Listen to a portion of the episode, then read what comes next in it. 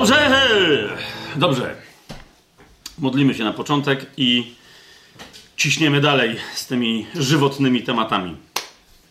Dobry Ojcze, dziękujemy Ci za kolejne e, spotkanie, w którym no właśnie Ty jesteś tak dobry, że my się w kolejnym spotkaniu teoretycznie zajmujemy cierpieniem po to, żeby sobie po raz kolejny uświadomić, że w zasadzie to coś takiego jak cierpienie w rozumieniu świata nas już nie dotyka. Więc dzięki Ci Ojcze zaraz na wstępie. Dzisiaj poruszamy też temat, który, który, który Panie, wierzę, że, że jest Twoją wolą, aby był raz na zawsze, naprawdę na zawsze, e, nawet jeżeli to zawsze w tym wieku to jest jeszcze tylko parę lat, ale po prostu, żeby, żeby Kościół miał jasność w tej kwestii. I dlatego dziękuję Ci już z góry za, za każde słowo, które tu, tu dzisiaj przywołamy w imieniu Jezusa Chrystusa. Dziękuję Ci, że dajesz swojego świętego ducha, posyłasz go do naszych serc, żeby on objawiał Twoją prawdę nie tylko w naszych umysłach, ale w naszych sercach, abyśmy decydowali w zgodzie z prawdą, którą Ty jesteś, którą Jezus przyszedł, aby objawić jako droga, widzialna prawda i życie. Dzięki Ci, Ojcze, który nam nieustannie, nieustannie błogosławisz i tylko błogosławisz teraz i przez wszystkie wieki. Tak będzie. Amen. Amen. Jesteśmy nadal w tematyce cierpienia, co już w tej modlitwie zaznaczyłem. E, powiedziałem ostatnio, że potrzebujemy się przyjrzeć pewnym e, źródłom, z których może pochodzić cierpienie. E, to cierpienie, które nazwałem uchronnym, w odróżnieniu od cierpienia nieuchronnego. Pierwsze dwa rodzaje cierpienia nieuchronnego, o nich mówiliśmy wcześniej. Ostatnio zaczęliśmy o, o, o cierpieniu uchronnym. Teraz przypomnę tylko szybciutko. Chodziło nam o to, że źródłem takiego cierpienia jest świat e, i de, de, facto źródłem takiego cierpienia jest ciało. To są dwie rzeczy, tak? Oczywiście to ciało jest źródłem cierpienia z samego faktu swojego materialnego istnienia, to jest jedna rzecz. Po drugie, z faktu swoich tendencji duszewnych, psychicznych, zmysłowych, e, które są upadłe. I po trzecie, E, z ciałem bardzo mocno jest związana jeszcze jedna siła, czyli grzech.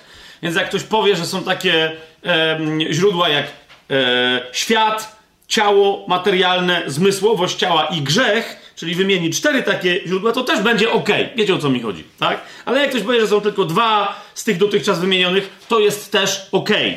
Więc niezależnie od tego, jak liczyć, albo trzecim, albo tam piątym, czy którymś tam tym źródłem, e, potencjalnym, od razu zaznaczam, jest diabeł. Ostatnio o nim nie mówiliśmy, bo tutaj temat. E, no właśnie. E, musimy coś powiedzieć o naturze, nie tyle naturze diabła, co o naturze naszej relacji jako ludzi wierzących, o ile w ogóle tak mogę powiedzieć, naszej relacji, na naszym odniesieniu do tego, kim jest diabeł i jaką ma władzę, czy, czy ma jakąś, jakie ma możliwości, e, żebyśmy mogli powiedzieć, w jakim sensie diabeł może być źródłem e, cierpienia. Wiem o tym, wiem, e, jak często chrześcijanie chcą widzieć diabła jako główną siłę stojącą za rozmaitymi rzeczami, które wywołują cierpienie w ich życiu. Hmm? Ale myślę, że bardzo często wynika to po prostu albo wprost z nieznajomości tego, co Słowo Boże mówi na temat e, obecnej sytuacji diabła i jego relacji do nas jako do ludzi wierzących, albo z niewłaściwej teologii, która no, nadal wynika z tego, że ludzie nie wiedzą do końca, o czym Słowo Boże mówi. Tak? Więc musimy się przyjrzeć tej naturze na tyle, na ile po prostu e, Słowo Boże nam mówi, że wystarczy, tyle o ile, E, żeby, żeby zrozumieć, czy rzeczywiście diabeł może nas dotknąć, jak nas może dotknąć i kiedy już rzeczywiście jakoś dotyka, to, to co z tym zrobić. Nie? A więc dzisiejsze spotkanie będzie poświęcone diabłu jako źródłu, potencjalnemu źródłu cierpienia. Nie w ogóle, kim jest diabeł, co tam się mu dzieje i tak dalej. No to Powiem, że to w ogóle mało interesujące, tak? Ale jako potencjalnemu źródłu cierpienia w życiu osoby wierzącej jeszcze dodam, tak? Bo nie mówimy teraz o osobach niewierzących, bo jakby tam, że on może być i jest źródłem nieustającego cierpienia, to to jest w ogóle inna e, historia, ale to jest oczywiste. E, dzisiaj też, jak już sobie wyjaśnimy to naturę tego ostatniego źródła, potencjalnego źródła cierpienia, to od razu sobie wyjaśnimy, jak z tym, co może pochodzić, z tym cierpieniem, które może pochodzić od diabła, jak sobie z tym radzić, a jak sobie radzić z tymi źródłami, o których mówiłem poprzednio, powiemy dopiero następnym razem. Dlaczego? Bo chociaż według mnie najmniej de facto cierpienia w życiu chrześcijanina powinno pochodzić od diabła, to to, w jaki sposób sobie radzić z tym cierpieniem, które pochodzi już, jeżeli pochodzi, to jeżeli pochodzi od diabła, to jak sobie z tym cierpieniem radzić, rzuci nam też światło na to, jak sobie radzić z cierpieniem pochodzącym z innych źródeł. Jest to jasne, co teraz powiedziałem? Okej. Okay. Jak to jest niejasne, to niech sobie ktoś przewinie na YouTubie, jak już będzie opublikowane i jeszcze raz odsłucha tego zdania, aż się stanie jasne, bo ono było dosyć precyzyjne. E, więc dzisiaj mamy tylko temat poświęcony, e, poświęcony temu, czy, czy diabeł jest źródłem jakiegokolwiek cierpienia dla wierzących, a jeżeli jest, to w jaki sposób.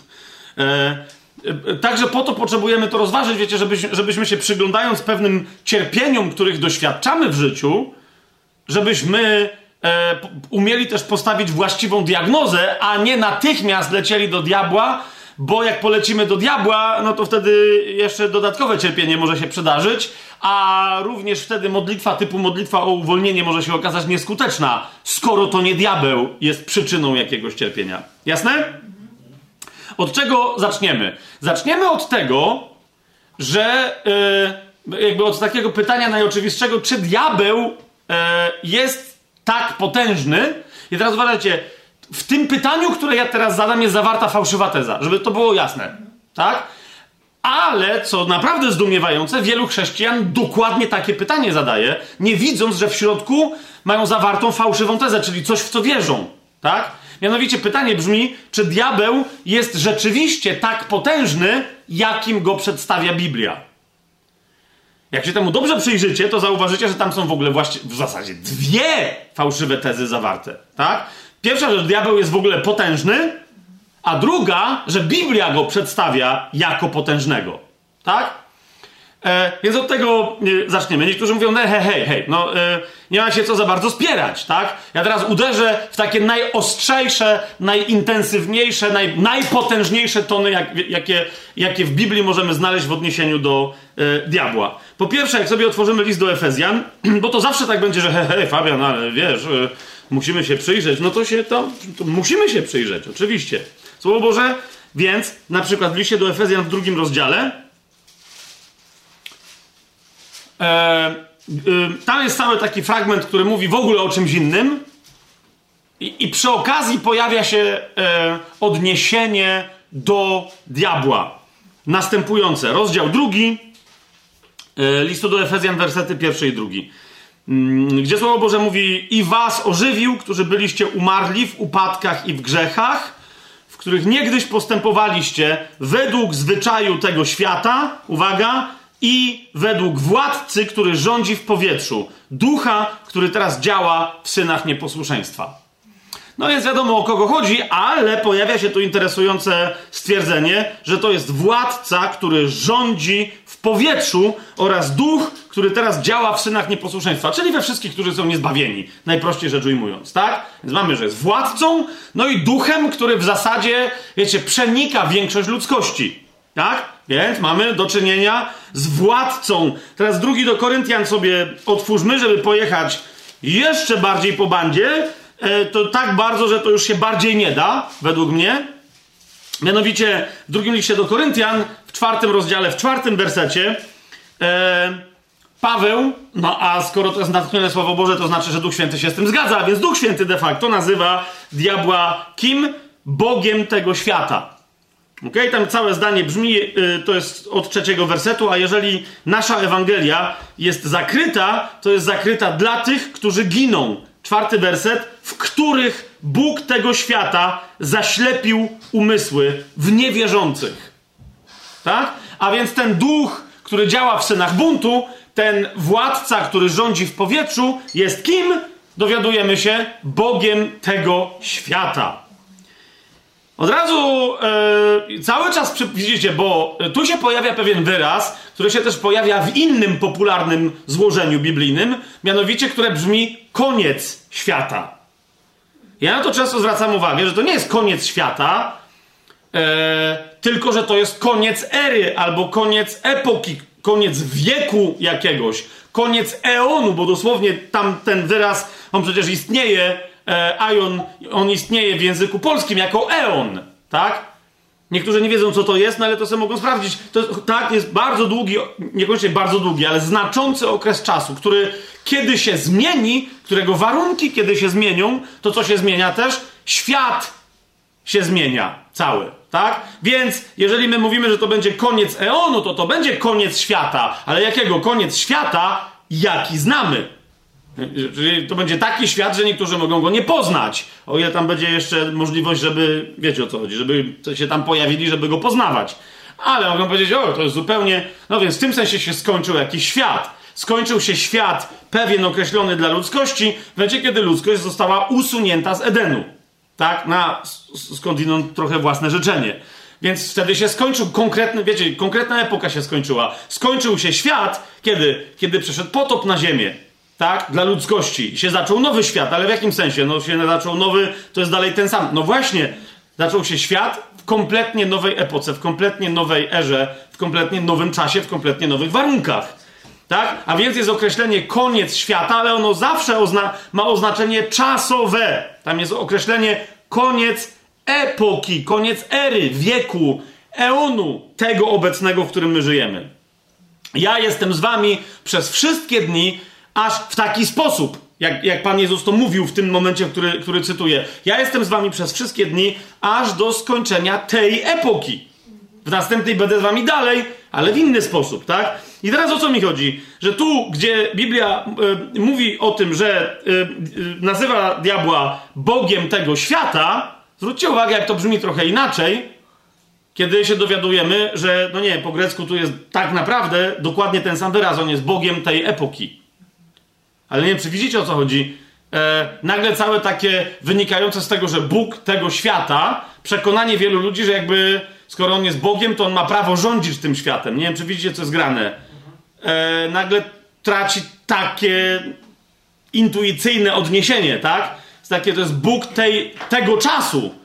Ale to wtedy jest, aha, okej, okay, to wtedy już łatwiej zauważyć, że to jest ktoś, kto się podaje za Boga w tym czasie, bo łatwiej w niego jako w Boga na różne sposoby uwierzyć. To nie jest ktoś, kto ma moce boskie w tym czasie, nie? Bo nawet te moce, którym się będzie posługiwać, nie będą rzecz jasna, yy, nie będą rzecz jasna boskimi, no nie? Więc to są takie najbardziej, wiecie, hardkorowe yy, dwa momenty, które mówią o diable jako o władcy, który rządzi w powietrzu, Swoją drogą jest bardzo interesujące, ale o tym będziemy mówić więcej, kiedy będziemy e, w liście do Efezjan.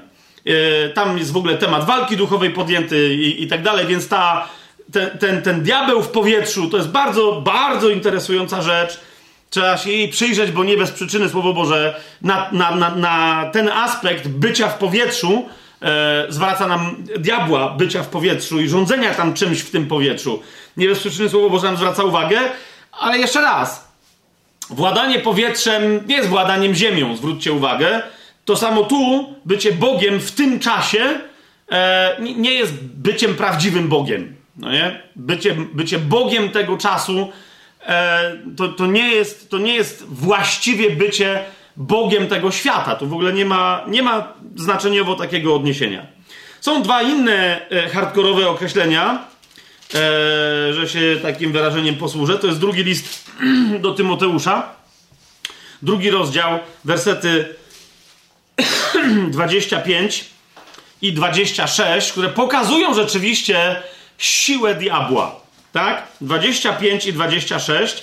E, tam e, Paweł przypomina Tymoteuszowi, jak powinien postępować sługa Pana, że nie powinien wdawać się w kłótnie i tak dalej, ale powinien e, być łagodnie nauczający tych, którzy się sprzeciwiają.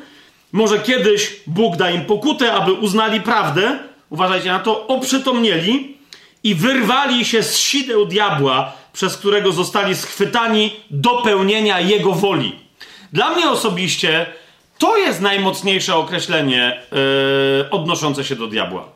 Bo ja nie wiem, czy rozumiecie, określenie, że on jest władcą w powietrzu, a nawet określenie, że jest Bogiem tego czasu, no jakby nie, niewiele wyjaśnia. Zgodzicie się, że, że ktoś tam sobie może jakieś konfabulacje snuć. A tu jest wyraźnie powiedziane, że diabeł może zastawić sidła, przez które ci, którzy się w nie dadzą schwytać, są zmuszeni do pełnienia jego woli. Nie? I zauważcie, to nie jest mowa o opętaniu. To jest mowa o wszystkich tych, którzy jeszcze nie przyszli do Boga przez właściwie rozumianą pokutę. Tak? A więc, mm, a więc ten duch działający w synach nieposłuszeństwa, w synach buntu, to jest duch, który naprawdę nagina ich, bo ma taką siłę do pełnienia swojej woli. Jednocześnie zwróćcie uwagę, yy, no tak, więc to powinno w nas chociażby współczucie wzbudzić wobec ludzi niewierzących. Ale tu nie ma mowy o nas, jako o wierzących. Nie wiem, czy widzicie, tu nie ma mowy w ogóle odniesienia, że my coś powinniśmy, nie? I yy, drugi yy, z takich fragmentów to jest pierwszy list Jana. Więc jak sobie otworzymy pierwszy list Jana, to wtedy tam przeczytamy, to jest pierwszy list Jana, piąty rozdział, yy, dziewiętnasty werset, który bardziej mówi o skutku e, tego, co robi diabeł ze światem. Tak? To jest 19, 1 Jana 5, 19. Wiemy, że jesteśmy z Boga, a cały świat tkwi w niegodziwości. Hmm. Jeszcze raz, to pokazuje, to jest drugi bardzo, bardzo, bardzo. E, nie będę się teraz rozwodził, dlaczego to nad całą Greką tego fragmentu, ale, ale, ale tu jest mowa o tym, na, na, o, naprawdę mowa nie o tym, że ktoś wpadł w sidła, ale może, wiecie, rozciągnąć i się uwolni. To chodzi o pogrążenie się w niegodziwości, tak? Z tego, z tego drugiego do Tymoteusza się dowiadujemy, że to, to diabeł trzyma świat w naprawdę żelaznym uścisku, tak? Ale jeszcze raz, zauważcie kontrast, tak? Czyli Słowo Boże mówi, rzeczywiście tak jest, diabeł ma pewną władzę nad niezbawionymi ludźmi, ale to jest świat, to nie jesteśmy my. My jesteśmy z Boga, a cały świat tkwi pogrążony w niegodziwości. Nie? Więc pierwsza rzecz, e, Biblia nie mówi wcale o jakiejś niezwykłej, jakiejś niezwykłej potędze diabła. Wręcz powiedziałbym, że mówi wręcz przeciwnie, tak? E, o tym, że właśnie on nie ma żadnej potęgi. Niemniej, niemniej, e, tych parę fragmentów sugeruje, tak, że są e, takie przestrzenie, które wobec tej siły, jaką tam diabeł jakąś ma, są tak czy siak bezbronne. Tak? To, to jest ludzkość, która jest niezbawiona. Ona jest bezbronna wobec jego możliwości wywierania wpływu, tak to nazwę. Nie? Niemniej zauważcie, cała ta ludzkość może tak o się wyrwać spod tego wpływu. Tak? Łaską jesteście zbawieni przez wiarę. Jest to Boży dar, nie z uczynków. A więc ludzie nie muszą nic robić. Wystarczy tako oddanie się Chrystusowi. Więc tam, rozumiecie, diabeł nie ma takiej, nie, to jest, to jest jedna z takich rzeczy, o której się mówi, że, wiecie, że, że, że, że diabeł trzyma ludzi w sidłach, on ich trzyma, dopóki oni się pozwolą trzymać. Ale to nie jest tak, że, że że w momencie, kiedy my głosimy Ewangelię, że my musimy wyszarpywać diabłu ludzi. Bo Jezus to już zrobił. To jest ich decyzja. To nie jest decyzja diabła. On po prostu nie ma takiej decyzji. Ok? I żeby sobie o tym więcej powiedzieć, to w, właśnie w tym samym liście, pierwszy yy, list Jana, trzeci rozdział, ósmy werset, Od tego zaczniemy, bo musimy sobie naprawdę wyjaśnić dysproporcję, absolutną dysproporcję pomiędzy tym, jakimiś możliwościami działania, jakie ma diabeł, a tym, a tą potęgą, jaką jest Bóg, reprezentowaną przez, przez jego syna wobec nas. Tak?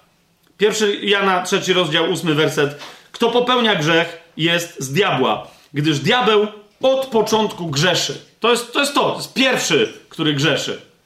I on innych pławi w grzechu. To jest to. Ale w momencie, kiedy ludzie mówią, nie, dość, ja nie chcę, to nie muszą się wysilać, żeby wyjść stamtąd, bo jest baranek, który zgładził grzech tego świata. Odkupił cały świat. Po to objawił się Syn Boży, aby zniszczyć dzieła diabła. Niektóre, nie, wszystkie. Po to objawił się Syn Boży, aby zniszczyć dzieła diabła. Teraz jest pytanie, czy dzisiaj dokonuje się walka między diabłem a Jezusem e, o to, bo diabeł tych broni tych swoich dzieł, a, a, a Jezus tam go dziubie i je niszczy. Rozumiecie? Diabeł, dzieła diabła, jak on je pobudował, to je pobudował jak domki z kart. Nawet nie z papieru, tylko z kart i, i nie miał kleju, nie? A Jezus jak przyszedł, przyszedł jak czołg i wichura, i jak ogień i jak powódź. Więc tam żadne domki nie zostały, tam nie było żadnego starcia, żeby to było jasne. Tak?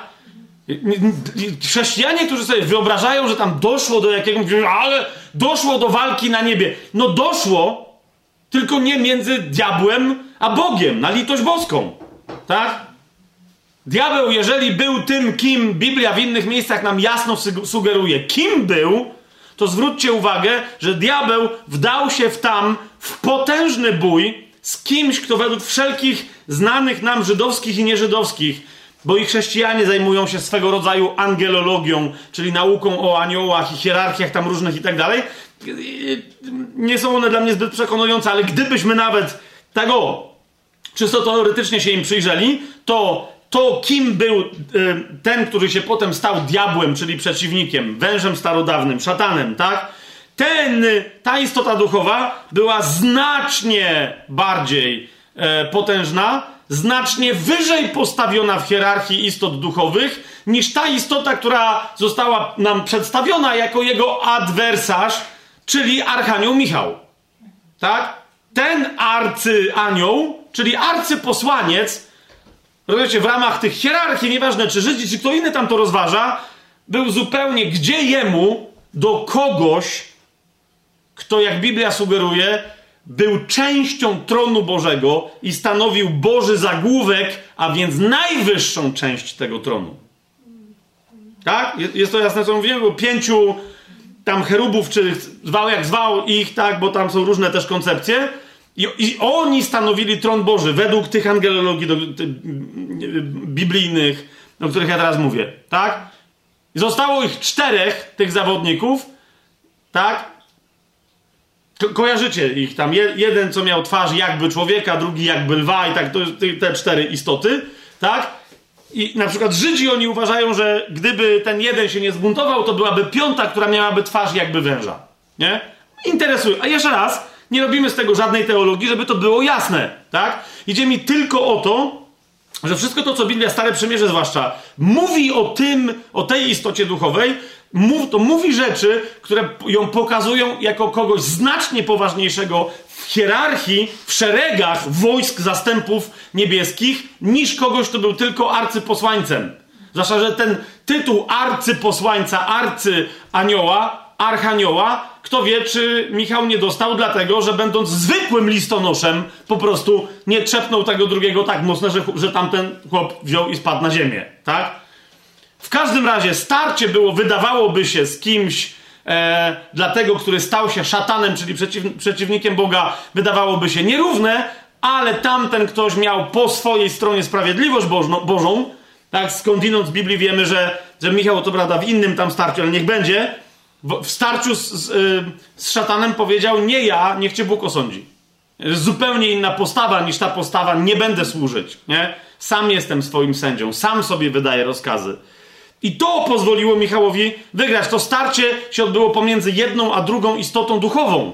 Rozumiecie, kiedyś w niebie doszło do wojny, która miała podobny charakter, nie taki sam, ale podobny charakter bratobójczej walki, jaki teraz podobny do tego, który, e, charakteru, który ma ta walka, którą teraz toczy ludzkość na, w swoim łonie, ze sobą nawzajem. Tak? Ludzkość niezbawiona przeciwko zbawionej i ludzkość zbawiona o zbawienie niezbawionej. Tak? Jak mówię, tamta walka na niebie była trochę inna, czy też w niebie. Miała trochę inny charakter, ale w sensie, że to była walka bratobójcza, to wiecie o co mi idzie? To byli jedni, jedne istoty duchowe, tak zwane anioły przeciwko innym. I teraz są ludzie nie przeciwko innym ludziom, ale de facto stoją w dwóch różnych obozach. Tak? My nie walczymy przeciwko innym, my walczymy o innych ludzi. Tamci walczą przeciwko, bo, my, bo myślą, że my jesteśmy przeciwko i tak dalej. Aniołowie troszeczkę inaczej rzeczy postrzegali, niemniej charakter jest bardzo podobny, więc kapujecie, nigdy nie było tak, że diabeł mógł być skutecznie jakimkolwiek przeciwnikiem Boga, żeby to było jasne, tak? Nigdy tak nie było. Nie miało sensu wtedy, kim byłby w takim razie ten Bóg, ok? Natomiast, natomiast e, wobec ludzkości siła diabła jakaś tam była. Jaka? No, Biblia wyraźnie mówi. Usidlał ludzi. E, list do Hebrajczyków na przykład mówi o tym, że przez lęk przed śmiercią, tak? Ludzie popadali w grzech, a jak wpadali w grzech, to się przyłączali do ojca grzechu, tego, który pierwszy zgrzeszył, czyli do diabła, i okazywało się, zawsze do tej pory się okazuje, że są jego niewolnikami. Ale kiedy Jezus przyszedł na ziemię, nie przyszedł do, do, dowodzić czegoś w jakiejś debacie z diabłem, tylko przyszedł tę sytuację ludzkości zmienić. Nie sytuację w jakiejś walce między Bogiem a diabłem, czy to jest jasne? Tylko sytuację, w ramach której ludzkość nie miała się jak przeciwstawić diabłu. I to oznacza, że jak Jezus przyszedł zniszczyć dzieła diabła, to oznacza, że przyszedł zniszczyć wszystkie dzieła diabła. I teraz kiedy się to stanie? Już się stało, na litość boską. Cały czas, rozumiecie, i, i teraz wszyscy mówią, no tak, no stało się. Nie, my to musimy wreszcie przyjąć w chrześcijaństwie, że to się stało. Bo mówimy, że tak, stało się, ale potem żyjemy nadal, jakby się nie stało, jakby nadal trzeba było jakąś walkę toczyć z diabłem. Kiedy się to stało? Otwórzmy sobie Ewangelię Jana, 12 rozdział. To jest taki moment, um, kiedy, bo wiecie, wszyscy myślą, że Bóg się słyszalnie odezwał przy Jezusie, kiedy powie, dla kogo się odezwał słyszalnie, to się odezwał, ale w każdym razie, że ktoś go usłyszał, to jest mój syn umiłowany. E, przy chrzcie Jezusa na górze przemienienia, ale jest jeszcze inny moment, to jest właśnie w 12 rozdziale, kiedy Jezus krzyczy wobec wielu świadków, wobec tłumu, to jest 27 e, i 28 werset 12 rozdziału Ewangelii Jana. Teraz moja dusza jest zatrwożona i cóż powiem, ojcze, zachowaj mnie od tej godziny, przecież dlatego przyszedłem, właśnie na tą godzinę. Więc Jezus mówi w 28 wersecie, ojcze, uwielbij swoje imię. Wtedy rozległ się głos z nieba, uwielbiłem i jeszcze uwielbię. Wow, to jest wydarzenie samo w sobie, któremu warto byłoby się przyjrzeć, ale to nie dzisiaj, bo chcę dojść, bo dzisiaj y, w ramach tego wydarzenia nas interesuje jego inny aspekt. Otóż ludzie, którzy stali i słyszeli tam, zwróćcie uwagę, fizycznie usłyszeli ten głos, on był tak zdumiewający, że mówili niektórzy zagrzmiało. Inni mówili, bo oni dobrze usłyszeli, co ten głos powiedział, anioł do niego przemówił.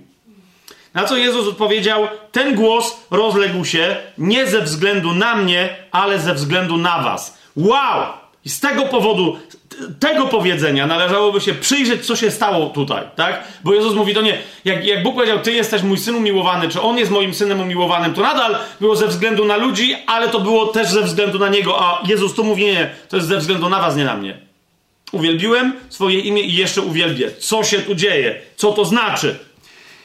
Niezależnie wszakże jeszcze raz od tego, miejmy gdzieś znaki zapytania, wiecie, rozświetlone jak neonówki w Biblii i niekoniecznie zawsze odpowiedzi. Niezależnie od tego, Jezus powiedział, ten głos rozległ się nie ze względu na mnie, ale ze względu na, na was. Jezus mówi, w związku z tym, o co chodziło temu głosowi, mówi bardzo interesującą rzecz. Zauważcie, to jest dwunasty rozdział, tak? To, to, to, to nie jest ostatnia wieczerza. To jest wcześniej trochę wcześniej, ale wcześniej. Jezus mówi, że już teraz, 31 werset, odbywa się sąd tego świata. Mm? I dwa, skoro tego świata, tej epoki, tego wszystkiego, co tu się wyprawiało, to teraz władca tego świata będzie wyrzucony precz. Wow! Będzie wyrzucony precz. Kiedy? Teraz będzie wyrzucony precz. Mhm. Zwróćcie uwagę, nie że będzie pokonany, będzie wyrzucony precz. Skąd? Z nieba? Już jest wyrzucony. Chyba, że będziemy o tym mówić więcej przy, przy teologii 12 rozdziału i 13 i tak dalej e, Księgi Objawienia, że ktoś uważa, że to dopiero się ma stać Okej. Okay. Nie zmienia to jednak faktu, że Jezus tu mówi o tym świecie i o władcy w tym świecie, tego świata, czy też tego, tej epoki, tego czasu. I że on, więc jak jest powiedziane, że będzie wyrzucony precz, to chodzi o ten świat, a nie o wyrzucenie go z nieba. Czy to miało mieć miejsce, czy już miało, no nie ma żadnego, nie miałoby sensu to zupełnie, ani to, co Jezus powiedział, gdyby mu chodziło o niebo, bo to nie, nie on, on nie robi takich dziwnych rzeczy, że co innego ma na myśli niż mówi. Czasem mówi tajem, często mówi tajemniczo, ale to widać wyraźnie, o czym on mówi, jak już rozumiesz tajemnicę, bo ją w innym miejscu wyjaśnia. A zatem odbywa się sąd tego świata, teraz władca tego świata będzie wyrzucony precz, a ja, jeśli będę wywyższony nad ziemię, pociągnę wszystkich do siebie. To jest wyrzucenie precz władcy tego świata. Z czego? Z funkcji władania nad kimkolwiek. O to chodzi. I teraz zobaczcie, idziemy dalej. 16 rozdział Ewangelii Jana. To już jest ostatnia wieczerza. Parę dni później, zaraz Jezus będzie, wiecie, będzie zaraz ogrójec, zaraz będzie męczony, zaraz będzie kalwaria, zacznie się cała jego pasja, zacznie się cała jego męka. To jest tuż przed tym, 16 rozdział. O Duchu Świętym Jezus mówi od siódmego wersetu. Mówi, że kiedy Duch Święty przyjdzie, to jest ósmy werset. Gdy On przyjdzie, będzie przekonywał świat o grzechu, o sprawiedliwości i o sądzie. Kiedy On przyjdzie, tak? Co to znaczy? O grzechu mówię, bo nie uwierzyli we mnie. Okej? Okay? O sprawiedliwości, bo idę do mojego Ojca i już więcej mnie nie zobaczycie. A o sądzie? Zwróćcie uwagę, bo władca tego świata już jest osądzony. To się stało. Tak? Jezus to mówi jeszcze przed krzyżem. Krzyż jest przypie, przypieczętowaniem, tak, ale jest, rozumiecie, Jan, to jest w ogóle osobne nauczanie, nawet przy Ewangelii Jana się za bardzo w to nie chciałem wdawać. Ale cała Ewangelia Jana demonstruje Jezusa jako króla e, tronującego. Co to znaczy? Wstępującego na tron. To jest intronizacja króla. Tak? I co interesujące, jego tron w Ewangelii Jana nie jest w niebie, ale jego tronem jest krzyż. Nie? Jego wiecznym tronem jest krzyż. On jest królem Żydów, który króluje nad całym światem z krzyża w momencie, kiedy na niego wchodzi. A więc on, wiecie, on wchodzi na podwyższenie. Tron jest zawsze najwyższym miejscem królestwa. Nie chodzi o fizyczną wysokość, chociaż akurat w królestwie e, tak będzie, tak? Góra, na której będzie tron baranka, będzie wywyższona ponad wszystkie góry, jak mówi Słowo Boże. I nie żartuje Słowo Boże, tak? W tym temacie. Ale jakby symbolicznie w każdym królestwie to jest najwyższe siedzenie. Nie, nie da się siedzieć wyżej. Tron, król może siedzieć na tronie, który ma w piwnicy, tak? I tak siedzi najwyżej niż ktokolwiek inny. Po, po prostu. Więc w Ewangelii Jana, e, zresztą Jezus wcześniej to wspominał, ja będę wywyższony, on będzie osądzony. Tak? Dla, to, to nie chodzi o to, że wcześniej nie mógł być, chodzi o to, że musi przyjść ktoś, kto ma prawo wydać wyrok. Tak? I powiedzieć, to jest tyle, który będzie następnie wyegzekwowany. Tym kimś jest król Jezus, który musi, to musi być człowiek, na tym cała rzecz, rozumiecie? Dlatego nikt wcześniej nie mógł tego zrobić. Żaden, to musiał być człowiek. Bóg tego nie mógł zrobić, bo to nie była rozgrywka jego z diabłem, to była, to była rozgrywka nasza, ludzkości z diabłem. Więc to musiał być człowiek, dlatego Bóg się wcielił i dlatego Mesjasz musiał, musi być i musiał być wcześniej, zanim przyszedł, był kiedy przyszedł i musi być na zawsze człowiekiem. Po prostu. Dlatego zmartwychwstał i żyje. Jako człowiek jest Mesjaszem, jako człowiek. I jako człowiek królujący pokonuje na krzyżu diabła. Wczoraj rozważałem, nie będę teraz tego, y, ale rozważałem wczoraj takie, taką y, y, sentencję łacińską, genialną, w której pierwszy się zastanawiam, jak to przetłumaczyć bo, przetłumaczyć, bo ona jest genialna, genialna, genialna, genialna, żeby dobrze tę genialność łacińską oddać na język polski. Na razie na, najlepsza wersja, z jaką e, wyszedłem, tłumaczenia pierwszego wersetu tej całej sentencji brzmi: Śmierć śmierci śmiercią uśmierciła śmierć. Geniusz! Absolutny geniusz. E, kto to jest śmierć śmierci? To jest Jezus. Nie? Bo, są to, bo to jest z dużych liter tam, to jest, to jest tytuł. Śmierć śmierci. Je, rozumiecie? Nazwać Mesjasza, że on jest śmiercią śmierci. Nie? I teraz śmierć śmierci, śmiercią, czyją swoją, uśmierciła śmierć. Żeby się okazało, że jest śmiercią śmierci. Tak to jest, no jakby, ja już pomijam genialność, bo jeszcze po łacinie to fantastycznie brzmi. Tam jest taka sentencja, która mówi, że gdyby śmierć śmierci swoją śmiercią nie uśmierciła śmierci, to bramy nieba dalej byłyby dla nas zamknięte. Tam jest taka, taka wypowiedź, więc. Ale to jest to. To jest to. Rozumiecie? E, Jezus w momencie, kiedy umiera, on jest śmiercią, śmiercią, właśnie wygrywa, nie? Śmierć, piekło, diabeł w ogóle nie wiedzą, co się dzieje, nie? Dokładnie do tego momentu doprowadzili, żeby chronić swoje pupule. Chodzi mi o swoje pośladki. Nie wiem, czemu to tak nazwałem. Może mi chodziło o swoich pupili też, no ale w każdym razie, bo w pewnym sensie piekło i, i, i śmierć to są pupile diabła, tego naczelnego tam prowodyra. E, ale właśnie to jest to, nie? Jest chwała, jest gloria, jest cześć, jest moc, jest błogosławieństwo w Jezusowej śmierci. Jest, jest majestat i jest wywyższenie. Jest majestat królewski w krzyżu Chrystusa. My musimy go widzieć. Świat tego nie widzi, ale całe, rozumiecie, my jesteśmy właśnie kolejny sezon w kolejnym liście do Koryntian i będziemy kończyć powoli te, te dwa listy do Koryntian, ale chodzi mi o to, że te listy do Koryntian są zapatrzone w Chrystusa i to ukrzyżowanego. Nie chcemy znać, tak jak Paweł, nikogo więcej, tylko Chrystusa i to ukrzyżowanego. Ok? Śmierć śmierci swoją śmiercią uśmierciła śmierć. Geniu, to jest to. Jest to. To, to jest absolutny koniec. Absolutny koniec. Dlaczego to jest istotne? Bo to osądzenie władcy tego świata jest też tak de facto opisane, zwróćcie uwagę, w liście do Hebrajczyków. To jest drugi rozdział listu do Hebrajczyków, rzecz jasna, 14 i 15 werset. Ponieważ zaś dzieci są uczestnikami ciała i krwi, i on także stał się ich uczestnikiem. Kto? Chrystus. Tu jest mowa o Chrystusie. To jest dokładnie to, co ja teraz mówiłem. List do Hebrajczyków między innymi wyjaśnia, dlaczego Bóg musiał stać się człowiekiem E, bo tylko człowiek mógł pokonać e, wszystkie te przeciwności, które trzymały ludzkość w więzieniu, tak? Tylko człowiek. I ten, ten 14, 15 werset to, to jest kwintesencja tej prawdy. Ponieważ zaś dzieci są uczestnikami ciała i krwi, i on także stał się ich uczestnikiem, zauważcie, aby przez śmierć zniszczyć tego, który miał władzę nad śmiercią, to jest diabła, i aby wyzwolić tych, którzy z powodu lęku przed śmiercią przez całe życie podlegali niewoli. Więc ta sentencja łacińska, o to mi chodzi, ona dokładnie myśl tu zawartą, dokładnie we wszystkich przestrzeniach wypełnia. Śmierć śmierci swoją śmiercią uśmierciła śmierć.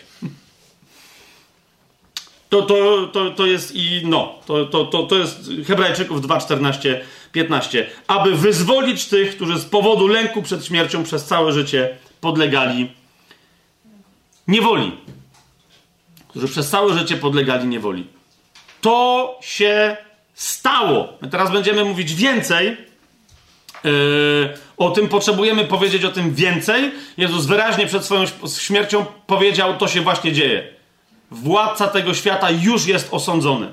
I teraz zauważcie, jak to jest interesujące. Mam mówić o naturze diabła jako ewentualnego źródła cierpienia, w którą stronę zmierzamy. No dokładnie musimy zmierzać w tą stronę, bo żebyśmy my zrozumieli, czy diabeł w ogóle może powodować w życiu chrześcijanina jakiekolwiek cierpienie.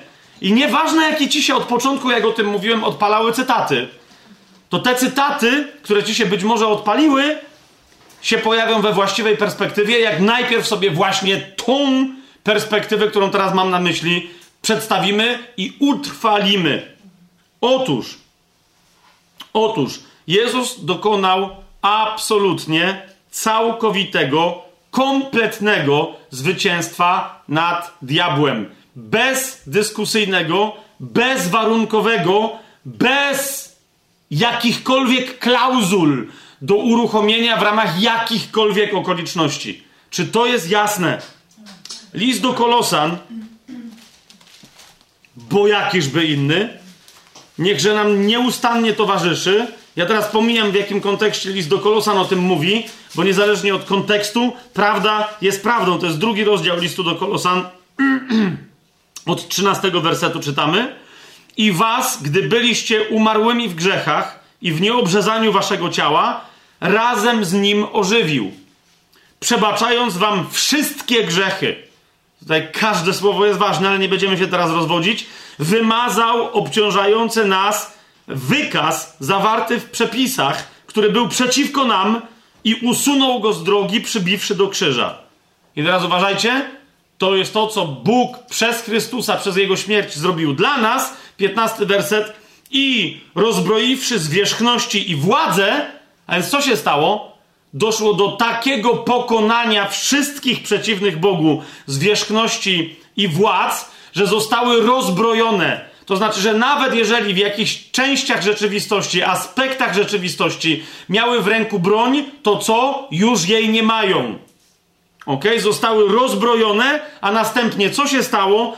Jawnie wystawił je na pokaz, gdy przez niego odniósł triumf nad nimi. Tu y, Paweł odwołuje się do znanego y, w kulturze rzymskiej doświadczenia, którym pole, które polegało na procesji triumfalnej.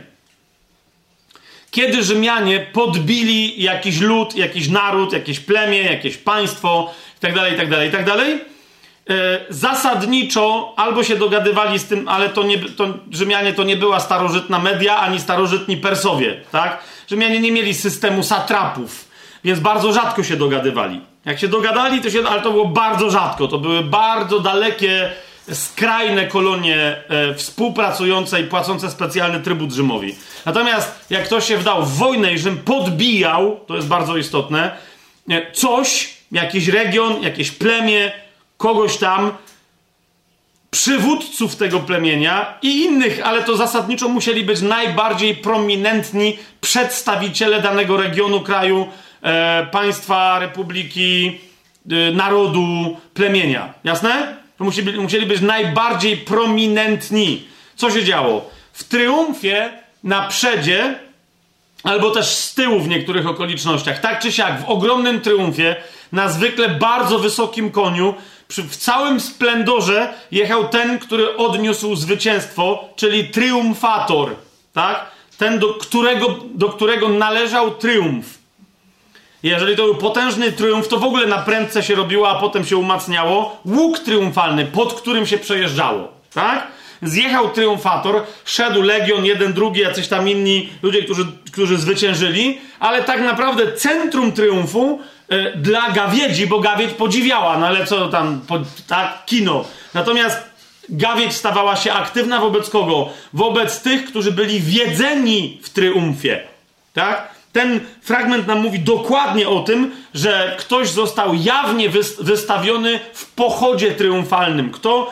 Dokładnie zwierzchności i władzę. Tak? Czyli najbardziej prominentni przedstawiciele diabła i piekła z nim we własnej osobie.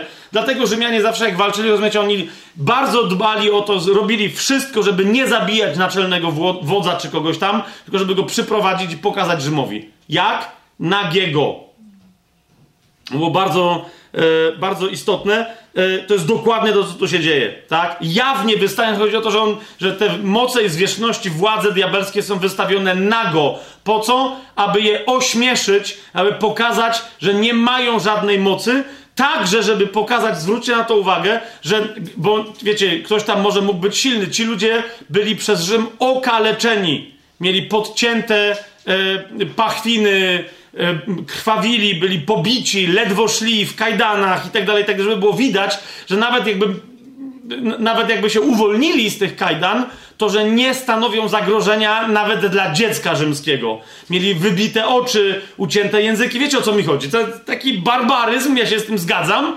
Ale teraz ja nie mówię o tym, czy Rzym robił dobrze, czy źle, tylko do czego się Paweł odwołuje. Tak? I on mówi, to zrobił Jezus z całą potęgą piekła. On jako triumfator na koniu, zresztą my go do końca księgi yy, całej Biblii widzimy jako dokładnie tego, który triumfuje na koniu. On zawsze przyjeżdża na koniu. Jak triumfator prawdziwy, tak? kultura rzymska doskonale rozumiała, co to znaczy. Więc to on zrobił z piekłem. To jest, to jest cała historia. Pozbawił piekło jakiejkolwiek mocy. Ok? Dalej.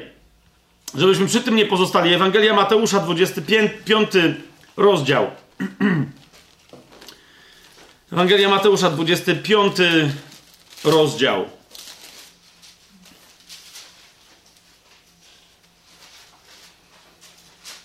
To, bo, bo rozumiecie, to jest moment, to jest moment, e, w, w, w, którym diabeł jest osądzony, tak, krzyż, zapada wyrok. Na co zapada wyrok? Pięknie o tym właśnie 41 werset mówi. Jezus w przypowieści mówi, ale taka jest to przypowieść, że cytuje sam siebie z przyszłości, tak? Więc, więc mówi, że E, e, że, że, do tych, którzy tam będą po lewej e, stronie, potem powie do tych, którzy będą po lewej stronie, idźcie ode mnie, przeklęci w ogień wieczny, przygotowany dla diabła i jego aniołów. Całą, pomijam cały kontekst, co się tu dzieje, idzie mi tylko o to, że rozumiecie, piekło oryginalnie, piekło, właśnie, bo piekło to jest też pewien rodzaj zwierzchności, który pójdzie do piekła, tak? Chodzi o tą wieczną gehennę, o jezioro ognia, tak? To jest przygotowane dla diabła i dla wszystkich istot duchowych, które, które jemu towarzyszą. Ten wyrok zapadł na krzyżu w sposób nieodwołalny. Tak? Jest jezioro wieczne przygotowane dla diabła i jego aniołów. Ono nie jest, nigdy nie było, nigdy nie będzie jego celem. Ono nie jest przygotowane dla ludzi jakichkolwiek. Tak? Jasne, że ktoś może się chcieć przyłączyć do diabła i jego aniołów, to jest inna historia, ale nie po to jest stworzone. Tak? Nie po to jezioro ognia jest stworzone. To jest wyrok, który zapada na diabła. Jak on będzie zrealizowany, ten wyrok? Bo wyrok zapadł, koniec. E, wszelkich możliwości działania diabeł jest pozbawiony, z wyjątkiem wyjątków. Tak? Czyli jedyny wyjątek, e, możliwość działania dla diabła to jest co? To jest upadła, nienawrócona cały czas jeszcze ludzkość. Kapujecie? To nas powinno motywować do głoszenia Ewangelii ludziom. To! Bo, bo, bo gdyby nie, niezbawiona ludzkość, kapujecie, diabeł by nie miał ruchu, bo on nie. On, jeszcze raz, jeszcze sobie dalej pokażemy więcej, jak on naprawdę wobec nas nie ma za bardzo możliwości ruchu jakiegokolwiek. Tak? Ale jeszcze a propos tego, jak diabeł skończy, 20 rozdział E, Księgi Objawienia, żebyśmy sobie to szybciutko przypomnieli. To tyle, to jest, rozumiecie, to jest zapisane. On ma krótki czas on wie, ale jak przyjdzie moment i Jezus wyciągnie rękę i kiwnie palcem, to co się stanie? 20 rozdział Księgi Objawienia od pierwszego wersetu. I zobaczyłem anioła stępującego z nieba, mającego klucz do otchłani i wielki łańcuch w ręce. I chwycił smoka, węża starodawnego, którym jest diabeł i szatan, i związał go na tysiąc lat. Zwróćcie uwagę, zwróćcie uwagę, wcześniej Księga Objawienia mówi o walce, która się odbyła na niebie. Zauważcie, co się tu dzieje. Coś tu się dzieje? Tu się nic nie dzieje. Rozumiecie, że, że wobec jakiegoś anioła, który, którego Pan wysyła, diabeł nie jest nawet jak wściekły pies. On po prostu przychodzi, wiąże go i go wrzuca do klatki. Tu nie ma żadnej walki, tu się nic nie odbywa. Dlaczego? Bo to jest może i ktoś, kto bardzo by chciał się przedstawiać jako lew, no ale ten lew może tylko ryczeć. Bo jak cię chce podrapać, to on nie ma pazurów wobec zwierzęcego, nie ma, bo jak cię chce ugryźć, to cię tylko oślini, to jest dosyć obrzydliwe, ale nie ma zębów, on cię nie ma czym ugryźć. To jest to. Mówię o, o ludziach wierzących. I wrzucił go do otchłani, trzeci werset, zamknął go i opieczętował, aby już, rozumiecie, po, po, prostu jakiś anioł przychodzi i tego wielkiego, niby potężnego diabła wiąże, pieczętuje, no normalnie jak kurier. To o co chodzi? FedEx przyjechał, bach, bach, oblepił go. Nie, nawet nie napisał, nie, moja żona jak wysyła tam rozmaite rzeczy pocztą, e, zwłaszcza jak to są cenne rzeczy, na przykład jej obrazy, to tam pisze jakieś tam listy, nie, że kurierze, za, uważaj na mnie i tam coś tam, bo tu ciekawe, że ci kurierzy słuchają, słuchają tych, tego przekazu, który tam do nich jest napisany. Ale zobaczcie, on, ten tu przyjechał, bach, bach, nie jest żadna cenna przesyłka, no nie? Się potłucze po drodze, to bardzo jej tak dobrze. To jest tyle. Wrzucił go do otchłani, zamknął go i opieczętował, aby już nie zwodził narodów aż się dopełni tysiąc lat. Potem coś jeszcze będzie mógł zrobić, ale tylko przez chwilę. Potem musi być wypuszczony, mówi Słowo Boże, na krótki czas. W siódmym wersecie dalej czytamy o tej, jak, co będzie, jak będzie wypuszczony. Gdy się skończy tysiąc lat, szatan zostanie wypuszczony ze swojego więzienia i wyjdzie, aby zwieść narody z czterech krańców ziemi, Goga i Magoga, by zgromadzić je do bitwy, a ich liczba jest jak piasek morski. I wyszli na szerokość ziemi, otoczyli obóz świętych i miasto umiłowane. Stąpił jednak ogień od Boga z nieba i pochłonął ich. Dziękuję za uwagę. Dziesiąty werset. Em, znaczy, to nie, wiecie, tak to powiedziałem, to nie jest zabawne. Chodzi mi tylko o to, że, no zobaczcie, bo de facto diabeł cały czas teraz co robi z ludzkością? Dokładnie to. On robi dokładnie to, prowadzi ludzkość tylko w miejsce, w którym wie, że spadnie ogień z nieba. To jest wszystko. Nie? Naszym zadaniem jest uświadomić ludziom dokładnie, co się tu dzieje. Że, że to, to, to jest wszystko, co diabeł dla nich ma. Spadnie na was ogień i to będzie tyle. To tam nie ma to nic więcej się nie wydarzy. On o tym wie. A diabeł, który ich zwodził, został wrzucony do jeziora ognia i siarki, gdzie już jest bestia i fałszywy prorok i będą męczeni we dnie i w nocy na wieki wieków. Czternasty werset jeszcze powiada, a śmierć i piekło zostały również wrzucone do jeziora ognia. To jest druga śmierć. Więc jak sami widzicie, piekło też pójdzie do piekła. Nie? Yy. To jest to, rozumiecie, ten wyrok zapadł, ten wyrok już nie jest kompletnie wyegzekwowany, my to widzimy, e, więc wiecie, ktoś, ja nie wiem, czy, czy jest takie prawo w Polsce, czy nie, e, mm, a, ale wiem, że w niektórych krajach tak jest, że, że ktoś jest, wiecie, w sądzie, dostaje wyrok e, i dostaje termin, od kiedy ma przyjść do więzienia, żeby odsiedzieć, nie? E, więc, więc to jest to. No ale biada temu komuś, jakby w trakcie, kiedy czeka na swoje pójście do więzienia, jeszcze coś zrobił. Nie?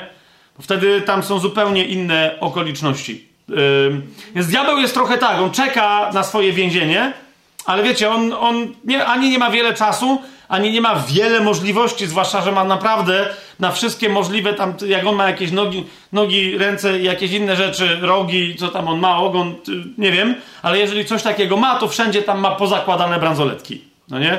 On nie może wyjść poza pewne rejony, nie wolno mu robić pewnych rzeczy, po prostu nie może, nie może, nie? Jak, jakby chciał nawet coś zrobić więcej niż tych parę drobnych rzeczy, które mu wolno zrobić, to on jest zakuty w te kajdany, w których szedł powiedziony w triumfie. Tak? I został obrzucony starą kapustą i innymi warzywami, które już nikomu się nie przydały w domu. To, to jest tyle. Został ośmieszony. Więc teraz, kochani, pierwsza, najistotniejsza rzecz. I naprawdę, ja wiem, że nie, nie, będę tego robił więcej, jak nie wiem, kto jeszcze miałby mieć z tym problem, ale wierzący. Ale gdybym miał, to niech sobie te wątki, które ja tutaj poruszyłem, niech sobie dalej rozwinie w Biblii w swoim studium. Pierwszy skutek tego, co zrobił Jezus na krzyżu, gdy chodzi o diabła, to jest kompletna, absolutnie kompletna porażka diabła. Na każdym froncie, pod każdym względem w stosunku do Jezusa. Tak?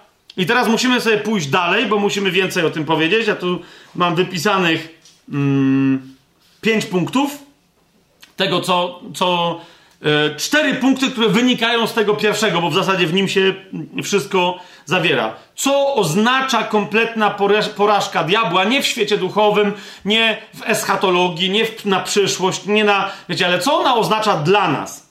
Pierwsza rzecz, jaką ona oznacza dla nas, to jest u, że my, i, i to jest coś, rozumiecie, to jest perspektywa, w ramach której my musimy widzieć diabła.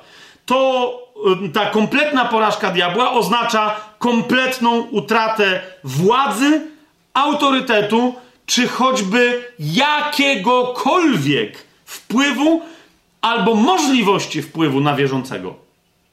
Jeszcze raz to powtórzę. Diabeł w wyniku porażki, jaką poniósł w próbie starcia z Mesjaszem, w bitwie, która się nazywała e, Chrystusową Paschą. Diabeł odniósł tak doszczętną porażkę, że jej pierwszym skutkiem jest jego kompletna utrata jakiej, jakiejkolwiek władzy, autorytetu, możliwości chociażby nawet wpływu na wierzącego. Czy to jest jasne? Podaj, przyjrzyjmy się paru. Ja celowo wybrałem takie nie do końca oczywiste i oczywiste fragmenty, bo nie chciałem, żeby zaś za dużo to cytować, ale my to musimy, to musimy tak też, żeby zobaczyć, w jakich miejscach de facto Słowo Boże o tym mówi, chociaż wyglądałoby, że mówi o czymś innym. To jest na przykład 26 rozdział Dziejów Apostolskich, e, gdzie Paweł opowiada, jak się spotkał e, z Jezusem. E, powiedział mu, kim jesteś, panie, ja jestem Jezus. I, i to, to jest jego relacja, którą zdaje lata później, jak się spotkał z Jezusem pod Damaszkiem. I mm, mm, mówi, może Jezus mu powiedział, do czego go powołuje. To jest 26 rozdział, 17 i 18 werset. Paweł mówi, że, że Jezus mu powiedział: Wybawię cię od tego ludu i od pogan, do których cię teraz posyłam. Po co cię do nich posyłam? Dla otworzenia ich oczu, aby odwrócić ich od ciemności do światła. Zwróćcie uwagę na to. Od mocy szatana do Boga, aby otrzymali przebaczenie grzechów i dziedzictwo między uświęconymi przez wiarę we mnie. Co to oznacza? Jezus nie przeczy, że diabeł miał jakąś moc i że może jeszcze ją w pewnym sensie posiadać, bo mówi wyraźnie o mocy szatana. Widzicie to, tak? Ale on mówi o odwróceniu ludzi, żeby po pierwsze przestali uwagę na nią zwracać, tak? A po drugie, żeby zostali przeniesieni pod moc Boga tak skutecznie, żeby to było ich jedyne dziedzictwo. Tak? To była obietnica dla Pawła. Czy ona jest zrealizowana? No, no proszę cię. Ostatnio ktoś mi tak powiedział, mi się to bardzo spodobało. Ja nie, nie umiem tego oddać, tego, tego no ale no, no, proszę, no proszę cię.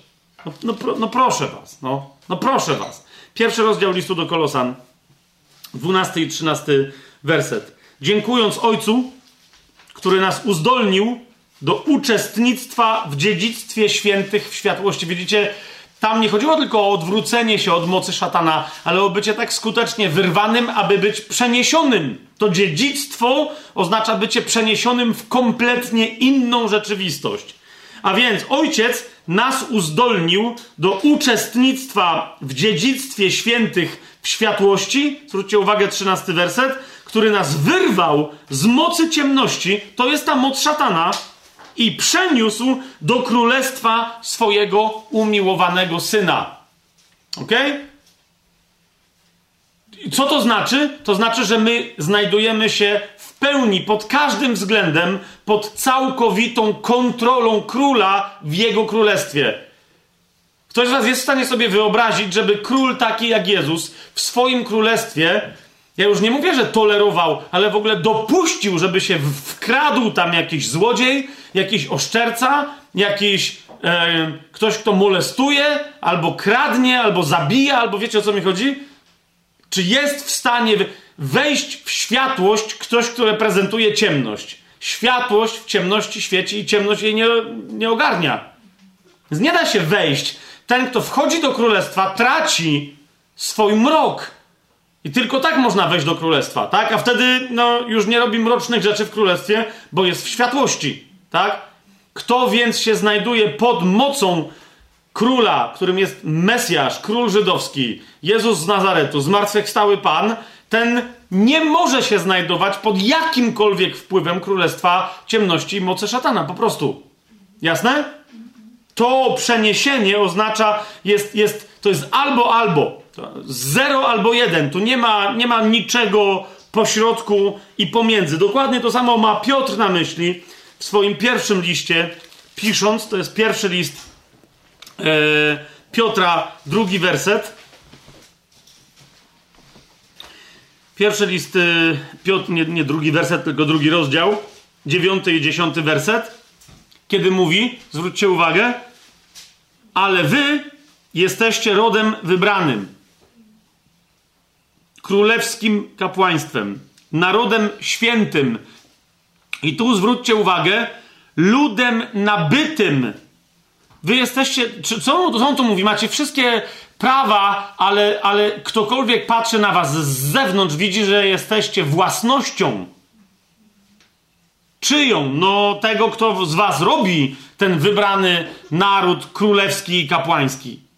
On nie pozwoli tknąć swojej własności. Jesteście ludem nabytym, abyście rozgłaszali cnoty tego, który was wywołał wręcz, tak? Czy powołał z ciemności do swojej cudownej światłości. To jest, zauważcie, ten sam temat. Macie nową naturę kompletnie, ona jest nietykalna dla ciemności. Wy, którzy kiedyś nie byliście ludem, w ogóle, to nie chodzi o to, że byliście innym ludem, w ogóle nie byliście żadnym ludem.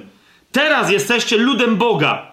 Wy, którzy kiedyś nie byliście w stanie dostąpić miłosierdzia, teraz już miłosierdzia dostąpiliście. Nie musicie go dostępować, ale tak skutecznie go dostąpiliście, że nie musicie w nim jakby nieustannie do niego powracać, bo ono z was zrobiło coś zupełnie nowego. Takie to było doświadczenie. A zatem, kochani, co to oznacza? Dla tych, którzy tam mają rozważania, pierwsza, najważniejsza rzecz, pierwsza, najważniejsza prawda. Diabeł, niezależnie od tego, kim jest w świecie, ciebie jako yy, wierzącego, w dowolnym sensie, w jakimkolwiek znaczeniu, nigdy pod żadnym pozorem nie może do niczego zmusić. To oznacza, że, nie, że on nie ma autorytetu, nie ma władzy i tak dalej, i tak dalej, tak? To znaczy, że on nie ma żadnej możliwości, żeby cię do czegokolwiek zmusić. Rozumiesz, że, żeby nie, nie ma żadnego miejsca, żadnej, żadnego, um, nie wiem, narzędzia, rzeczy, tak? Są chrześcijanie, którzy, wiecie, boją się miejsc, bo to są miejsca diabła. Tu nie wejdę, rozumiecie? Pamiętaj, nie chodzi mi teraz o to, ja się nie chcę, wiecie, z kogoś tam nabijać. David Duplessis, którego ja osobiście bardzo, bardzo lubię. Tam ludzie mają do niego różne podejście. Bardzo go lubię. W swoim czasie zwany Mr. Pentecostem. Smith Wigglesworth, inny bardzo przeze mnie szanowany, jeszcze bardziej niż, znacznie bardziej niż David, tak? Eee, usługujący apostoł wiary, wszyscy wiedzą, Smith Wigglesworth, jak nie, to sprawdźcie sobie. On kiedyś miał tą sławną scenę chyba raz, nie wiem czy może się więcej razy widzieli w życiu, ale raz widząc się z Davidem Duplessis, przyszedł do niego rano, e, chwycił go za gardło, tak że go prawie udusił, podniósł go, to był wiecie, silny hydraulik, e, trzepnął nim o ścianę i wypowiedział mu proroctwo dosyć szokujące, że Pan go pośle nawet do kościoła rzymskokatolickiego, aby głosił Ewangelię, prawdę o chrzcie Duchem Świętym i tak dalej, i tak dalej. I David Duplessis rzeczywiście był, nie wiem czy jedynym, ale jednym z bardzo niewielu obserwatorów ze świata chrześcijan ewangelicznie wierzących na Soborze Watykańskim II, oficjalnie zaproszonym przez e, tam jakichś włodarzy Kościoła katolickiego, przez kontakty jezuickie. Tak, to jest jeszcze inna sprawa, ale to stąd o tym jakby niekoniecznie z pierwszej ręki, ale z bardzo dobrze poinformowanej drugiej ręki wiem, nie? I tenże David Duplessis, właśnie będąc zaproszony pierwszy raz na rozmowę chyba z kardynałem Beą, z tego co pamiętam, do Watykanu, którego coś tam poruszyło i się chciał dowiedzieć, co to się w ogóle dzieje, nawet wśród tak zwanych, wśród katolików, protestantów, co to tam się dzieje, że nawet tam jest zamieszanie. Wyobraźcie sobie, że wchodząc na teren Watykanu przez tam jakąś bramę, on się zastanawiał, czy Duch Święty będzie w stanie dalej y, mu towarzyszyć.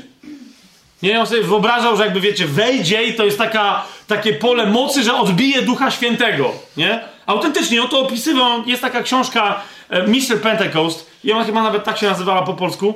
E, ja pamiętam, że to czytałem, wiecie, e, nie wiem, przynajmniej 20 parę lat temu. Więc E, albo jak nie więcej. Ale tak mi się wydaje, że tak, taki był chyba tytuł po angielsku, taki był też tytuł po polsku, taki był pseudonim tego, czyli Pan Pięćdziesiątnica. Taki miał pseudonim David Duplessis. Eee, I on, rozumiecie, Pan Pięćdziesiątnica nie był pewny, czy Duch Święty będzie w stanie się przedrzeć do Watykanu. Nie? Tylko czy czasem go, wiecie, strefa mocy nie zatrzyma i Duch Święty na drzwiach, a i to tyle nara, David. No nie, on się bał. On się naprawdę bał, aż dopóki nie rozważył sobie, że co ja gadam w ogóle. Sam do siebie. Co ja w ogóle myślę? No nie, że diabeł jest mocniejszy od Ducha Świętego? I dopiero wtedy wlazłem i ej, ej, ej, co się tu w ogóle dzieje? Nie?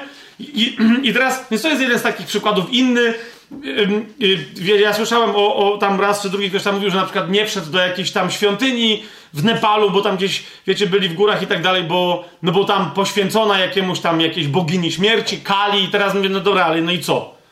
I teraz ta Kali cię co miała ugryźć w tyłek, czy jakby, co, co ci ta Kali miałaby zrobić, rozumiesz? Bo, no Jezu, to jest miejsce poświęcone, inni się boją, wiecie, że ktoś mi tam powiedział, że nie kupuje e, jakby przechodzonej biżuterii. Nie wiem, co to jest przechodzona biżuteria, no ale rozumiem, że gdzieś, nie wiem, z drugiej ręki, tak, czy coś na jakimś Allegro, że nie wiem, jak ktoś, albo jak ktoś chodził, mógł rzucić jakieś uroki na ten pierścionek i tak dalej, to tym gorzej, w sensie, no to rzeczywiście Kapujesz, no to, ta, to według mnie tym gorzej, dla, jak jakiś demon się przywiązał do tego pierścionka, ty go założysz na palec, to jest problem tego demona, nie twój, ani tego pierścionka.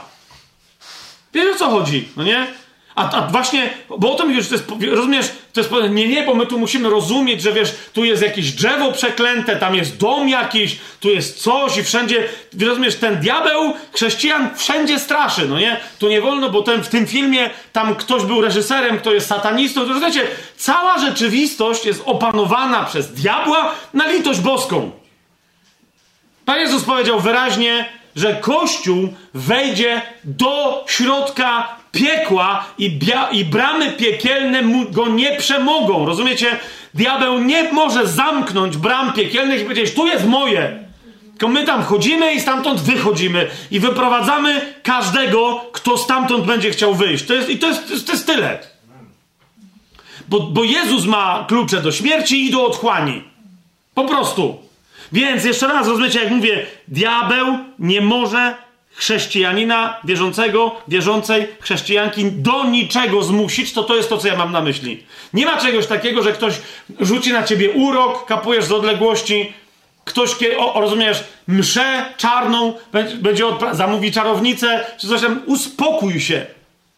Kapujesz, bo jedyne, kiedy te, tego typu rzeczy mogą zadziałać, to jest tylko wtedy, kiedy ty wierzysz, że takie rzeczy mogą działać i wtedy otwierasz rozumiesz, takiemu i tak już przestraszonemu demonowi miejsce do jakiegoś zadziałania i do prychnięcia. P pryśnięcia, o to mi chodziło, nie prychnie. Może by i prychnął, ale raczej by prysnął, o to mi chodziło, że, żeby uciekł, tak? Kompletna utrata władzy, autorytetu, jakiejkolwiek możliwości wywierania jakiegokolwiek wpływu na chrześcijan, na wierzących, na nowonarodzone, yy, uświęcone krwią baranka osoby. Czy to jest jasne? Tak? Celowo, wybaczcie, że, ale chodzi mi o to, że, wiecie, idzie mi o to, żebyśmy rozumieli, jakie są konsekwencje tego, co my mówimy. One są właśnie takie. Wszędzie wchodzę, nic mnie nie dotyka. Rozumiesz?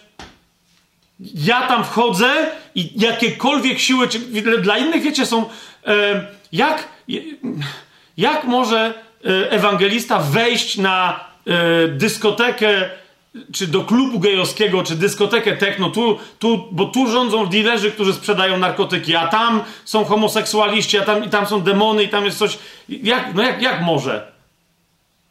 Dokładnie tak jak Jezus, który, który szedł do faryzeuszy, do innych grzeszników, rozumiecie? Dokładnie tak samo, po, po to, żeby ratować tamtych ludzi.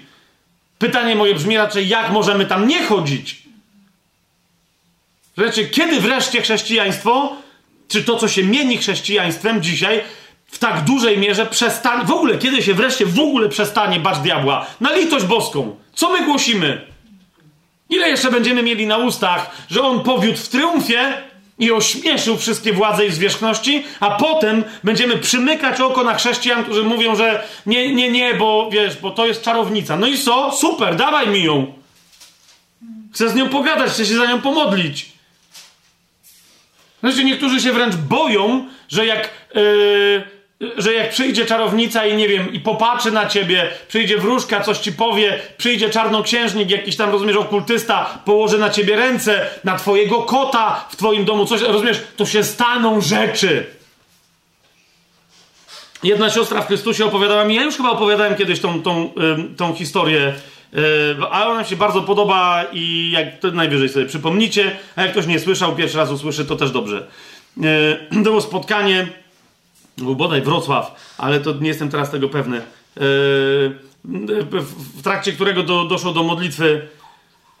E, I, tam byli różni ludzie zaproszeni, mnóstwo z nich zajmujących się okultyzmem. To, to było nie, nie, tyle do modlitwy, co było spotkanie takie przy stole. Nie wiem, czy to była kolacja, czy śniadanie, czy obiad. To, że ludzie jedli tam przy stole, nie? I jakaś tam, wiecie, zawodniczka, która miała potwierdzone tam różne e, swoje moce przez różnych innych potwierdzaczy swoich mocy, stwierdziła, że zanim oni coś zjedzą, to że ona oczyści energetycznie posiłek, bo on nie cały tam wygląda dobrze, różni widzący, e, jasno widzący i jasno słyszący i jasno różne doznające różne rzeczy, uznali, że tak, tak, tu jest troszkę toksycznych e, energetycznie, e, nie wiem, warzyw, mięsa, co by tam było, no i ona tam zaczęła odczyniać jakimś wahadełkiem, nie? No, no okej. Okay. Ale byli tam też chrześcijanie i ktoś powiedział, czy no to jakie takie odczyny tu do, się dokonują, to jeszcze my się pomodlimy po naszemu, nie? No okej, okay, no to jak już musicie, to wiele to nie zmieni. W imieniu Jezusa, no bo czy jecie, czy pijecie, tak? Więc w imieniu Jezusa, Panie, błogosławimy ten posiłek, błogosławimy tych ludzi. I tam jedna osoba aż krzyknęła. Najwyraźniej rzeczywiście coś tam widząca, nie?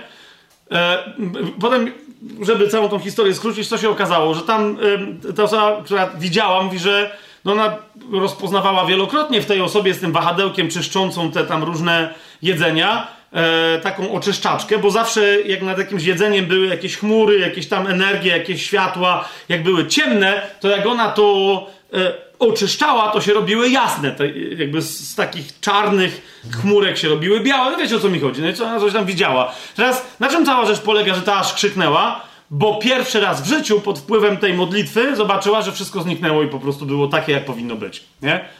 Więc nie tylko, że ona nie wiedziała, czy, jakby, czy, czy jej ta moc zniknęła widzenia, jasne to jest, czy te rzeczy zniknęły, czy co. W każdym razie ona nigdy nie widziała takiego drastycznego działania, czegokolwiek w New Age'u, w okultyzmie i, i tak dalej. No nie, że po prostu pyk, nic nie ma, nikt wtedy nie, ma, nie? Imię Jezus. Co jest to? My się nie mamy bać e, tych ludzi, my mamy, rozumiecie, my się mamy o nich troszczyć. A te wszystkie miejsca, które nas straszą, rozumiecie, Czemu, czemu diabeł się boi coś takiego napisać, bo wie, że to jest kłamstwo i wie, że za to kłamstwo tym bardziej jeszcze zapłaci, nie? Więc na różnych satanistycznych miejscach zgromadzeń, tak, z tych wszystkich, nikt tam nie pisze chrześcijanom zakaz wzbroniony, bo jak nie, to, to bo jak nie, to wryj. Diabeł wie, bo on wie, że nie może, gdzie nam może kazać wejść? Rozumiecie? Gdzie? Na, na jakiej podstawie? Jakim autorytetem?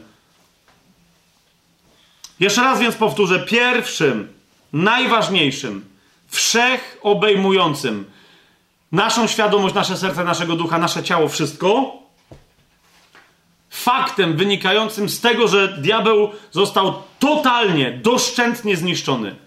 Tak kompletna była jego porażka, jest jego kompletna utrata władzy, autorytetu, jakiejkolwiek możliwości wpływania na nas z zewnątrz, na nas, mówię, wobec ludzi wierzących. Jasne? Druga rzecz. Nie tylko to, ale wręcz jeszcze bardziej. Nie tylko, że diabeł nie może wpływać na nas, ale to my możemy wpływać na niego dokładnie tak, jak chcemy. A jak chcemy? Tak, jak Jezus chce, czyli mamy niszczyć jego dzieła. Tak?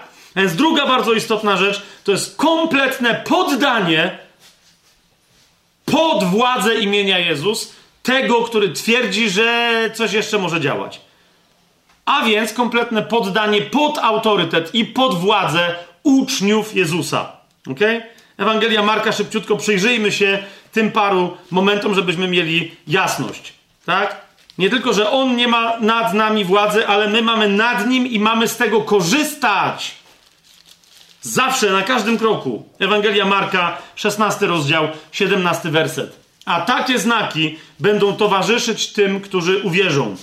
W moim imieniu będą wypędzać demony. Zwróćcie uwagę, to jest pierwszy znak. W moim imieniu będą wypędzać demony, będą mówić nowymi językami, będą brać węże, choćby coś śmiercionośnego wypili. Są następne rzeczy. W moim imieniu będą wypędzać demony. Jezus to ogłasza całemu światu. Raz, że zademonstrował, wstępnie przez pierwszych apostołów i pierwszych uczniów Jezusa to zostało zademonstrowane. Jezus mówi: Od tej pory każdemu, kto uwierzy, będzie dokładnie taki znak towarzyszyć. Ewangelia Łukasza, dziesiąty yy, rozdział.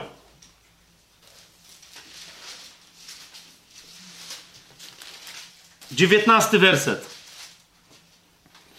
Jezus powiedział w 18 wersecie: Widziałem szatana spadającego z nieba, jak błyskawice. No okej, okay, czyli jest spad z nieba, no to jest na ziemi. Ale co Jezus mówi? Do swoich oto daję wam moc stąpania po wężach, skorpionach i po jakiejkolwiek mocy nieprzyjaciela, a nic wam nie zaszkodzi. Jezus mówi: Okej, okay, szatan ma jakąś tam moc, temu nie przeczę, ale wasza moc zawsze jest ponad tą mocą. Ok? Ja wam daję moc stąpania po wszelkiej jego mocy. Co znaczy stąpać po tej mocy? To znaczy nie mieć ani jednej części siebie, która by była poniżej tamtej mocy. Czy to jest jasne?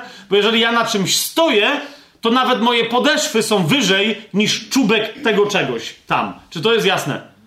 To jest moc stąpania. Ok? Oto daję wam moc stąpania po wężach, po skorpionach i po wszelkiej. Jaki jest wyjątek od wszelkiej? Nie ma żadnego. Po wszelkiej mocy nieprzyjaciela, a nic wam nie zaszkodzi. Jaki jest wyjątek od nic? Też nie ma żadnego. Nic wam nie zaszkodzi. Dzieje apostolskie, ósmy rozdział, siódmy werset.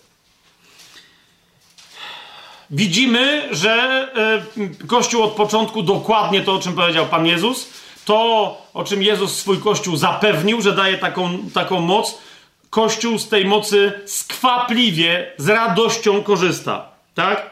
Dlaczego lud, jak mówi nam ósmy rozdział dziejów apostolskich, szósty werset, jednomyślnie przyjmował to, co mówił Filip, gdy go słyszeli?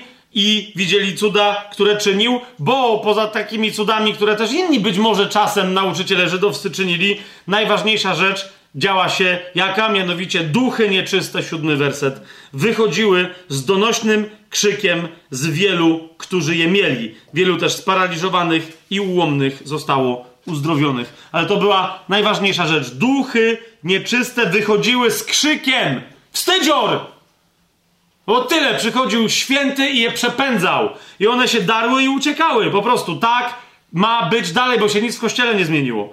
Dzieje apostolskie, 19, e, w 19 rozdziale, bo tu, jakby wiecie, cytatów jest więcej, ale chodzi mi o takie najbardziej dla nas istotne. Zobaczcie, 19 rozdział, 11 werset. A Bóg i, i, i dalej, tak? Bo tu, tu jest mowa właśnie o pewnej zasadzie autorytetu. Tak? Zwróćcie uwagę, 19 rozdział, 11 werset. Bóg dokonywał niezwykłych cudów przez ręce Pawła. Hmm? Tak, że nawet chustki albo przepaski z jego ciała kładziono na chorych, a choroby ich opuszczały, uwaga, i wychodziły z nich złe duchy. Bóg potrzebuje tylko i wyłącznie Kościoła świadomego, co zrobił Jezus, żeby mógł swobodnie działać. Przepaska była przepaską, rozumiecie, którą Paweł przepocił i to jest wszystko. Ale nie jego pot, to nie była relikwia święta, to nie było, po prostu, tak? Wiara i świadomość, przekonanie, pewność wiary całego Kościoła powodowały to, co się działo. Wierzący brali te przepaski od Pawła, przychodzili z tymi przepaskami i mówili: Ten Jezus, którego my znamy, którego z taką mocą głosi Paweł, demony nie czekały na koniec tej wypowiedzi nigdy. Tak? Tylko uciekały. Patrzcie, patrzcie dalej, co się dzieje. Eee, no skoro tak się działo, bo tego trochę nie rozumieli tej prawdy, że to Bóg działa, tak? Tylko myśleli, że to jest jakaś zasada technologiczna, tego nie rozumieli niektórzy wędrowni żydowscy egzorcyści. Jak się dowiadujemy w 13 wersecie, ważyli się wzywać imienia Pana Jezusa nad opętanymi przez złe duchy. Genialne tłumaczenie tutaj e, w UBG ważyli się, mieli czelność wzywać imienia Pana Jezusa, nie będąc uczniami. Ok? Zaklinamy was przez Jezusa, którego głosi Paweł. Widzisz, jak jesteś wierzącym, yy, ale który jest bratem, siostrą w tym samym ciele Chrystusa, co Paweł, to nie musisz go podgadać, tak? Bo to jest twój Jezus, tak samo jak jego. No ale ci, to nie był ich Jezus, tak? Żeby czasem jacyś inni Żydzi nie usłyszeli, że o, czyli wy jesteście razem z nimi? Ależ skąd? My tylko posługujemy się chrześcijańską technologią, nie? No to zły duch im odpowiedział, 15 werset. Znam Jezusa i wiem, kim jest Paweł. A wy coście za jedni. No właśnie. No właśnie. Diabeł rozpoznaje przedstawicieli królestwa, bo ich widać z daleka. Po ubraniu, po zapachu, tak? Jestem z królestwa. To widać. Jestem z królestwa. To słychać. Zasadniczo to słychać, widać i czuć. Na pewno w świecie duchowym. I rzucił się na nich człowiek, w którym był zły duch. Szesnasty werset. Powalił i pokonał ich, tak że nadzy i zranieni wybiegli z tego domu. Dowiedzieli się o tym wszyscy, zarówno Żydzi, jak i Grecy, którzy mieszkali w Efezie.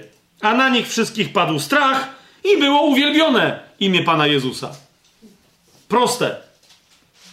W liście Jakuba czytamy, otwórzmy sobie list Jakuba.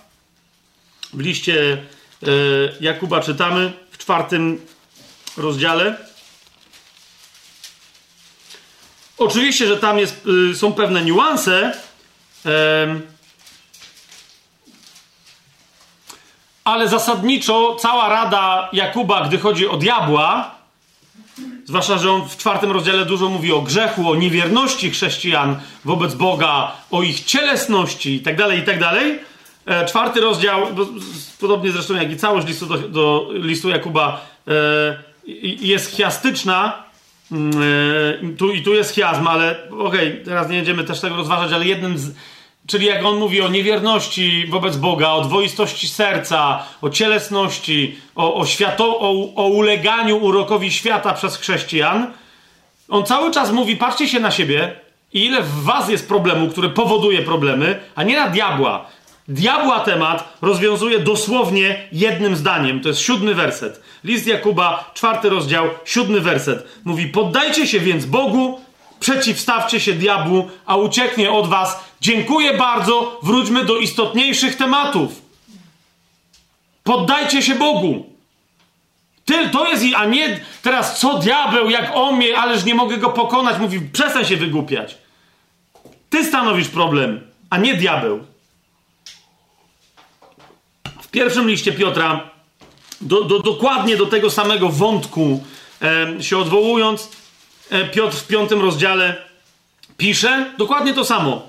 Uniszcie się więc, to jest piąty rozdział, od szóstego wersetu będę czytać. Uniszcie się więc pod potężną ręką Boga, aby On was wywyższył w stosownym czasie.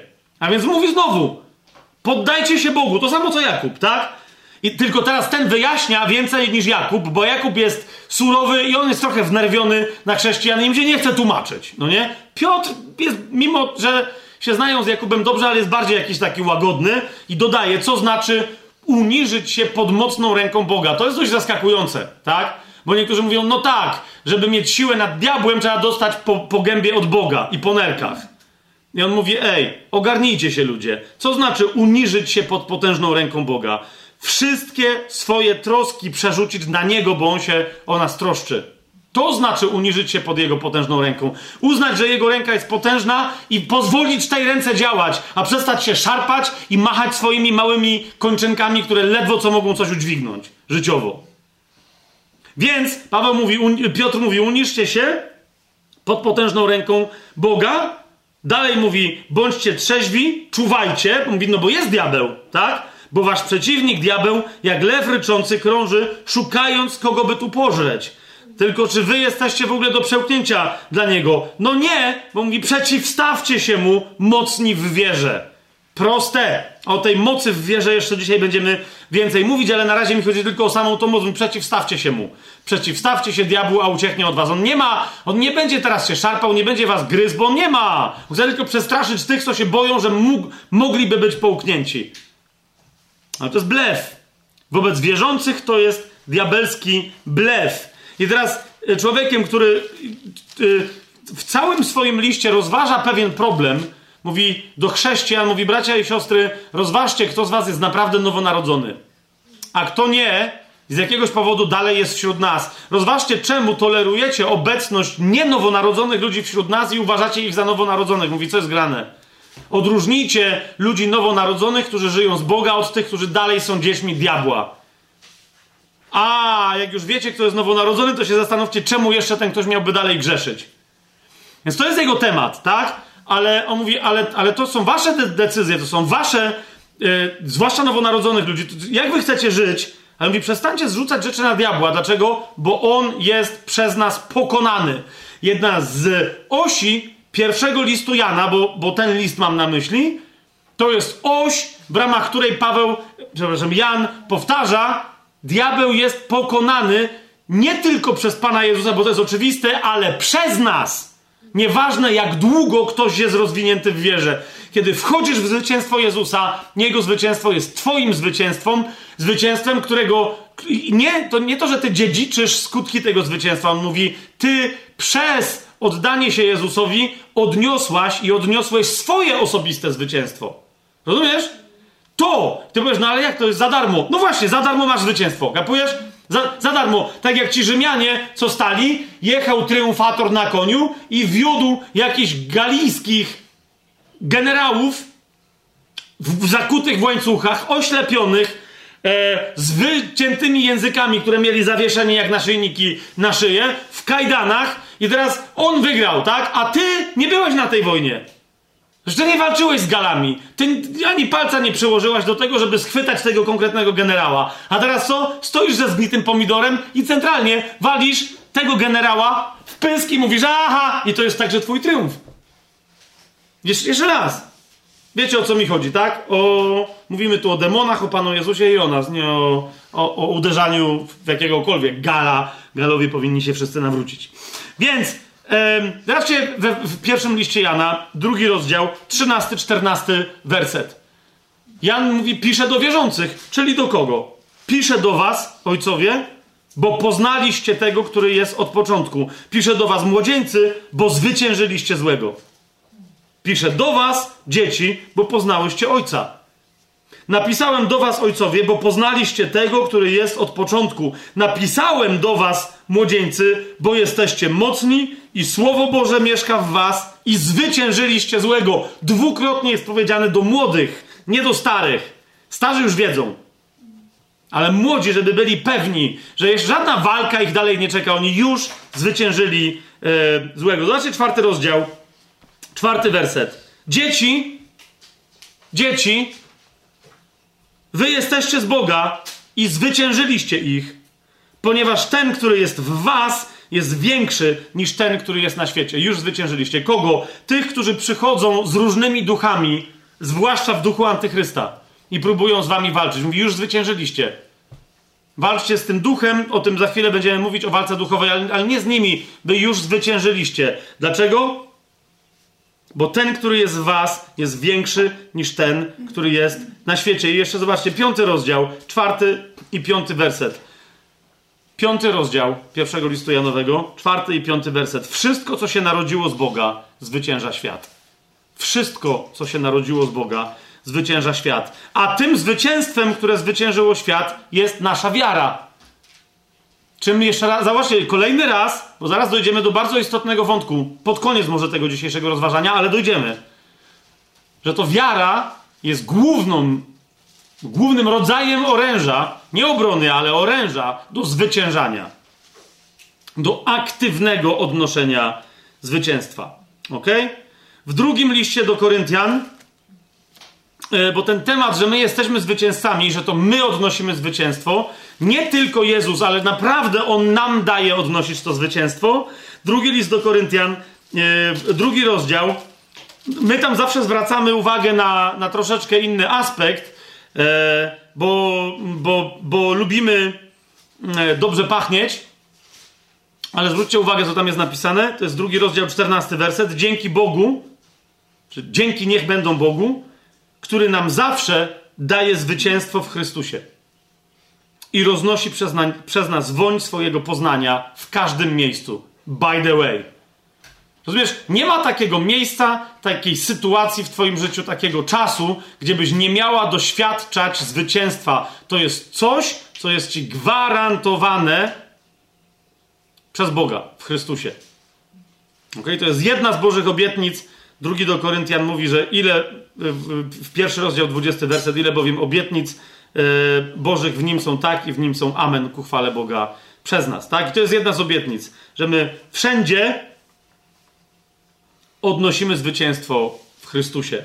To jest Jego zwycięstwo, ale które, z którego mocy my korzystając odnosimy następnie my. To jest nasze zwycięstwo, które Bóg nam daje. W liście do Rzymian e, to jest genialnie podkreślone, tylko no właśnie, e, tam się trzeba e, przyjrzeć Grece, bo ona tam jest wyjątkowa. W liście do Rzymian jest tam taki wyraz, to jest ósmy rozdział listu do, do, do Rzymian, 37 werset. Zwróćcie uwagę, Paweł mówi, że nawet w najgorszych okolicznościach naszego życia, patrz, 36 werset, z powodu ciebie przez cały dzień nas zabijają. Uważają nas za owce na rzeź. Widzicie to? To jest, więc to są najgorsze możliwe. Idziesz na rzeź, rozumiesz? w rzeźni. Czeka na ciebie maszyna albo ktoś tam z nożem, z tasakiem, z toporem, z gilotyną. Z koniec. Najgo... Tyle. Całe twoje życie dla kogoś się nie liczy. Chce ci odebrać to życie. I Paweł mówi, nawet w takiej sytuacji, uwaga, ale w tym wszystkim, nawet w takiej sytuacji, całkowicie zwyciężamy przez tego, który nas umiłował. E, tłumaczenie całkowicie zwyciężamy jest bardzo dobre, jest świetne. Chodzi tylko o to, że jest taki rzeczownik e, w języku greckim, który oznacza zwycięzcę. Nie?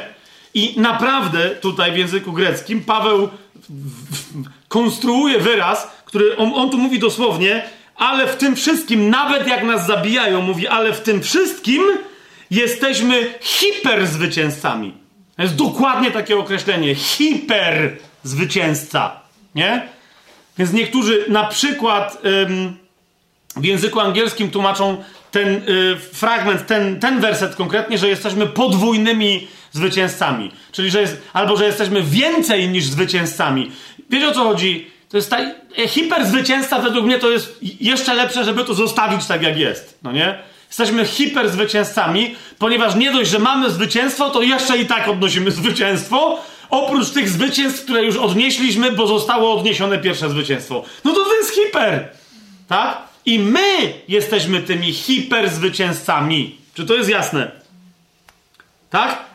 My jesteśmy hiperzwycięzcami. Więc kompletna utrata władzy, autorytetu, czegokolwiek, jakiejkolwiek mocy wobec nas, diabła, jest jednocześnie tym gorsza dla niego, ponieważ jest uzyskaniem przez nas wszelkiej mocy nad nim.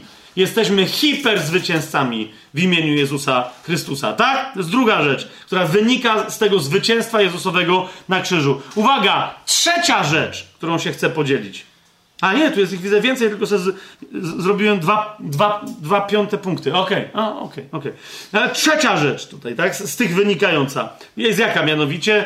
Diabeł, nie, bo niektórzy mówią, że no tak, nie może nas dotknąć w duchu, w duszy, w, w emocjach, w czymś tam, mm, mm, mm, ale diabeł może cię dotknąć fizycznie. Dlaczego? Bo ciało jest nadal, należy do starego świata i my i tak dalej. Więc następna rzecz, diabeł nie może cię dotknąć w żaden sposób, także fizycznie. Diabeł nie może cię dotknąć fizycznie, po prostu. Nie, nie, że mu nie wolno, po prostu nie może cię dotknąć fizycznie. Naj, y, najpełniej na ten temat się wypowiada, bo jest wiele fragmentów, które po prostu się odnoszą do tej prawdy, tak? Ale wprost Także się już bardziej nie da. Jak mówię, tych tematów jest wiele, więc ja nie będę teraz podawać po 100 cytatów na, wiecie, na, jedną, y, na jedno zagadnienie. Więc, więc myślę, że podaję najbardziej takie, wiecie, dosadne. To jest pierwszy list Jana, piąty y, rozdział, osiemnasty werset, który już tu cytowałem, ale teraz, czy w jego okolice, ale teraz E, chcemy się przyjrzeć jego końcówce. Otóż w 18 wersecie 5 rozdziału pierwszego listu Janowego czytamy: Wiemy, że każdy, kto się narodził z Boga, nie grzeszy, ale kto się narodził z Boga, uważajcie na to, zachowuje samego siebie, a zły go nie dotyka. E, jest to jak i bardzo dobre tłumaczenie. No nie tylko mówię na użytek naszego lepszego rozumienia, równie dobrym tłumaczeniem byłoby, tylko takim troszeczkę kolokwialnym, byłoby kto się narodził z Boga, zbawia sam siebie, albo dba sam o siebie, albo wybawia, wyratowuje, zachowuje sam siebie przy życiu, bo już ma tę moc w sobie, uważajcie, a zły się go nie tyka. Nie? Jak zobaczycie ten, ten wyraz y, grecki, on oznacza dosłownie do, fi, dotykanie fizyczne kogoś albo czegoś. Nie? Zły się nie tyka fizycznie tego, kto jest nowonarodzony. Po prostu. ok? Twoje ciało w pierwszej kolejności znajduje się pod Twoim, e, pod twoim autorytetem. I dalej, nie tylko nasze ciało się znajduje pod naszym autorytetem, tak że się diabeł go nie dotyka, to mamy autorytet nad innymi ciałami ludzkimi, tak że kiedy zabraniamy diabłu się ich dotykać, to on też musi tego słuchać. Okej? Okay? Zwróćcie, jak, jak Pan Jezus powiedział, że wy macie władzę stąpać po wężach i po skorpionach, to mówił o rozmaitych właśnie tych aktywnościach, w tym między innymi o władzy nad ciałem. Zobaczcie Ewangelia Marka, pierwszy rozdział, 22 werset.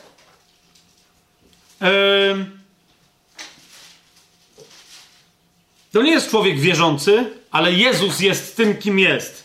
Jest tam taki moment, który jest okolony stwierdzeniem, że Jezus nauczał inaczej niż jakikolwiek inny nauczyciel. To jest pierwszy rozdział, 22 werset Ewangelii Marka i dalej. I zdumiewali się jego nauką, uczył ich bowiem jak ten, który ma moc, a nie jak uczeni w piśmie. I tu jest dokładnie, na, na, żeby to podkreślić i potem jeszcze raz to powtórzyć, Marek podaje jeden, jedyny przykład. Zobaczcie. A w ich synagodze był człowiek mający ducha nieczystego. Który to zawołał? Który to duch, a nie człowiek, zawołał: Ach, cóż my z Tobą mamy, Jezusie z Nazaretu? Przyszedłeś nas zniszczyć? Wiem, kim jesteś, świętym Boga. No tak, zwróćcie uwagę, Jezus przyszedł nie tylko zniszczyć dzieła diabła, ale diabła samego w sobie, zwłaszcza demony, jak już się napat, na, napota, napatoczają. Tak? My też jesteśmy świętymi Bożymi. Jesteśmy czy nie jesteśmy? To jest dokładnie to, co myśli sobie każdy demon w momencie, kiedy ty się zbliżasz do człowieka, w którym ten demon mieszka. Rozumiesz o co chodzi? To jest dokładnie to, co on sobie myśli. Mówi w momencie, kiedy twoja świadomość jest tak pełna, że ona, sama twoja obecność w wyniku twojej świadomości, kogo ty reprezentujesz i w jaki sposób, powoduje, że ten dziad się musi ujawnić. Przy Jezusie demony zawsze się ujawniały. Zawsze. Zgromił go Jezus, zamilcz i wyjdź z niego. Cała rozmowa Jezusa. Wtedy duch nieczysty szarpnął nim i zawoławszy donośnym głosem, wyszedł z niego. I jeszcze raz Marek podkreśla, i zdumiewali się wszyscy, także pytali się między sobą, cóż to jest? Co to za nowa nauka, że z mocą rozkazuje nawet duchom nieczystym i są mu posłuszne? Teraz, czy, ale czy rzeczywiście to się odnosi do ciała? Bo ja powiedziałem, że duch się nie może zły dotknąć twojego ciała. Nie? Jest takie znaczące wydarzenie, które nam to genialnie pokazuje, jak żadne inne. Jeszcze raz mówię, potem całe twoje rozważanie na temat tego, czy diabeł może fizycznie ci krzywdę zrobić. Albo czy diabeł fizycznie może zrobić krzywdę twojemu dziecku na litość boską. Ktoś mi mówi, hej, wyjeżdżamy na usługę i jak zawsze zachorowało nam dziecko. Co znaczy jak zawsze? No wiesz, bo diabeł się mści. Naprawdę? To jest sytuacja, w której diabeł się mścił którą teraz, którą, którą teraz zacytuję, jest dokładnie, to jest zemsta na kobiecie jednej konkretnej. Jest wyraźnie, Jezus mówi, że diabeł się na niej mścił, że ją dręczył, że ją torturował fizycznie. I mówi o to innym tak, że się zawstydzili. Zobaczcie Ewangelię e, Łukasza, 13 rozdział. Bo sobie otworzyłem 10. To jest 13 rozdział od 10 wersetu. I nauczał, czy się Jezus, w jednej z synagog w szabat. I była kobieta, no rzecz jasna tam, która od 18 lat, zwróćcie na to uwagę, to jest dokładnie jeden z tych demonów, które są odpowiedzialne za dręczenie fizyczne, tak? On jest wyraźnie nazwany. Demon odpowiedzialny za fizyczne dręczenie. I była tam kobieta, która od 18 lat miała ducha niemocy i była pochylona, dosłownie tam, wiecie, chodzi o to, że ona była dosłownie złamana w pół, tak? Do, do dołu. Nie mogła się podnieść, nie mogła się wyprostować która od 18 lat miała ducha niemocy i była pochylona i w żaden sposób nie mogła się wyprostować. W żaden. Gdy Jezus ją zobaczył, przywołał ją do siebie i powiedział: Kobieto, jesteś uwolniona od swojej choroby. Kapujecie, on nawet nie gromi, rozumiecie co jest grane? On nie gromi żadnego demona, on nic, po prostu mówi dosyć, co się tu w ogóle wyprawia? Co się tu wyprawia? To jest, to jest cała jego, daj spokój. Nieważne co się tu stało, to nie dlaczego ty tak cierpisz? I położył na nią ręce, a ona natychmiast wyprostowała się i chwaliła Boga. I teraz patrzcie, co się dzieje. Wtedy przełożony synagogi, oburzony tym, że Jezus uzdrowił w szabat, powiedział do ludzi: Jest sześć dni, w których należy pracować. W te dni przychodźcie i leczcie się, a nie w dzień szabatu. Ale Pan mu odpowiedział: Obłudniku, czyż każdy z was w szabat nie odwiązuje swojego wołu albo osła od żłobu i nie prowadzi, żeby go napoić? teraz zwróćcie uwagę, jaką Jezus stawia diagnozę. A ta córka Abrahama, którą szatan wiązał już 18 lat, czyż nie miała być uwolniona od tych więzów chociażby i w dzień szabatu? Osła będziesz prowadził tylko dlatego, że mu się pić chce, żeby go nie dręczyło pragnienie. Tak? A, no i teraz oni, gdy to mówił, zawstydzili się wszyscy jego przeciwnicy, a cały lud cieszył się ze wszystkich chwalebnych czynów dokonywanych przez niego. Ale zwróćcie uwagę, jaka jest diagnoza Jezusa. On mówi, że szatan ją więził. Przy pomocy czego? Zesławszy e, do jej ciała ducha niemocy. I zauważcie, Jezus mówi, nie ma żadnej dyskusji. Nie? Nie, nie ma prawa diabeł dotykać nawet ciała, na które ja patrzę i w którym widzę, że, że to nie ma związku z grzechem, z czym to jest dręczenie. To jest zwyczajne, czyste dręczenie. Nieczyste dręczenie. Tylko i wyłącznie dręczenie.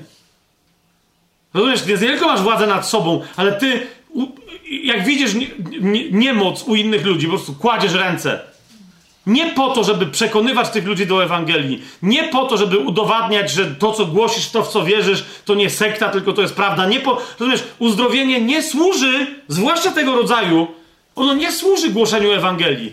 Bo ludzi przekonuje Ewangelia, a nie cuda i znaki. Rozumiesz, ty masz tę moc po co? Żeby uwalniać ludzi z pęd diabelskich, żeby im przynosić wolność.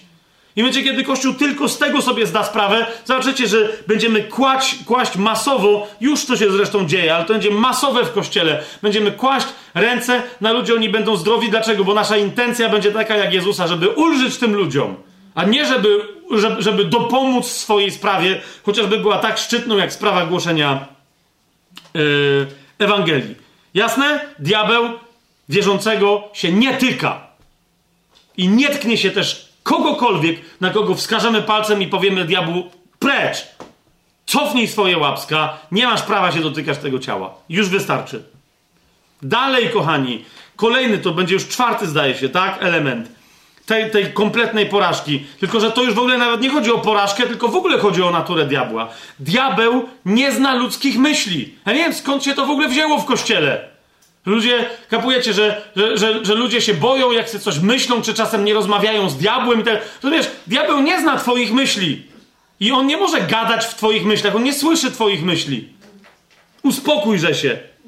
Diabeł nie zna twoich myśli i, uważaj na to, nie ma wpływu na, twoi, na twoje myśli. Nie może spowodować, że teraz coś myśli. Może cię podpuścić, pod pewien rodzaj myślenia, ale on nie może ci wejść do głowy i coś myśleć, tak żebyś ty myślała, że to ty myślisz, albo żebyś ty myślał, że to ty wymyśliłeś. Ok? Yy... Może tak, bo to, bo to nie jest tylko kwestia, wiecie, bo to nie jest tylko kwestia. E, po prostu to nie jest kwestia zwycięstwa nawet Jezusa na krzyżu. To jest po prostu e, mm, kwestia natury Boga, której, której diabeł nie ma, on jest tylko stworzeniem. Więc na przykład pierwsza królewska ósmy rozdział.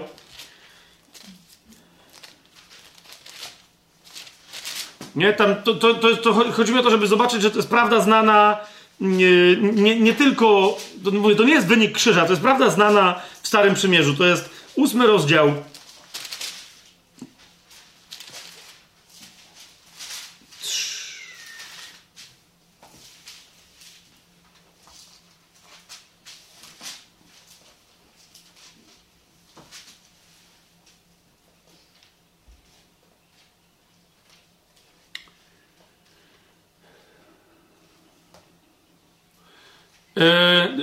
cała ta modlitwa, cała modlitwa, yy, to, to jest modlitwa Salomona i on mówi o tym, że jak człowiek się, nieważne jak człowiek się modli, tak? Może się modlić sam, może na, nawet kiedy się modli na głos, ale kiedy myśli, kiedy Bóg go wysłuchuje w niebie i nikt inny go nie może słyszeć, chyba że ktoś go fizycznie usłyszy, tak? Ale yy, to jest ósmy rozdział, yy, czy, no to jakby tam możecie całą tą modlitwę Salomona sobie prześledzić, ale zwłaszcza 39 werset jest taki, yy, taki dosadny. Mianowicie yy, Salomon tam mówi tak do, do Boga: Ty wysłuchaj w niebie, w miejscu swojego zamieszkania i przebacz, racz działać i oddaj każdemu według wszystkich jego dróg, bo Ty znasz jego serce, zwróćcie uwagę, gdyż jedynie Ty znasz serca wszystkich synów ludzkich. Nikt inny tam nie ma dostępu. Nikt inny tam nie ma dostępu. Tylko Bóg. Zaraz z tego wynikają pewne mm, dosyć zdumiewające konsekwencje, ale żadne konsekwencje, nieważne jakie się pojawiają w wyniku Nowego Przymierza, żadne konsekwencje w tej kwestii nie wynikają e, dla diabła. ok?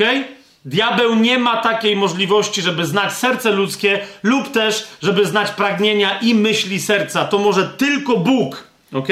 Teraz Bóg się pojawił jako człowiek, a więc w pewnym momencie był jeden człowiek, który miał taką możliwość. Zwracam Wam na to uwagę. Nie ma ani jednej Ewangelii. We wszystkich każdy ewangelista, często nie raz, ale parokrotnie zwraca uwagę na to, że Jezus miał taką możliwość. ok? To jest jeden z elementów, który jak, jak ludzie mają problem, yy, wiecie, pseudoproblem, czy, czy Jezus aby na pewno był Bogiem, tak? No rozumiesz, jak ma cechy boskie, to jak ma nim nie być, tak? Stare Przymierze mówi wyraźnie, tylko Bóg wie, co ludzie myślą. Popatrzcie na psalmy, tak? Że tylko On wie, co ludzie zamyśliwują w sobie i tak dalej. Tak. Tylko Bóg ma taką możliwość. No to popatrz, Ewangelia Mateusza, żeby przejść tylko po, po pojedynczym przykładzie z każdej Ewangelii.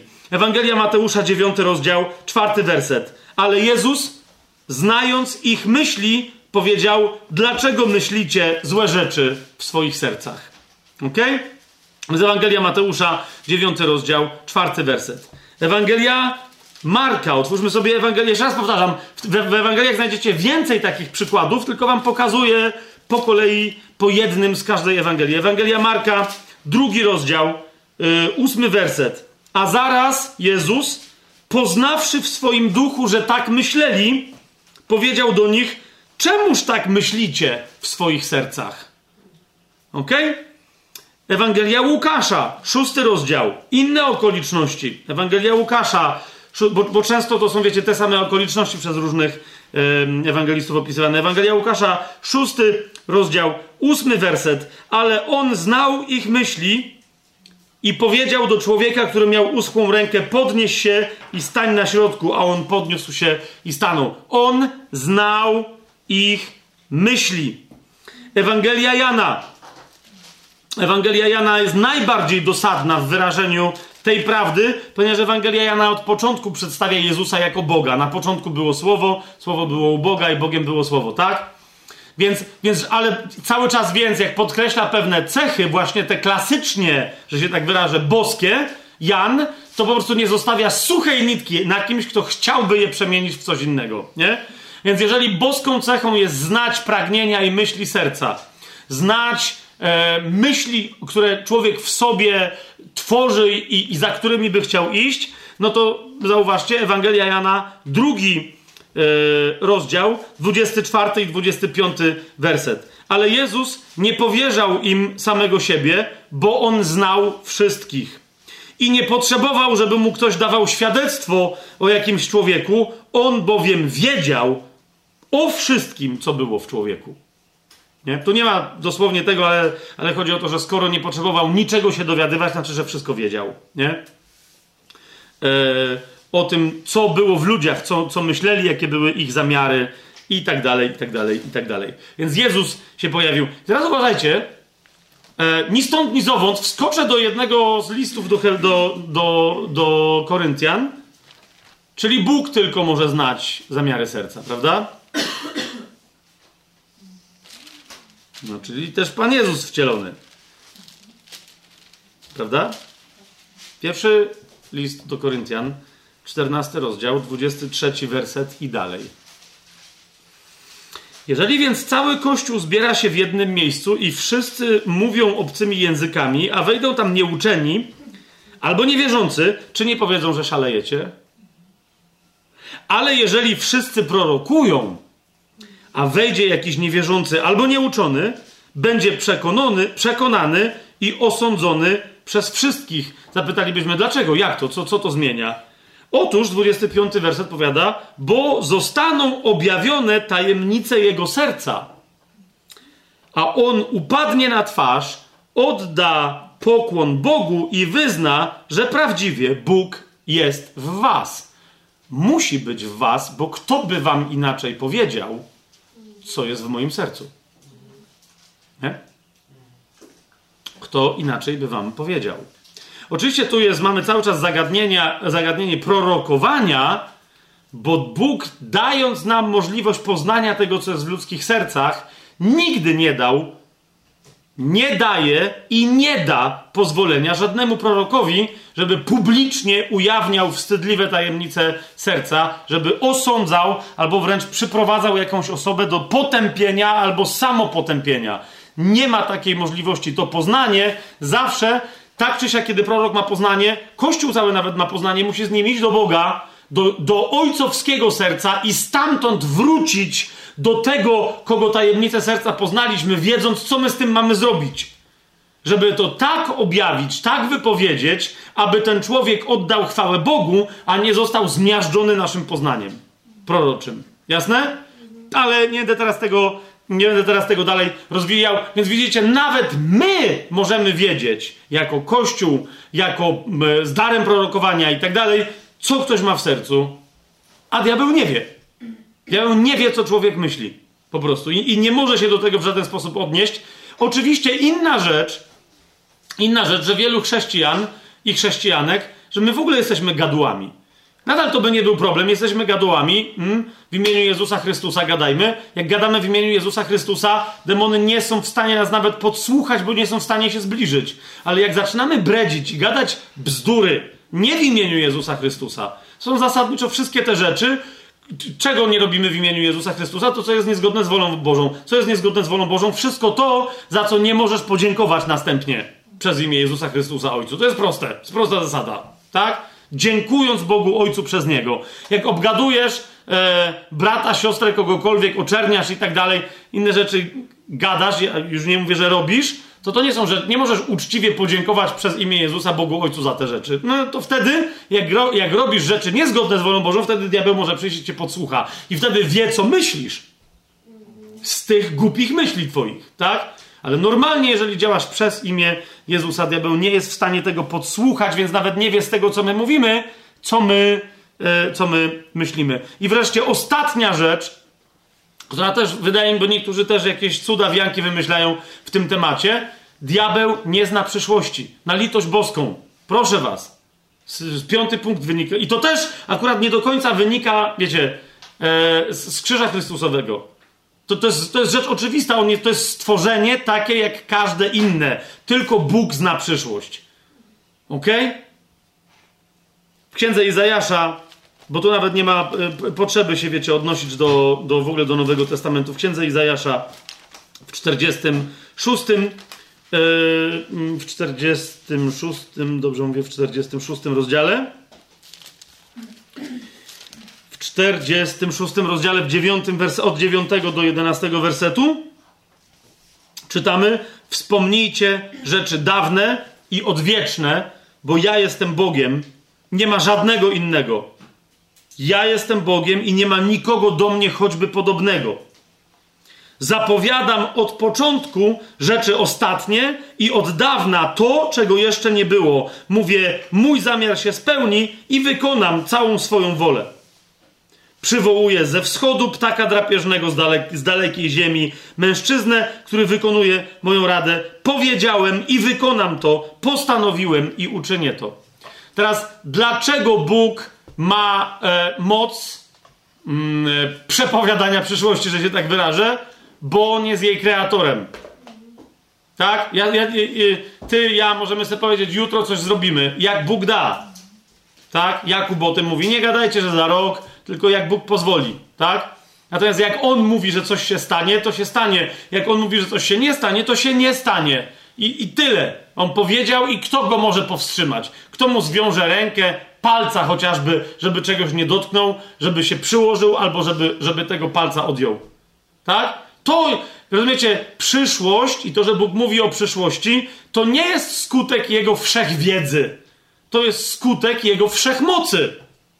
O, o, o, dlatego ten cytat przywołałem. To jest skutek Jego wszechmocy. Czy to jest jasne? I teraz, kto w związku z tym znowu może znać przyszłość? Tylko ten, kto ma dostęp do Ojca. Więc znowu mamy dar proroczy w Kościele i możemy mówić o przyszłości. Tak?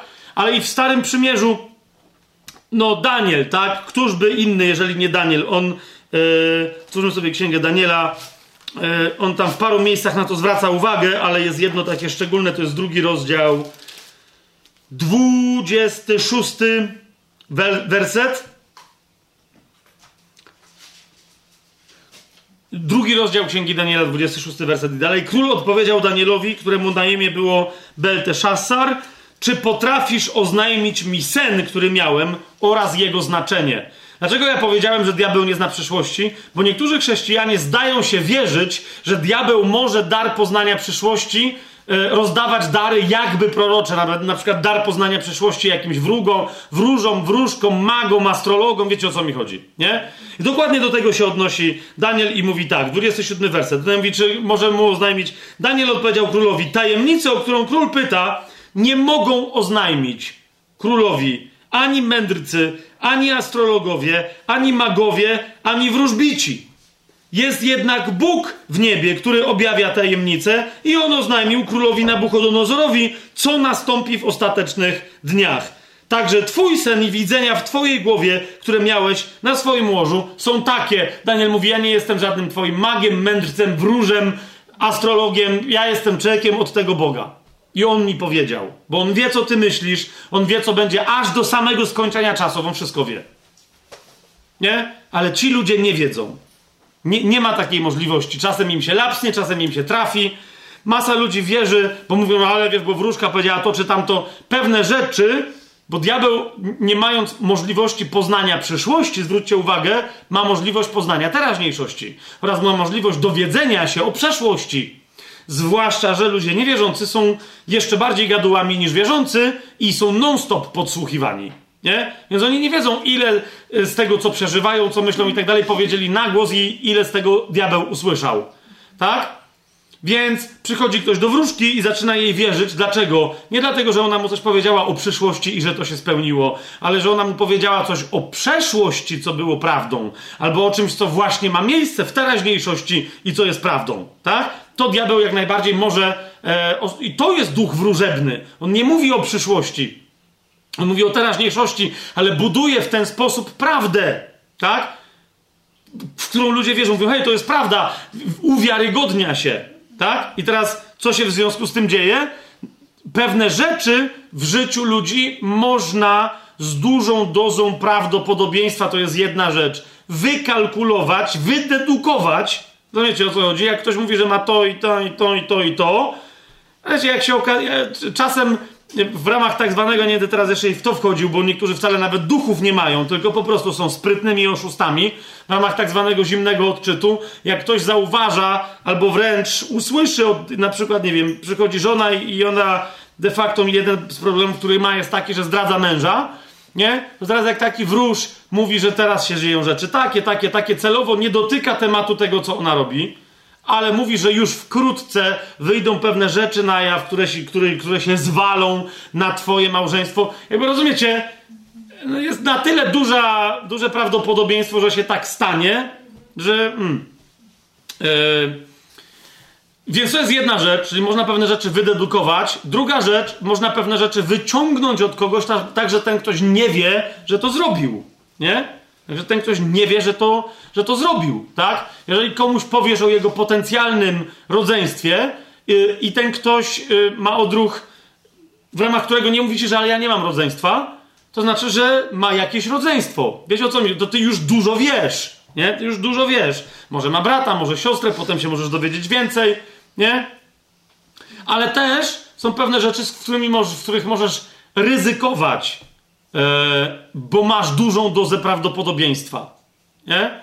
E, na przykład ktoś z tobą rozmawiał, tak jak Ania teraz, ma na ręce zegarek, tak? Ale mogłaby za chwilę położyć rękę pod stołem i, i, i niczego, i, tak? Za, bo sobie zapomni, że trzymała ręce w ten sposób. Cały czas raz podrapała się, widziałem, że ma zegarek, tak? Potem go schowała, ma, nawet jak ma, nie, nie widać tego zegarka, nie? Ale teraz taki wróż zaczyna ci mówić, e, widzę przy tobie jedną rzecz, e, coś jakby biżuteria, ale to nie jest biżuteria, ona jest dla ciebie raczej trochę użyteczna, trochę użytkowa, która jest prezentem od bliskiej ci osoby. Ok? Teraz, bo myśmy nie rozmawiali o twoim zegarku, to jest prezent od kogoś? To? Nie, to jest to od ciebie. No to wtedy w tej wyjątkowej sytuacji wróż mówi, że okej, okay, czyli ty... Rozumiesz, nie? Natomiast strzał na czym polega? Że zasadniczo ludzie dzisiaj sobie nie kupują zegarków, tak? Tylko je albo dostają w prezencie, albo jak sami je sobie kupują, to, to wtedy ja z psychologicznego mówię, a okej, okay, jesteś osobą, która sobie kupiła zegarek. Mm, to też był rodzaj prezentu, ale inny i wtedy jakby mówię, że o, okej, okay, okej, okay, to się, ale nie będę udawać, że trafiłem, nie? Tylko za chwilę to, co z tego wynika, że masz ten zegarek, za chwilę to wykorzystam, bo ty nie wiesz, że tak czy siak, ja tu niby nie trafiłem, ale to, ale to się nie tyczyło teraz, było tylko, miałem niejasną intuicję, przeczucie. Rozumiesz o co chodzi? Podobnie jak na przykład, e, w zależności od kraju, ja nie wiem jak teraz sytuacja wygląda w Polsce, e, bodaj 70 parę procent osób w Polsce ma, yy, ma bliznę na kolanie albo w okolicach kolana. Nie? I teraz nie pamiętam, czy ich jest więcej na lewej, czy na. Tylko rozumiesz, tylko ty o tym nie wiesz. Tak? Ty o tym nie wiesz. I teraz ten ktoś mówi, jak, jak byłaś mała, widzę upadek i ty, ty go nawet nie pamiętasz, ale, ale masz bliznę na kolanie, nie? Teraz szczelić na prawym czy na lewym to jest tym bardziej, jak ktoś, zwłaszcza, że, nie? I teraz ty mówisz, nie, nie mam, nie, nie, nie mam. Nie mam. Są ludzie, którzy, bo nawet nie pamiętają, nie? Ktoś mówi, nie, ale słuchaj, sprawdź, to jest ważne, nie? To tym bardziej uwiarygadnia takiego szpeca, tak? Co się wtedy dzieje? Ktoś sprawdza i mówi, hej, mam! Rzeczywiście! No i rozumiesz, co się dzieje? A tymczasem rachunek prawdopodobieństwa. Więc zimny odczyt, yy, zgadywanie pewnych rzeczy, które statystycznie powinny się powtórzyć społecznie i tak dalej, i tak dalej. To teraz, jeżeli ludzie mogą to robić, bo o co mi chodzi, po co ja o tym opowiadam? Jeżeli ludzie mogą to robić, to pamiętaj, diabeł jest dość inteligentny, tym bardziej on to może robić. Nie? Ale, więc może rozgrywać tego typu historie, ale pamiętaj, nie jest w stanie zgłębić ani sekundy do przodu. Nie? Bardziej niż ktoś inny, kto jest inteligentny, kto jest, kto jest człowiekiem. Przy odpowiedniej ilości danych może pewne rzeczy przewidzieć, ale nie jest w stanie spojrzeć do przodu. Zatem kompletna porażka szatana, podsum podsumujmy. Na krzyżu oznacza absolutny brak jakiejkolwiek władzy, jakiejkolwiek możliwości wpływu na wierzącego. To po pierwsze. Po drugie, oznacza to, że kiedy wierzący chce sprawować autorytet wobec diabła, to zawsze może swobodnie i nie musi się o to starać, bo go ma. Po trzecie, yy, diabeł nie może fizycznie dotknąć wierzącego w żaden sposób, ani ko czegokolwiek, jakiegokolwiek ciała, które, że tak powiem, jest na widoku, jest pod autorytetem wierzącego, więc nie może dotykać twoich bliskich, tak nie ma prawa do tego i ty musisz o tym pamiętać i autorytet wtedy egzekwować. Dalej, diabeł nie zna twoich myśli, nie ma wpływu żadnego na twoje myśli. Dalej, diabeł nie zna przyszłości, tak? Teraz, jak już to wszystko sobie powiedzieliśmy, to zajmijmy się tymi cytatami, które się zawsze wtedy odpalają, jak ludzie zaczynają się troszkę szarpać i mówią, no tak, dobrze, dobrze, ale walka duchowa. Przecież toczy się jakaś walka duchowa. To z kim się toczy walka duchowa, jeżeli my mamy tak ekstremalny, radykalny wpływ, tak totalną, kompletną wolność od wpływu diabła? Bo rozumiecie, to wszystko, co ja teraz powiedziałem, miało zasadniczo oznacza co? Że tyle, że jest po robocie.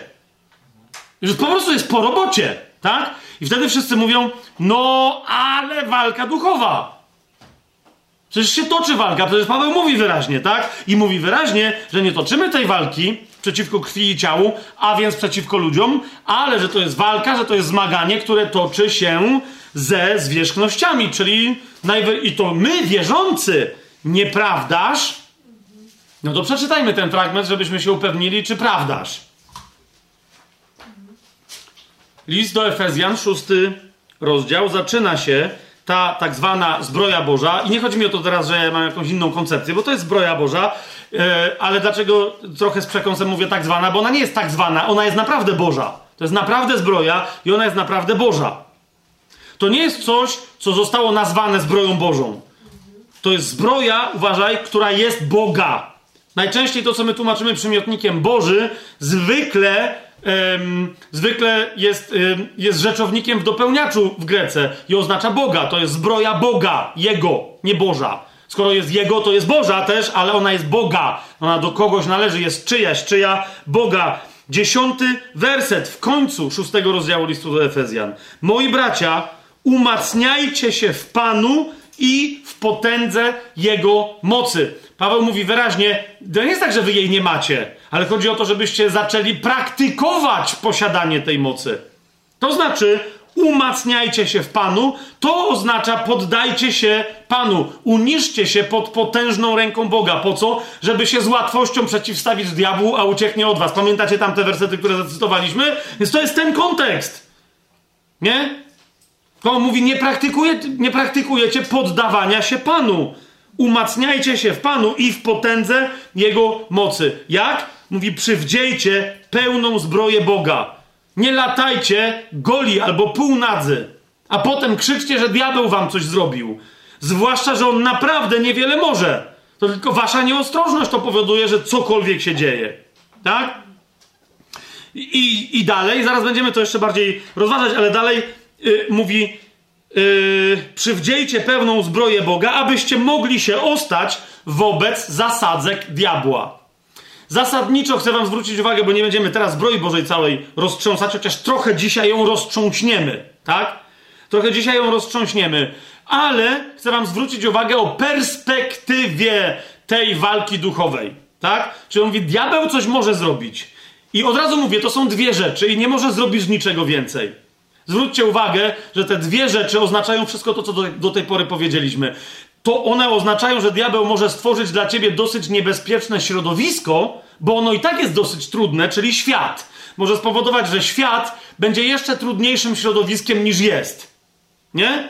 Bo on materialnie jest dosyć taki, jaki jest, a diabeł w tym świecie może zastawiać zasadzki, pułapki na ciebie, to jest jedno, i dwa, może z daleka wysyłać coś, co Biblia nazywa rozżarzonymi czy rozpalonymi pociskami.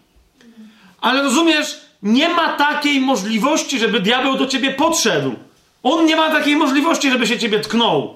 Zasadzki i pociski wystrzeliwane z daleka. Więc, ale zwróć uwagę, jakie są konsekwencje. Konsekwencje są jakie? Że albo ty łazisz nieuważnie i wdepniesz w sidła, wdepniesz w zasadzkę i się zranisz, ale zauważ, że to nie diabeł ci zrobił krzywdę.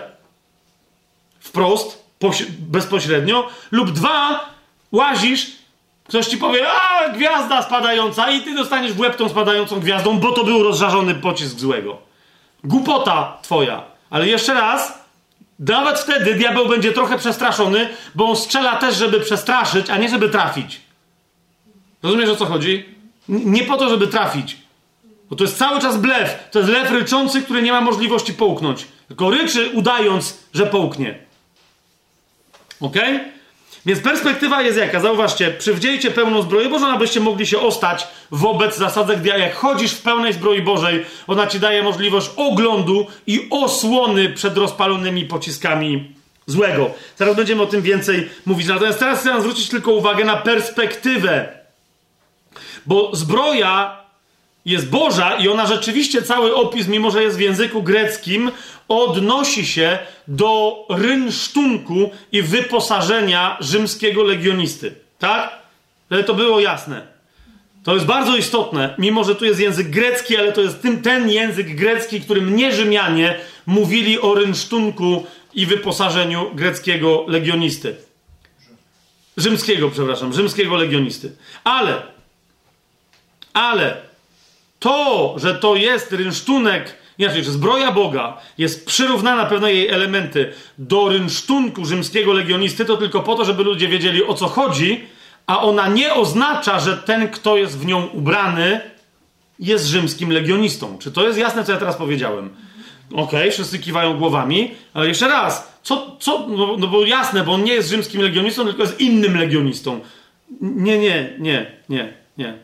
Rzymski legionista jest gdzie ubrany? Na ziemi czy w niebie? Rozumiecie o co mi chodzi? Jest ubrany na ziemi. Jeżeli zbroja jest Boga, to kto w nią jest ubrany najpierw? To gdzie on jest ubrany? Na ziemi czy w niebie? Jak się chcesz ubrać w zbroję Bożą, to musisz pójść do, tam, gdzie się ubierasz w tą zbroję. Do tego, kto ci może ją dać. To jest Bóg, nikt inny ci nie może jej dać. Ok? I teraz sęk w tym, że kiedy człowiek traci elementy zbroi Bożej, kiedy traci perspektywę tej zbroi, ponieważ ona jest do walki na wysokościach. Rozumiesz, czy ona wygląda jak zbroja legionisty, ale to jest de facto rynsztunek lotnika. Uwaga, dwunasty werset. Nie toczymy bowiem walki przeciw krwi i ciału, a więc nie toczymy walki na ziemi przeciwko ludziom, którzy są niezbawieni. Jasność? Dobra, nie toczymy bowiem walki przeciwko krwi i ciału, ale przeciwko komu? Przeciwko zwierzchnościom, przeciwko władzom, przeciwko rządcom ciemności tego świata. Przeciwko komu? Przeciwko wszelkiego rodzaju istotom duchowym, które są odpowiedzialne za ciemność gdzie? Jeszcze raz, bo, bo to jest bardzo ważne. Gdzie oni są odpowiedzialni za tą ciemność? Na tym świecie. A gdzie my toczymy tą walkę? Na wyżynach niebieskich. Ok? Trzeba rozłożyć to zdanie i zobaczyć, o jaką perspektywę chodzi. Rozumiecie, dlaczego? To, po pierwsze, to jest, to jest logika, którą Pan Jezus już narzucił. Ja wam daję moc stąpania po wszelkiej potędze przeciwnika. Gdzie się kończy ta potęga, tam się zaczynają nasze podeszwy. Ma, ma to jakiś sens, co ja teraz do was gadam? To, to jest to, tak? Na wyżynach niebieskich. Teraz dlaczego, bo niektórzy mówią tak, to wynika z greki, ale jak to tylko wynika z gramatyki, to wynika z perspektywy zarysowanej na początku listu do Efezjan. Ponieważ na początku listu do Efezjan jest powiedziane, kto zasiada na wyżynach niebieskich, kto tam, po, kto stamtąd poszedł na ziemię i zwycięski na wyżyny wrócił, czyli że Bóg tam zasiada, Mesjasz, jego wcielony Syn Boży tam zasiada i że jego mocą my tam też zasiadamy. I to jest właściwa perspektywa człowieka duchowego. Zobaczcie list do Efezjan, drugi rozdział, piąty do siódmego wersetu.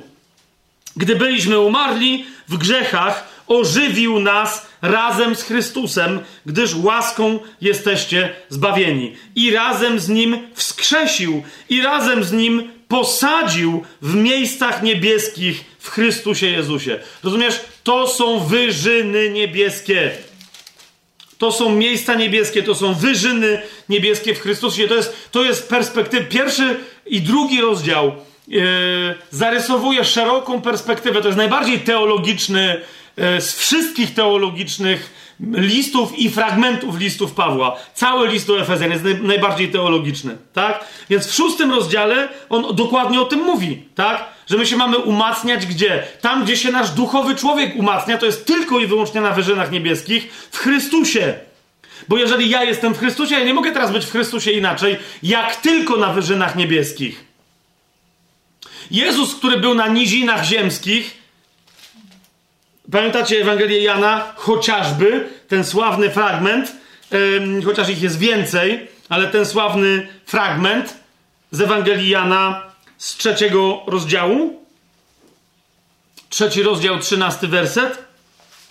A nikt nie wstąpił do nieba, tylko ten, który zstąpił z nieba. Syn człowieczy, który jest w niebie. Był, wstąpił, będzie wstępował. On tu, wiecie, on tu mówi o zdumiewającej sytuacji, o tak zwanej drabinie Bożej, czy drabinie anielskiej, w ramach której aniołowie będą stępować i wstępować na Syna Człowieczego. Nie? Co jest tą drabiną?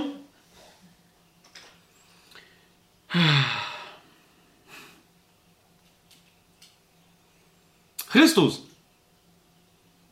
Iż Chrystus zasiadający na wyżynach niebieskich to jest ten Chrystus, który z drugiej strony e, tak siebie dostosowuje, że zawiera się w Twoim duchu i w moim nowonarodzonym. Dlatego niebo jest gdzieś tam i niebo jest absolutnie tu. Ja jestem w niebie i niebo jest we mnie. To jest drabina. Rozumiesz, e, wędrowanie aniołów z nieba na ziemię i z ziemi do nieba po drabinie, to jest, to jest przemieszczanie się pomiędzy wymiarami. Wysokość, długość, szerokość i głębokość miło, miłości Chrystusowej to jest przechodzenie z wymiaru Chrystusa, w ramach którego On zamieszkuje wewnątrz człowieka, już nie ja żyję, ale żyje we mnie Chrystus, do wymiaru Chrystusa niebieskiego, który jest Chrystusem wszech zawierającym, który ma w sobie wszystko. Wszystko i wszystkich. Jasne? Przechodzenie w inny wymiar. I teraz to jest, wróćmy do tego listu do, do Efezjan. Nie? To jest list do Efezjan, szósty rozdział. To jest perspektywa. Przeciwko rządcom ciemności, szósty rozdział, dwunasty werset, ciemności tego świata, przeciwko duchowemu złu. Gdzie? Na wyżynach niebieskich. Ok?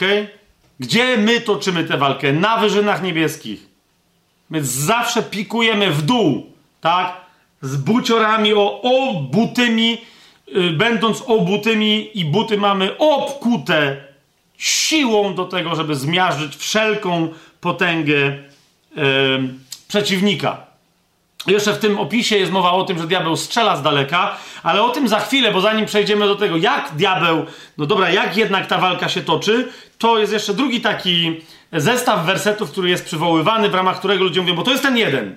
Nie? I niektórzy, pamiętam taką rozmowę z, z bratem, który, zresztą to była świetna i wdzięczna rozmowa.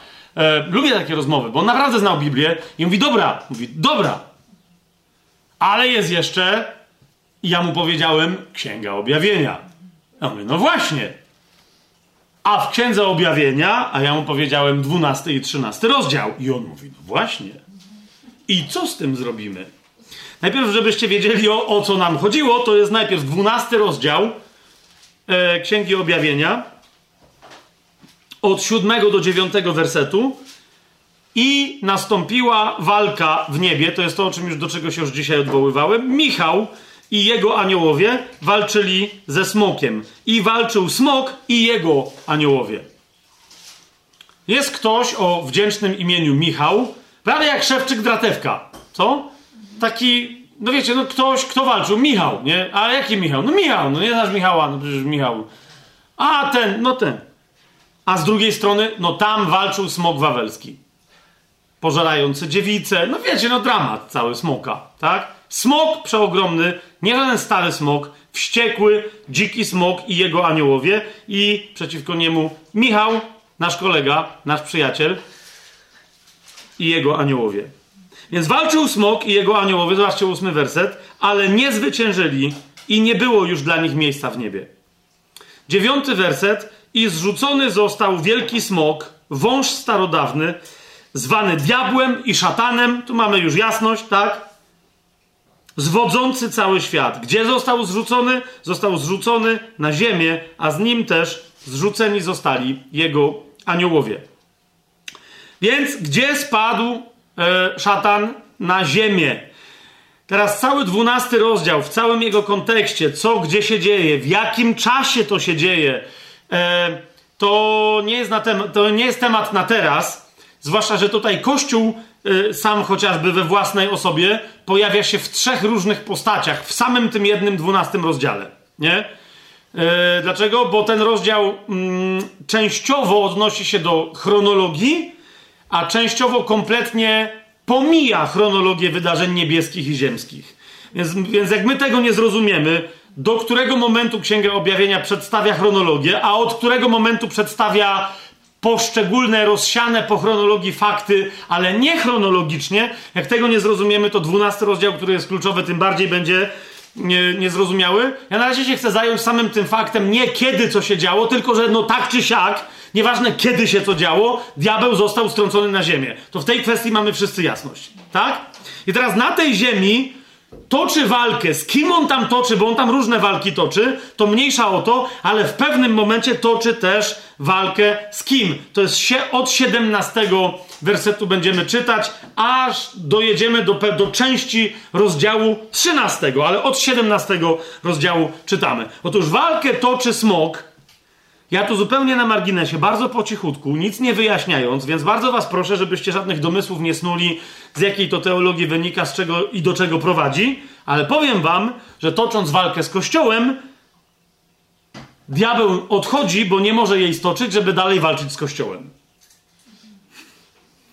Taki jest opis w 12, czyli, czyli jest Kościół, który urodził pewien Kościół, i teraz z tym kościołem, co urodził pewien kościół, walczy diabeł i nie może z nim walczyć, i wtedy walczyć z jeszcze innym kościołem. Teraz powiecie, zaraz, yy, ale jest kościół jeden, jest jedno ciało Chrystusa, dajże spokój. Daje spokój. To jest cały czas jeden i ten sam kościół, ale w rozmaitych swoich stadiach, fazach i funkcjach. Ja już nie pamiętam teraz przy jakiej okazji, jak ktoś z Was pamięta, to niech mi przypomni. Jak nie, to nie wiem, na YouTubie napiszę w komentarzu, bo nie pamiętam, ale o tym wspominałem, nie? Że jest Kościół, zauważcie, ciało Chrystusa jest na ziemi. Kościół jako zgromadzenie świętych, no właśnie, my jako to zgromadzenie, przystąpiliśmy do zgromadzenia świętych, w ogóle przystąpiliśmy do świętej góry Syjon, nie? I na przykład w liście do Galacjan, my o tym trochę więcej będziemy tam mówić, mówi, o, o kim mówi Paweł, kiedy mówi, że my mamy Matkę w niebie? O Matce Boskiej? O, o, o, o Maryi? Królowej polskiej, katolickiej, o, o, o, czym on to tam, o, o, czym on to tam mówi? No nie? On mówi, że my mamy matkę, że my nie jesteśmy, my nie jesteśmy e, synem Hagar, my nie jesteśmy niewolnicą tu na ziemi, nie? Czyli rozumiecie, jest kość, to jest jeden i ten sam kościół, czy to jest jasne, ale część tego kościoła po prostu wcześniejsze pokolenia rodzi następne pokolenia. To, to jest jasne, co, co, się, co się dzieje? Teraz w ramach tego wszyscy są zbawieni, to jest jeszcze jedna rzecz, ale w ramach tych zbawień, nie, nie, inaczej, wszyscy są usprawiedliwieni, ale nie wszyscy są zbawieni i nie wszystkim usprawiedliwionym będzie się należało, należało rządzenie rózgą żelazną razem z Chrystusem nad narodami. Niektórzy trafią na przykład w ciemności zewnętrzne, tak? I chodzi mi o to, że to jest nadal jeden kościół, ale pewne przeznaczenie przez Trybunał Chrystusa w, w, w, w Królestwie Tysiącletnim może się okazać inne, nie? Więc jak mamy w 12 rozdziale kobietę, która urodziła syna, który to niekoniecznie musi być Izrael, z którego wychodzi Mesjasz, albo jego matka, która urodziła Jezusa. Zwłaszcza, że jak się przyjrzycie pewnym cechom tego tutaj rządziciela, że tak powiem, to on ma te cechy, o których Jezus mówi, że będą nagrodą tego, kto przezwycięży w listach do kościołów w e, drugim i w trzecim e, rozdziale Księgi Objawienia. Czy, czy to jest. Teraz więcej nie powiem. Więcej nie powiem, ponieważ jeszcze w tym wszystkim pojawia się coś, co nazwałbym kościołem czasów ostatnich. No w jakich czasach my się znajdujemy? Hmm? Wściekły, że poprzednich, kościoła poprzednich czasów, niebieskiego Jeruzalem, i tak nie może, nie może tknąć Diabeł co robi w 12 rozdziale, i to jest od 17 wersetu czekamy. I rozgniewał się smok na kobietę i odszedł walczyć z resztą jej potomstwa. Więc wiecie, to jest kobieta, która ma jakieś potomstwo, i teraz ona jest bezpieczna, jej potomstwo jest bezpieczne, i zostało jeszcze jakieś inne potomstwo. Jasne? Będziemy o tym więcej mówić, kto jest kim. Nie chciałbym teraz mieszać, tylko od razu też nie chciałbym w ogóle bez żadnych odpowiedzi was tu zostawić, ale tak czy siak rzeczywiście jest jakaś część kościoła, są jacyś święci, z którymi diabeł idzie walczyć. Nie mówię, że z tamtymi nie walczył, zwłaszcza, że 12 rozdział mówi wyraźnie, że walczył i to na śmierć i życie. Tak? Ale co się dzieje na końcu? I rozgniewał się smok na kobietę, już ją dał jej spokój, no bo nie dał rady, i odszedł, aby walczyć z resztą jej potomstwa. Z tymi, którzy zachowują przykazania Boga i mają świadectwo Jezusa Chrystusa. No widzicie, że potomstwo tej kobiety to jest Kościół. Tak? I teraz co się dzieje? Bo teraz to jest bardzo istotne, bo wszyscy mówią, czyli widzisz, czyli poszedł walczyć. No, no poszedł. I i gdzie niby diabeł wyciągnął choćby paznokietek i dotknął jakiegoś świętego? No, trzynasty rozdział, trzynasty rozdział mówi o wystąpieniu antychrysta na litość żyjącego Boga, a nie o bezpośrednim działaniu diabła na wierzących. Więc już na wstępie odpowiem wam, że istnieją trzy rodzaje, a potem się nimi zajmiemy, tak? Jeszcze dzisiaj, za chwilę. Więc diabeł może zastawiać zasadzki na wierzących. Diabeł może ostrzeliwać wierzących z daleka rozpalonymi pociskami, albo co może zrobić? Albo napuścić na wierzących niewierzących. Napuścić na wierzących krew i ciało, które jeszcze jest nieusprawiedliwione. Czy to jest jasne? Tak? I to może, ale zauważcie, zauważcie, więc diabeł może wierzących dotknąć pośrednio. Ale uważam, że nie ma, i teraz to powiem jasno, uważam, że nie ma żadnej możliwości dotknąć wierzących w sposób bezpośredni. Okay? Dlatego Paweł, jak mówi o zbroi Bożej, mówi: Pamiętajcie, ta moc, którą wy macie, to jest moc niszczenia diabła i jego dzieł, a nie niszczenia ludzi. Nie toczymy walki przeciw krwi i ciału, chociaż wasza walka będzie gdzie doświadczona? W ciele i krwi. Okay? W ciele i krwi.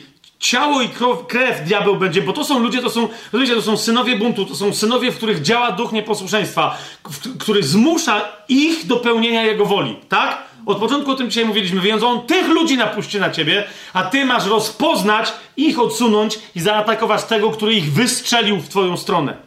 Ok?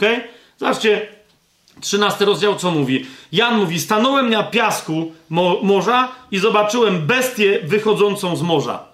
No to nie jest ten smok. No. Bestię wychodzącą z morza, mającą siedem głów i dziesięć rogów, a na jej rogach było dziesięć koron, a na jej głowach imię bluźnierstwa. A bestia, którą widziałem, podobna była do pantery, a jej łapy jak u niedźwiedzia, jej paszcza jak paszcza lwa i dał jej smok swoją moc, swój tron i wielką władzę. Widzicie, co się tu dzieje? To nie jest smok. Smok, diabeł, szatan przekazuje jej swoją władzę. I my, jak będziemy Księgę Objawienia rozważać, to rozważymy, co to się dzieje, bo tu wiecie, to tam nie ma jednej bestii, tak? Ale to nie jest smok. I zobaczyłem jedną z jej głów, jakby śmiertelnie zranioną, lecz jej śmiertelna rana została ule uleczona i cała ziemia zdziwiła się i poszła za bestią. Co to jest ta jedna z tych głów? To jest antychryst i oddali pokłon smokowi, który dał władzę bestii. Widzicie o co chodzi? To robi świat. Tak? Ale po co smok dał swoją władzę bestii? Bo jakąkolwiek władzę, jaką moc miał, jemu nie chodzi o świat. Rozumiesz? On go zwodzi. Nie? Jemu chodzi o nas. Ale on, rozumiesz, to jest, wręcz to jest dowód na to, że ale on nic nie może. Wie, ale co może? Ale wie, że ludzie jeszcze mogą. Nie? Więc popatrz, co się dzieje.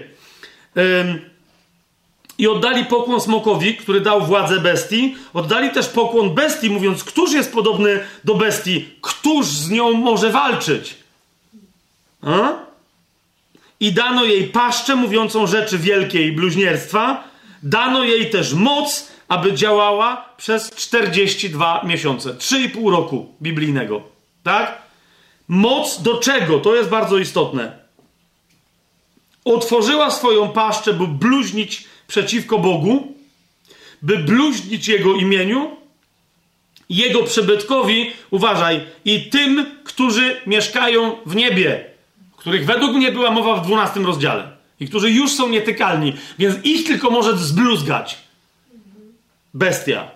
Ale, siódmy werset, pozwolono jej też walczyć ze świętymi i uwaga, i zwyciężać ich. To jest pozwolenie. Walczyć i zwyciężać. I dano jej władzę nad każdym plemieniem, językiem i narodem. Na jak długo? Na 42 miesiące, na 3,5 roku. Tak, że nawet dwóch niezwyciężonych świadków, którzy się pojawią, jak sądzę, wtedy, kiedy już w ogóle kościoła nie będzie nikogo, kto będzie miał być zgładzony, nawet z tych świętych, nawróconych, niezależnie od tego, kto wierzy w co, o tym też będziemy mówić, w który rodzaj pochwycenia, to nawet jeżeli uważasz, że będzie pochwycenie przedtrybulacyjne, czyli przed wielkim uciskiem, to nadal yy, Biblia jest jasna w kwestii tego, że będzie głoszone w sposób nadprzyrodzony orędzie Boże i Ewangelia Boża także w trakcie wielkiego ucisku. Co to oznacza? Że w trakcie wielkiego ucisku jest możliwość, żeby ludzie się nawracali. I to są święci uciskowi, tak zwani, no nie? Więc oni się tam będą nawracać. Nawet jeżeli ostatni z nich będzie zabity, będzie jeszcze dwóch świadków. Ok? Będzie jeszcze dwóch świadków i z nimi będzie bestia walczyć, ale nie będzie mogła ich przemóc, aż dopóki nie zapadnie wcześniej ustalony wyrok, że nawet oni będą musieli oddać życie. O tym wiele sezonów wcześniej o tym mówiliśmy. Tłumaczyłem, dlaczego sądzę, że biblijnie rzecz ujmując to może być tylko i wyłącznie Henoch i Eliasz. ok? I w momencie, kiedy oni zostaną pokonani, to będzie zasadniczo koniec. Yy, to będzie zasadniczo koniec Antychrysta, dlatego że jest powiedziane, że po paru dniach, tam jest ile? 3,5 dnia, dobrze pamiętam, że, że, że powstaną z martwych, a ponieważ sugestia jest, że to będzie radykalne powstanie z martwych, nie do tyłu, tylko do przodu, do życia wiecznego, to znaczy, że to będzie też moment yy, w ogóle powszechnego powstania z martwych, czyli powrót Pana Jezusa. Tak? Ale bestia będzie miała, widzicie, bestia, mia, duch antychrysta, pamiętajcie o tym.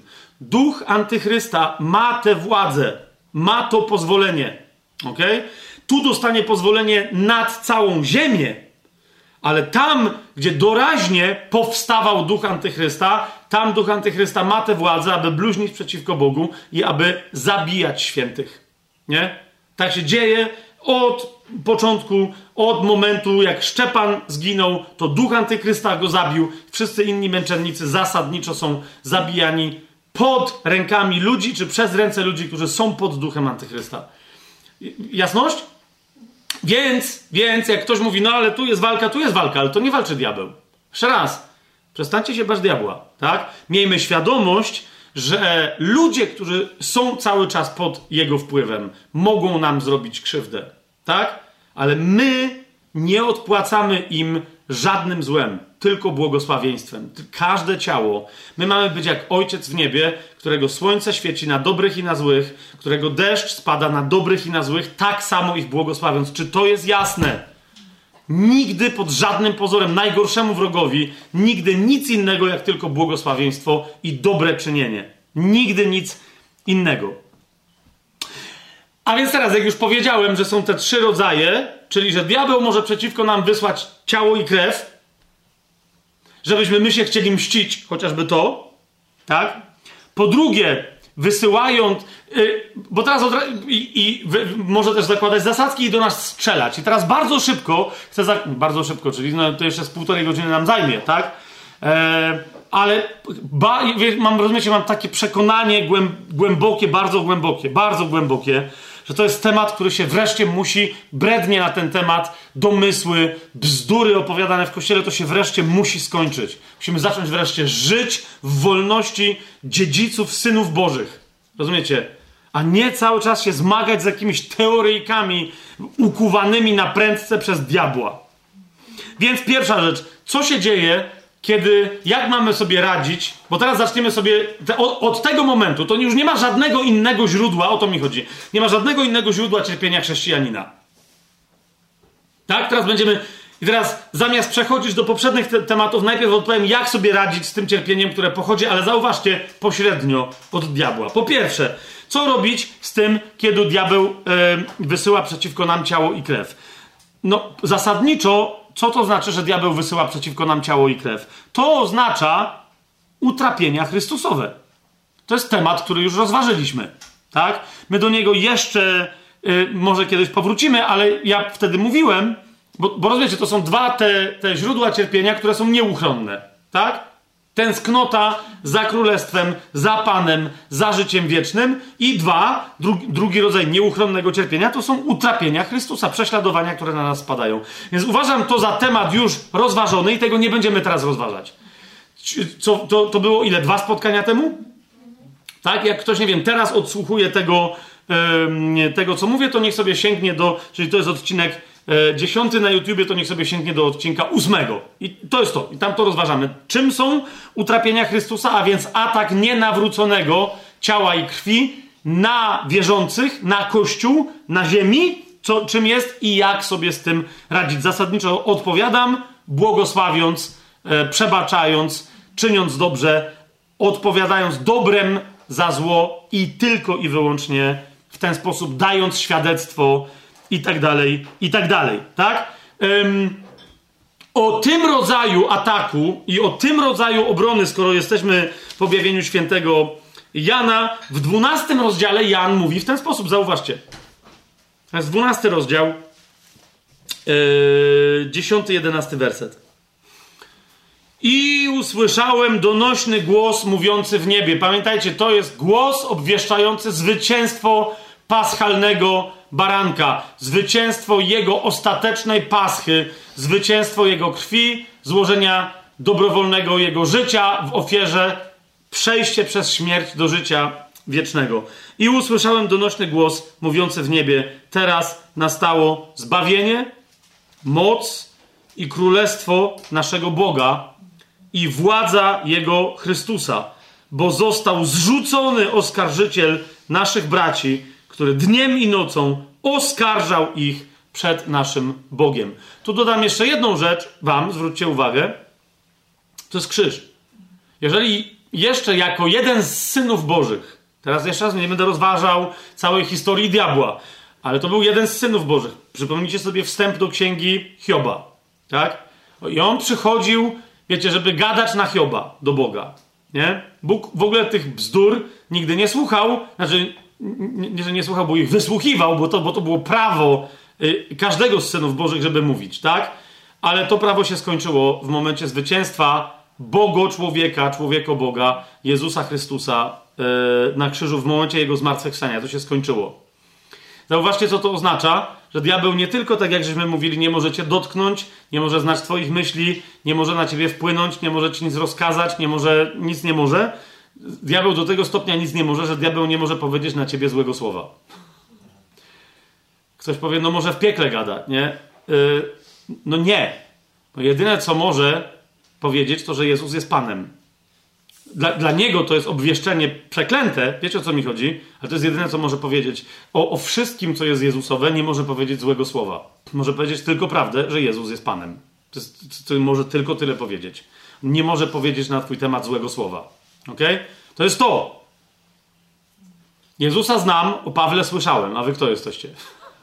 Nie? On nie, zauważcie, nie, on nie powiedział złego słowa tamten zły duch. Nie? On nie, był, nie powiedział, że tego gnoja, coś tam, coś tam, coś tam. Nie? Mm, mm, mm. Jak ja słyszę czasami yy, jakichś egzorcystów różnych proweniencji, tak? różnych backgroundów teologicznych i praktyk zdziczałych, którzy twierdzą, że w imieniu Jezusa, niektórzy nawet nie twierdzą, że w imieniu Jezusa, inni imionami Jezusa, innymi imionami, nie Jezusa, próbują wypędzać złe duchy. Jak oni zwłaszcza się wdają w opowieści, co to tam zły duch nie nagadał i jak to się go trudno słucha, bo on tam straszne rzeczy przeciwko, e, przeciwko Bogu mówi i coś tam jeszcze i tak dalej. Po pierwsze, wiecie, kto się wdaje w rozmowy z kłamcą, to jest od tego zacznijmy, nie? Po drugie, no, tak, no, nawet nie będę rozwijał dalej tego tematu. Co, co tam się naprawdę dzieje? Naprawdę, zwłaszcza jak słyszę, że ktoś.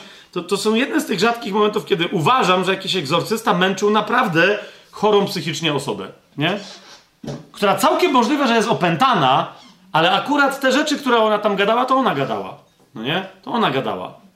Bo Biblia mówi, który duch, kiedy i pod jakim pozorem będzie mógł mówić bluźnierstwa przeciwko Bogu. Nie? Ona to wyraźnie stanowi po krzyżu. A nie, że tam każdy sobie może wszystko krzyczeć, zły duch, bo po prostu i jeszcze egzorcysta go nie może uciszyć, no nie?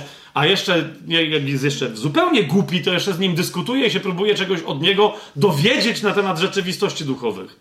No człowieku! Człowieku, się zastanów, czy ty, jakiego ty masz ducha. Naprawdę. Naprawdę. Zatem, kochani, zatem o napuszczaniu na nas ciała i krwi nie będziemy mówić. Jasne? Pozostają nam zasadzki diabelskie i ogniste pociski. Okay? List do Efezjan, żebyśmy się do niego wrócili, powiada następującą rzecz. To jest czwarty rozdział. O tym wpadaniu w zasadzki.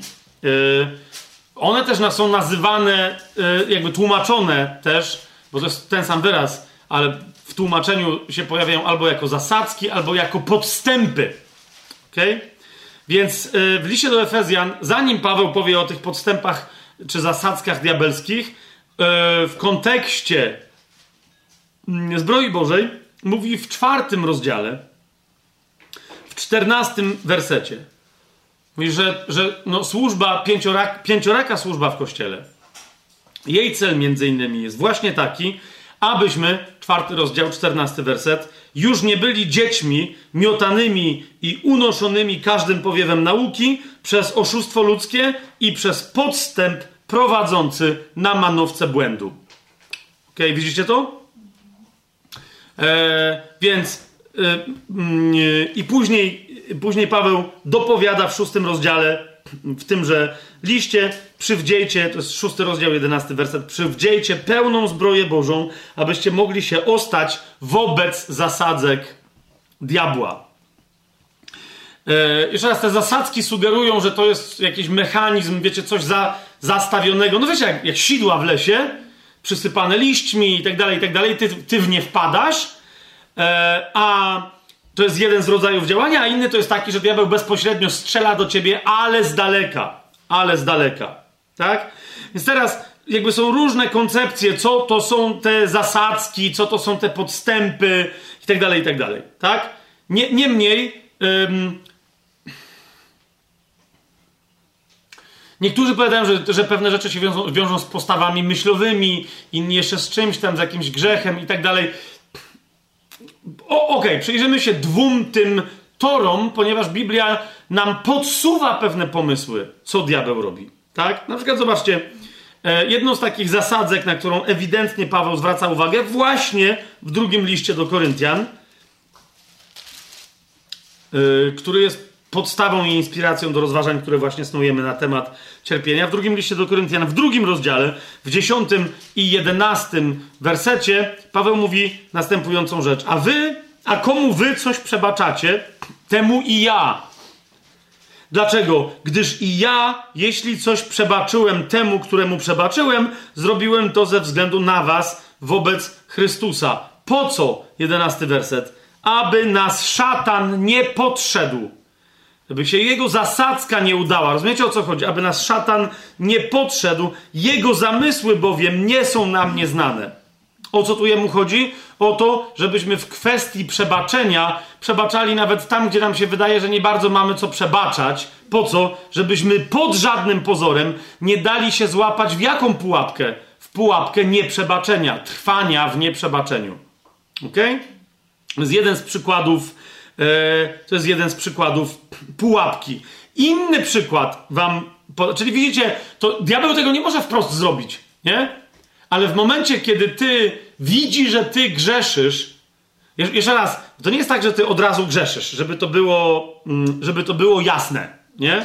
Ale dobra, e, bo zaraz i oprócz nieprzebaczenia pokażę wam jeszcze drugą rzecz, no nie? Ona jest o tyle e, fascynująca, że chodzi w niej o obopólne prawo małżonków, do siebie nawzajem i o seks małżeński. To jest bardzo interesujące, tak? Nie o to, że mężczyźni mają prawo domagać się seksu, ale że i kobiety mają prawo się domagać albo nie domagać. Różnych rzeczy się, ale w każdym razie. Z pierwszy list do Koryntian, siódmy rozdział, tam bardzo interesującą rzecz mówi Paweł. E, to jest pierwszy rozdział, e, siódmy rozdział pierwszego listu do Koryntian, czwarty i piąty werset. Paweł mówi tak: Żona nie ma władzy nad własnym ciałem, ale mąż. Halleluja, amen, dzięki ci, panie Jezu. Prawda, Marcinie? Prawda, Piotrze? Super. Podobnie i mąż nie ma władzy nad własnym ciałem, ale żona. I teraz rozumiecie, niezależnie od tego, jak my zinterpretujemy ten werset, zauważcie, jeżeli w małżeństwie dochodzi do, do nadużycia tego, co wynika z tego wersetu i o co tu Pawłowi chodzi. Patrzcie, co się dzieje. Paweł pisze, nie okradajcie się z tego, chyba że za obopólną zgodą, czyli jakby zgodzimy się, że dobra, ty se weź swoje ciało, tak, ja se biorę swoje ciało i jakby no nie zarządzam twoim ciałem, bo to jesteś gdzie indziej. Nie, nie wiem co, ono nie jest, nie jest pod moim panowaniem. To jest, tak, jakby to nie jest kradzież, bo się zgadzamy, dobra, weź se leasing, no nie, idź z nim gdzie indziej. Ale patrz, na pewien czas, i Paweł tłumaczy, kiedy to jest mówić, czyli nie okradajcie się z tego, chyba że macie na to obopólną zgodę na pewien czas, nie na zawsze, i to wtedy, kiedy chcecie się oddać postowi i modlitwie. No to mówi, jak ona się chce oddać postowi i modlitwie, albo ty, albo nawzajem najlepiej, żeby w tym samym czasie, to dajcie sobie spokój wtedy z seksem małżeńskim. No, jakby niech się ciało czym innym zajmie. Tak?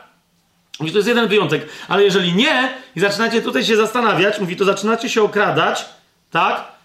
I, I Paweł mówi, nawet zresztą jak macie obopólną zgodę. Bo mówi, z, z, okradania się z tego coś wynika, ale mówi, nawet jak, jak macie obopólną zgodę, to pamiętajcie, żeby się potem zejść. Zauważcie, potem znowu się zejdźcie, żeby was szatan nie kusił z powodu waszej niepowściągliwości. Wiecie, co jest grane? Czyli, czyli, czyli może to kwestia e, seksualności w małżeństwie może spowodować co? Nie to, że dia- nie, ale diabeł zacznie za- zastawiać zasadzki, zakładać sidła. Rozumiecie? I wcale niekoniecznie tylko na mężczyznę, tak, że jak on w nie wpadnie, to albo ona, to temat się zacznie pogarszać. To, to jest jeden z przykładów pułapki, ale jeszcze raz, okej? Okay? Co jest istotne w tym, na co chcę wam zwrócić uwagę, że nie jest tak, że diabeł ma więc moc, żeby to zrobić. Okay? To my niestety mamy możliwość głupoty, żeby dać mu możliwość. Diabeł nie ma żadnej mocy, ale czasem dostaje okazję. Daje możliwość, dostaje możliwość, czyli okazję od samego wierzącego, żeby, rozumiecie, na ścieżce, po której normalnie chodzi, żeby nagle zostawić jakiś syf i żeby pod tym syfem diabeł schował jak, jakąś deskę z gwoździem. W miarę to obrazowo przedstawiłem i żebyś ty potem w nią wdepnęła, albo żebyś ty potem w nią wdepnął. Jak sobie wrócimy do listu do Efezjan, to w czwartym rozdziale przeczytamy, to jest 25 werset i dalej. Jeden z przykładów, kolejny. Paweł mówi tak, dlatego odrzuciwszy kłamstwo, niech każdy mówi prawdę swojemu bliźniemu, bo jesteśmy członkami jedni drugich. I dalej, gniewajcie się. Zauważcie, interesująca rzecz, Paweł mówi, że gniew to nie jest grzech. Okazywanie gniewu, bo mówi aktywnie. Wkurzyło cię coś, to się gniewaj. Mówi, ale nie grzeszcie. Ciekawe. Jezus się gniewał. I mamy przynajmniej dwa opisy takie. W jednym jest wprost powiedziane, że z gniewem popatrzył na wszystkich zebranych i zrobił coś, co wiedział, że, że oni przyjmą, już przyjmują z dezaprobatą, ale naprawdę się na nich wściekł. Naprawdę. Nie? Jest wiele innych miejsc, gdzie my widzimy ewentualnie, że Jezus po prostu. I wcale nie mam na myśli wypędzenia przekupniów ze świątyni. Akurat tam nie wiem, czy się gniewał, nie? Ale są inne miejsca, gdzie się ewidentnie gniewa. Ale nie grzeszy. Sam Paweł mówi, gniewajcie się, ale nie grzeszcie. O, i teraz jest ciekawe, ale nie będziemy dzisiaj tego rozróżniać. Niemniej dodaje jeszcze, jak mamy nie grzeszyć. Mianowicie mówi, niech nad waszym gniewem nie zachodzi słońce. To jest jeszcze jedna bardzo interesująca rzecz, żeby nie trwać długo w gniewie, tak? Żeby go nie tłumić w sobie, nie, ale nie będziemy teraz o tym mówić. Tylko mówi, niech nad waszym gniewem, czyli gniewajcie się, mówi, ale nie grzeszcie. I teraz patrzcie, jaka tam jest konkluzja. 27 werset. Nie dawajcie miejsca diabłu. Tam chodzi, tam jest takie określenie, które, które nawet z niektórych widziałem angielskich tłumaczeniach pojawia się słowo room jako przestrzeń. Nie dawajcie żadnej przestrzeni. Po prostu, rozumiecie, tam nie ma diabeł, nie może. To, to jest zrobienie pewnej przestrzeni, gdzie on tam, wiecie, wetknie pazur czy coś, no nie? Bo z terenu, który należy do wierzącego, wierzący się wycofuje. Ej, co ty robisz, nie? Nie, to, to znaczy przeciwstawcie się diabłu, poddajcie się, uniszcie się przed Bogiem, pod, u, u, uniszcie się pod mocną ręką Boga. To jest to, nie dawajcie żadnej przestrzeni diabłu. Wszędzie ma być wpuszczony Bóg. Okej? Więc to samo to. Nie, wpuszcz, nie dawajcie przestrzeni diabłu w małżeństwie. Nie dawajcie przestrzeni diabłu w tym, że ty, ktoś cię zranił i teraz ty nie przebaczasz mu i żyjesz w tym i rozpamiętujesz to i tak dalej. To jest, to jest zasadzka diabła, nie? To nie on ci tam jakąś, ale to jest zasadzka diabła, nie? Jedną z takich zasadzek, w którą wpadli i to tak, że no ze skutkiem śmiertelnym yy, absolutnie wierzący ludzie opisują nam dzieje apostolskie. Piąty rozdział. Smutna historia, ale niezwykle pouczająca, tak? Właśnie dokładnie o tym, że dał się, że wpadł w taką zasadzkę diabelską Ananiasz, e, e, zwłaszcza, ale i Safira mówi, e, mówi Piotr, tak? To jest piąty rozdział dziejów apostolskich, trzeci i czwarty werset. Piotr powiedział Ananiaszu, zwróćcie uwagę na to, dlaczego szatan tak napełnił Twoje serce, żebyś okłamał Ducha Świętego i odłożył sobie część pieniędzy za ziemię. Czy to, co miałeś, nie było Twoje? Pierwsze pytanie Piotra mówi, kto, zachowujesz się, jakby ktoś cię zmuszał, żebyś wszystko oddał. Kto ci powiedział, to jest, co jest twoje, to jest twoje. Kto miał prawo? I mówię, ja miałem prawo? Jezus miał, ktoś ci odbiera? Jezus jest Panem wszystkiego, co ty masz, ale ty Kościołowi nie musiałeś niczego oddawać. Czy to, co miałeś, nie było twoje? Dalej, coś sprzedałeś i mówi, to, co otrzymałeś za sprzedaż, czy nie pozostawało w twojej mocy? Przecież mogłeś dać, ile chciałeś. Przecież nikt nie mówił, że wszystko musisz oddać. To, że inni tak robili, to jest teraz twój problem, że ty chciałeś być jak inni. Ale to nie był obowiązek. Dlaczego dopuściłeś to do twojego serca? Co? Że on powiedział, bo rozumiecie problem na czym polegał? Nie, że on nie oddał wszystkich pieniędzy, ale że powiedział, że to było wszystko, a pewną część odłożył sobie. A więc skłamał. To był problem. Dokładnie o tym mówi Piotr. Mówi, nie okłamałeś ludzi, ale Boga. Nie chodzi o to, że sobie pieniądze odłożyłeś. Mówi, to nie jest żaden problem. Tylko po co gadasz głupoty, że dałeś wszystko?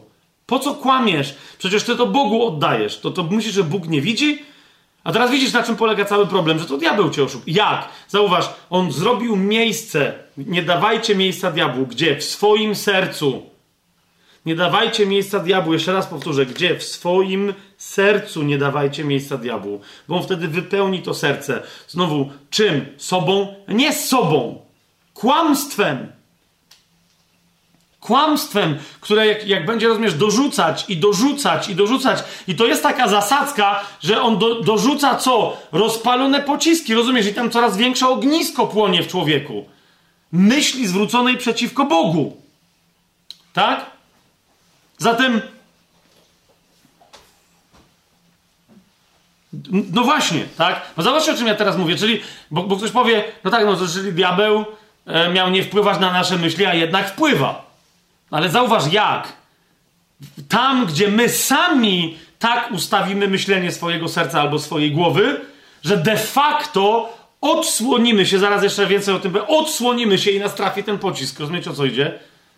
Wejdziemy w jakąś zasadzkę i zamiast poczuć ból i powiedzieć zaraz w imieniu Jezusa, to mówimy, mm, to mnie boli, to jest, ale to Bóg, jakby nie to, że Bóg tak kazał robić, to by mnie to nie bolało. Rozumiesz o co chodzi? Nagle Bóg siada na ławie oskarżonych. Chrześcijan. Tak często, tak? Więc ja tu miałem, nawet mam taki podpunkt zapisany, jak diabeł może więc wpływać w ogóle na nasze myśli, bo dopiero co mówiliśmy, że nie może. Nie może, chyba że my mu dajemy okazję przez grzech, uważajcie, lub przez sympatyzowanie chociażby ze światem. Czyli takie, nie, niekoniecznie, że my coś chcemy od świata, ale jakby, że zaczynamy rozumieć grzeszników na przykład, no nie? Że wiesz, no ale to jest i sympatyzować z nimi, no że ale oni, ma, oni są lepsi niż co, oni, oni rozumiesz? To jest tak jakby, symp- rozumiesz, idź sympatyzuj z kimś, kto się dusi, bo umiera na COVID-19 albo na raka w szpitalu i ty sympatyzuj z nim, że ale on świetne e, robił modele e, niemieckich czołgów i malował jak marzenie. No nie, no jakby, no kapujesz, ale on tu umiera. I jego samego to nie interesuje, że robił świetne modele. Tak? A ty teraz sympaty, no ale i dostrzegaj w nim pozytywne. Dostrzeż to, co jest złem dla niego samego. Znaczy, kiedy my sympatyzujemy ze światem, to pozwala diabłu wejść w co? W nasze myśli, nie tyle wejść, co uderzyć w nasze myśli z daleka, podesłać nam kogoś, kto rozumiecie, bo atak krwi i ciała nie jest tylko atakiem, że ktoś weźmie i cię pobije na ulicy i powie, a bo ty wierzysz w Jezusa. Nie? Tylko przyjdzie i zasieje ziarno zwątpienia w tobie, ziarno zgorzknienia, a inni mają lepiej. A, a, rozumiesz, jest, jest masę, masę, masę tych rzeczy. Zobaczcie w liście Jakubowym. Yy, tak, w liście Jakubowym. Jakub, tam gdzie mówi przeciwstawcie się diabłu, Cały, zobaczcie, czwarty rozdział się zaczyna od jakiego problemu? Nie od tego, że diabeł coś robi chrześcijanom, tylko że chrześcijanie nawet jak się modlą, to obrażają Boga. Nie? To jest. Od... Dlatego Paweł mówi, ej! Nie Paweł, tylko jak mówi, naprawdę weźcież, to diabeł wam nic nie robi. Jak się jemu, jak się odwrócicie do Boga, przestaniecie się do Niego odwracać, chrześcijanie, ale jak my się odwracamy? Nie? Ja wielokrotnie mówiłem, że chrześcijanie często grzeszą, dając e, na tacę. Nawet już nie mówię o dziesięciny, to dając na tacę. Nie mówię, jak to przecież to jest święte zajęcie. Nie, to wszystko zależy od Twojej intencji. Wielu chrześcijan grzeszy, ci, obrażają Boga, bluźnią przeciwko Bogu. kiedy się modlą. I znowu, jak już modlitwa jest dobra, w imieniu Jezusa jest dobra, jest... No zobacz, zobacz, zobacz! Co pisze Jakub? Czwarty rozdział. Skąd wojny i walki wśród was? To jest czwarty rozdział listu Jakubowego. Czy nie z waszych rząd, które toczą bój w waszych członkach? Rozumiecie? On mówi, czy nie z diabła, który pobudza kościół, który... Nie, mówi, nie. Czy nie z was, z waszych rząd, z waszych członków, pożądacie, a nie macie? Zabijacie i zazdrościcie, a nie możecie osiągnąć. Toczycie wojny i walki, a nie macie, mówi, bo nie prosicie. No to wielu chrześcijan powie, o człowieku, przecież ty wiedział ile ja proszę i nic nie dostaję. Na to Jakub mówi: prosicie, a nie otrzymujecie, dlatego że źle prosicie, bo chcecie zaspokoić swoje żądze. I tu jest problem. W tym jesteście cieleśni. I dalej znajdujecie w tym przyjemność. I to jest wasza wola, żeby w tamtą stronę wybieracie. Cudzołożnicy i cudzołożnice to jest ten werset. Czy nie wiecie, że przyjaźń ze światem jest nieprzyjaźnią z Bogiem? Jeżeli więc ktoś chce być przyjacielem świata, to znaczy, że się staje, bo chce być nieprzyjacielem Boga. Wina litość boską. Wy, których on wyratował? I co z tego, że ty się potem i ty idziesz do Boga i mówisz, Boże, ja mm, mm, mm, mm, mm. i już masz pretensje, bo twój duch ci mówi, rozumiesz, że twoje ciało chce czegoś, co jest niezgodne z wolą Bożą. Twoje ciało o tym wie i mówi, ale a dlaczego jesteś taki chamski? A ja, a jestem synusiem Bożym, a tożsamość, a należy mi się w Chrystusie, a ne, ne, ne. Całe to wiecie, to całe to gaworzenie dziecięce tak zwanej Ewangelii sukcesu.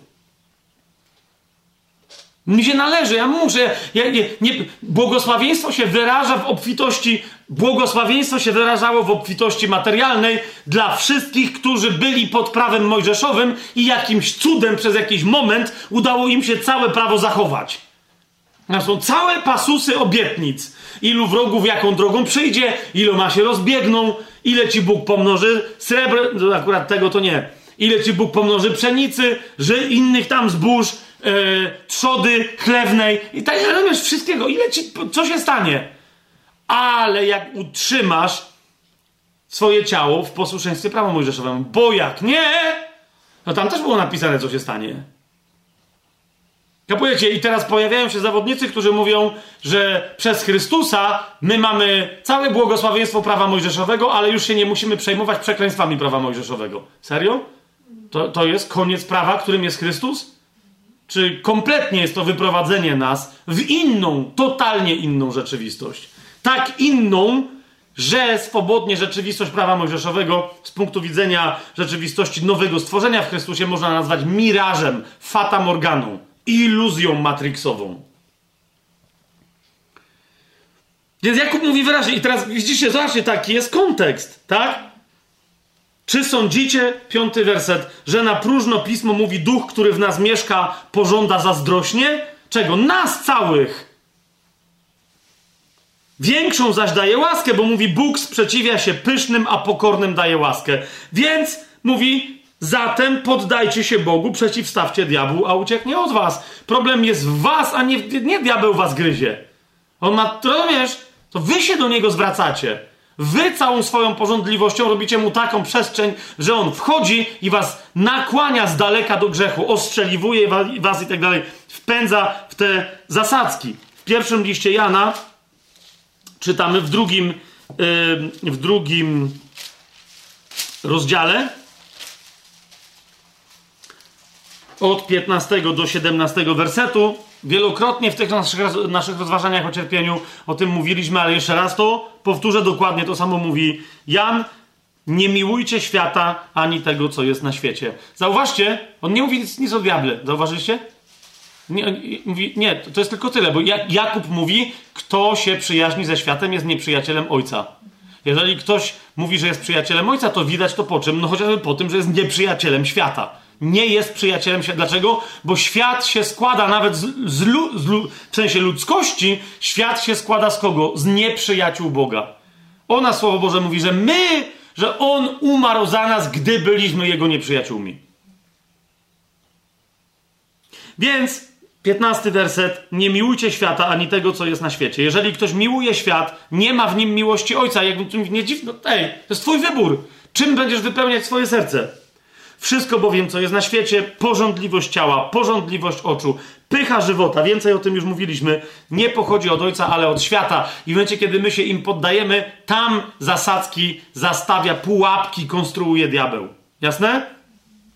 Wtedy nasze ścieżki po świecie, ludzi, którzy są na świecie, ale nie są z tego świata, stają się a little bit tricky. Nie? Trud, trud, trudne zaczynają być, bo tam są zasadzki, ale to my dopuszczamy i dozwalamy, żeby tam były. A nawet jeżeli diabeł gdzieś by miał pozwolenie, to rozumiecie, jak my chodzimy trzeźwi w miłości Ojca, to my mamy rentgena na wszystkie takie zasadzki.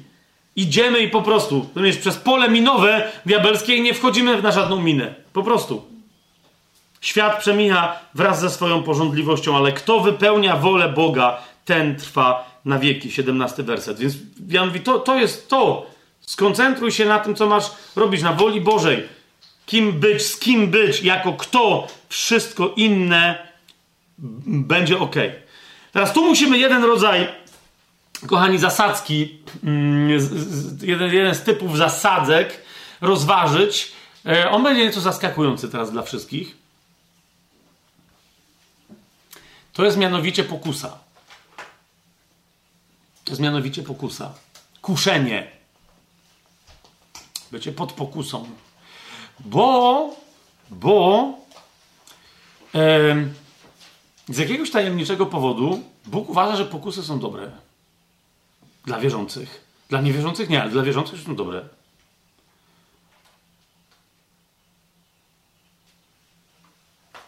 Cisza nastała. Natlenianie w akwarium działa. Często jak o tym gadam z, z różnymi, w różnych grupach wierzących, wiecie, i jest takie, co? Jak to, jak to Bóg... Ta, naprawdę. Bóg uważa, że pokusa dla chrześcijanina, jako dla osoby wierzącej, jest czymś dobrym. To my uważamy, że pokusa jest czymś złym i płaczemy i krzyczymy.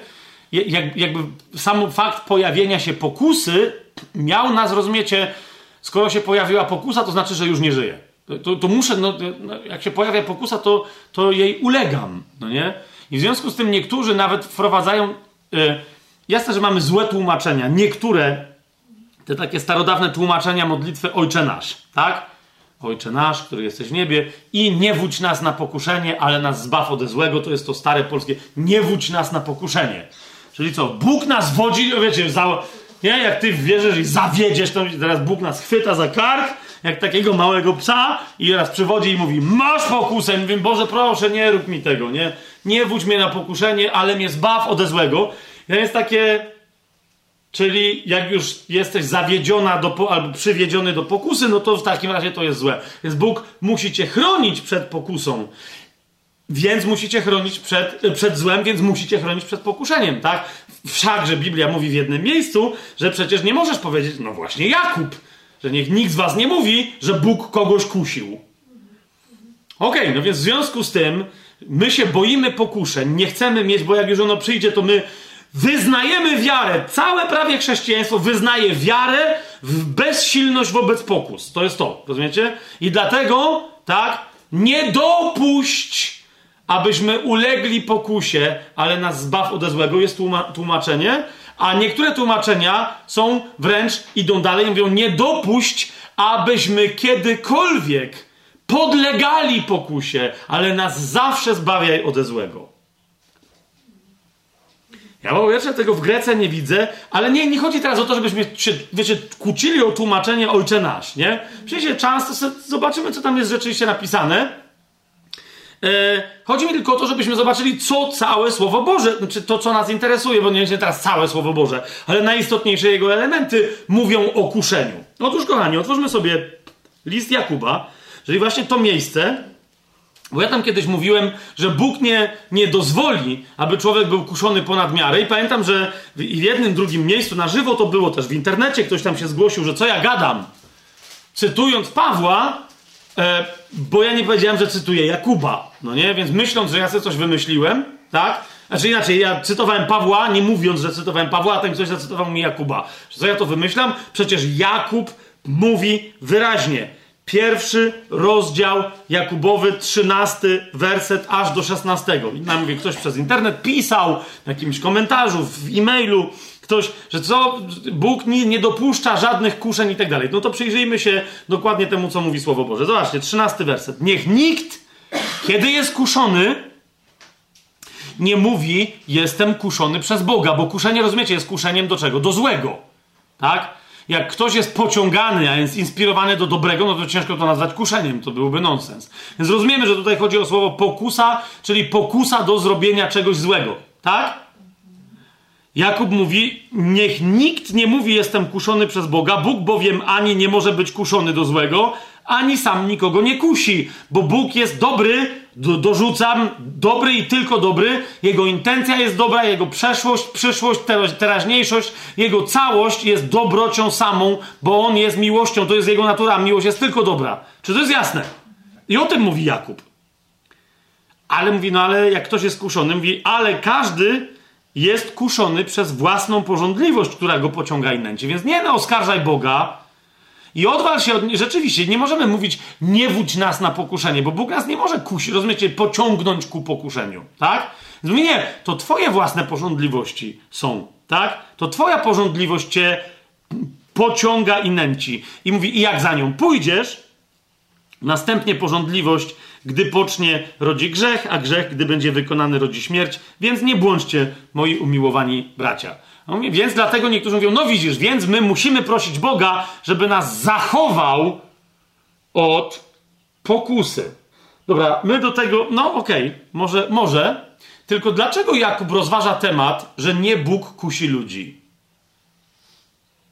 No dlatego, że on od pokusy rozpoczyna ten pierwszy rozdział i to, co ja teraz przeczytałem, to jest jego wyjaśnienie do innych kwestii, które jako pierwsze w tym rozdziale poruszył. Zobaczcie pierwszy rozdział Jakubowy.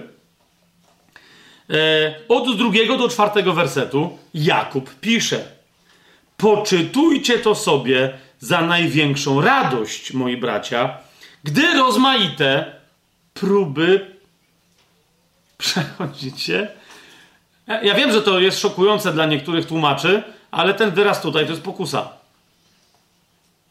Poczytujcie to sobie za największą radość, moi bracia, gdy rozmaite pokusy przechodzicie, czy gdy jesteście poddawani rozmaitym pokusom.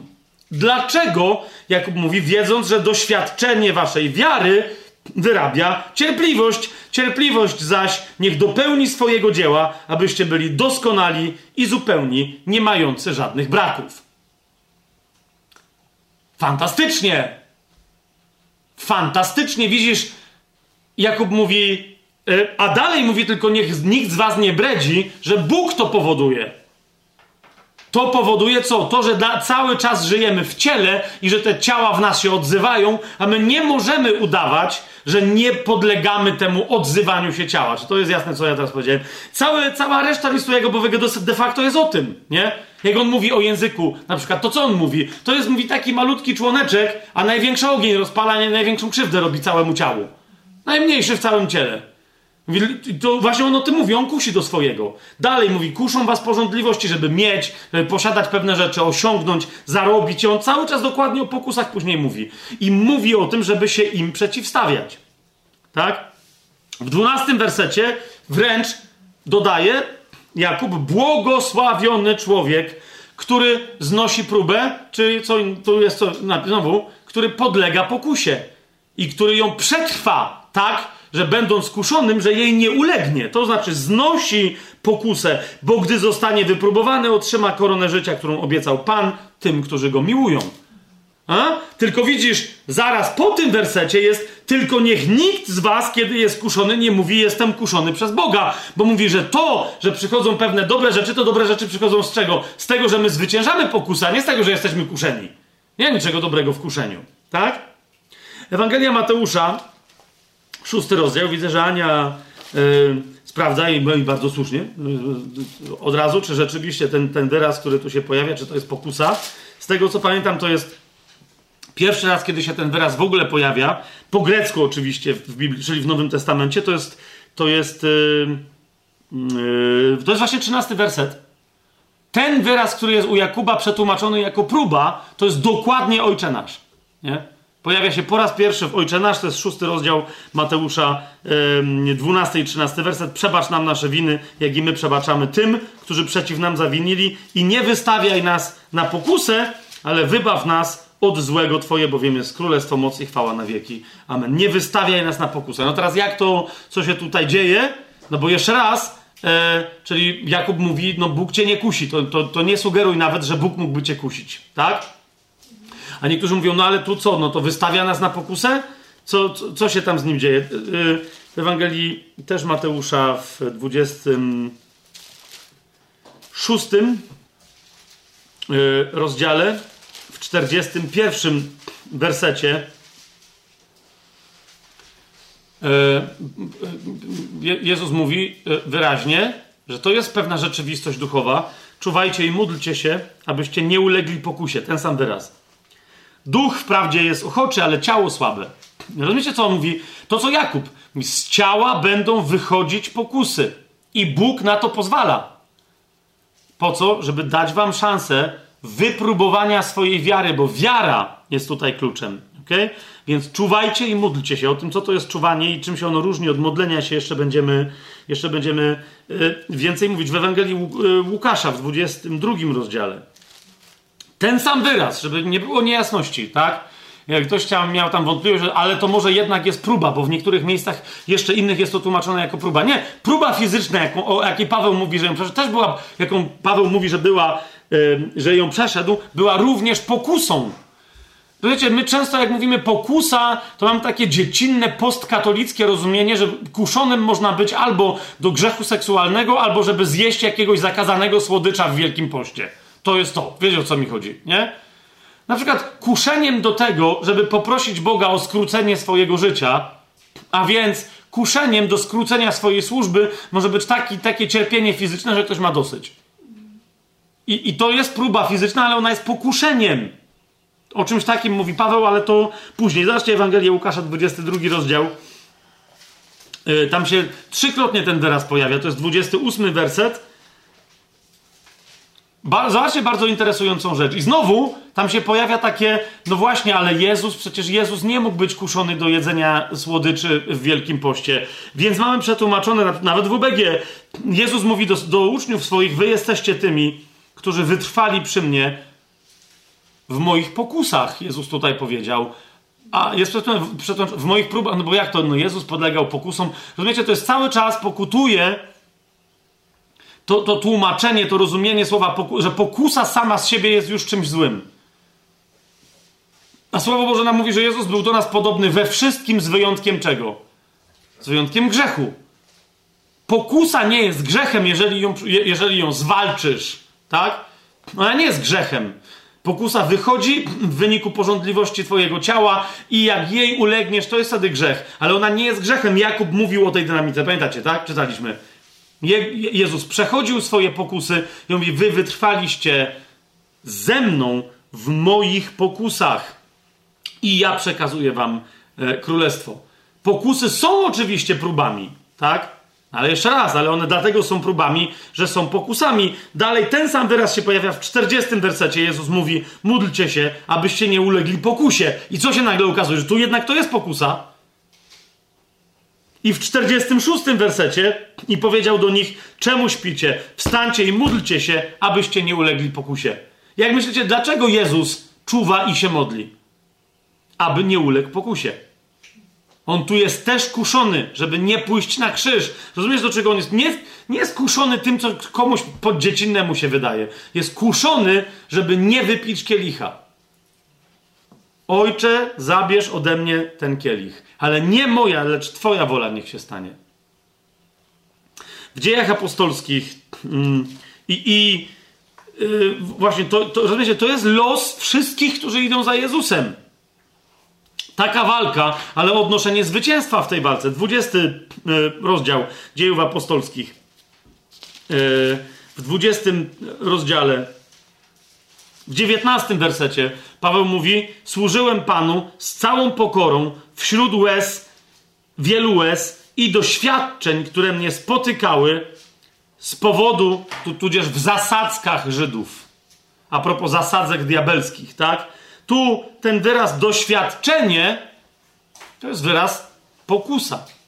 Wśród łez i pokus, które mnie spotykały z zasadzek, czy w wyniku zasadzek żydowskich. W pierwszym liście do Koryntian, bo do tego zmierzałem, tak? Ktoś powie, że nie, nie, ale diabł, ale to jak? To, no to my się kusimy, ale Bóg, co Bóg ma do tego? Dlaczego to miałoby być dobre? No już przeczytaliśmy, że Jakub powiedział, że to jest dobre, ale zobaczcie, Pawła, który mówi, doświadczałem pokus, kuszenia, pokuszeń wszelakich w zasadzkach żydowskich. Możecie tylko pomyśleć, jakie to były zasadzki, ale zawsze to było kuszenie do czego? Żeby wrócić do starej wiary. Żeby odrzucić Jezusa jakoś się go wyrzec. To jest cały czas, rozumiecie, zauważcie cały czas walkę nawet Pawła z teologią judaizujących e, chrześcijan. Nie? Żeby chociaż na obrzezanie się zgłosić, zgodzić u pogan, na jakieś fragmenty prawa mojżeszowego i tak dalej. To są kuszenia Pawłowe. Patrzcie, co on napisał w pierwszym do Koryntian w dziesiątym rozdziale, tak? Nie pozostawiając nam żadnych wątpliwości. Dwunasty i trzynasty werset. Paweł mówi, cały czas niech ci się nie wydaje, że jesteś wierzącą czy wierzącym i nie cwaniakuj. Dlaczego?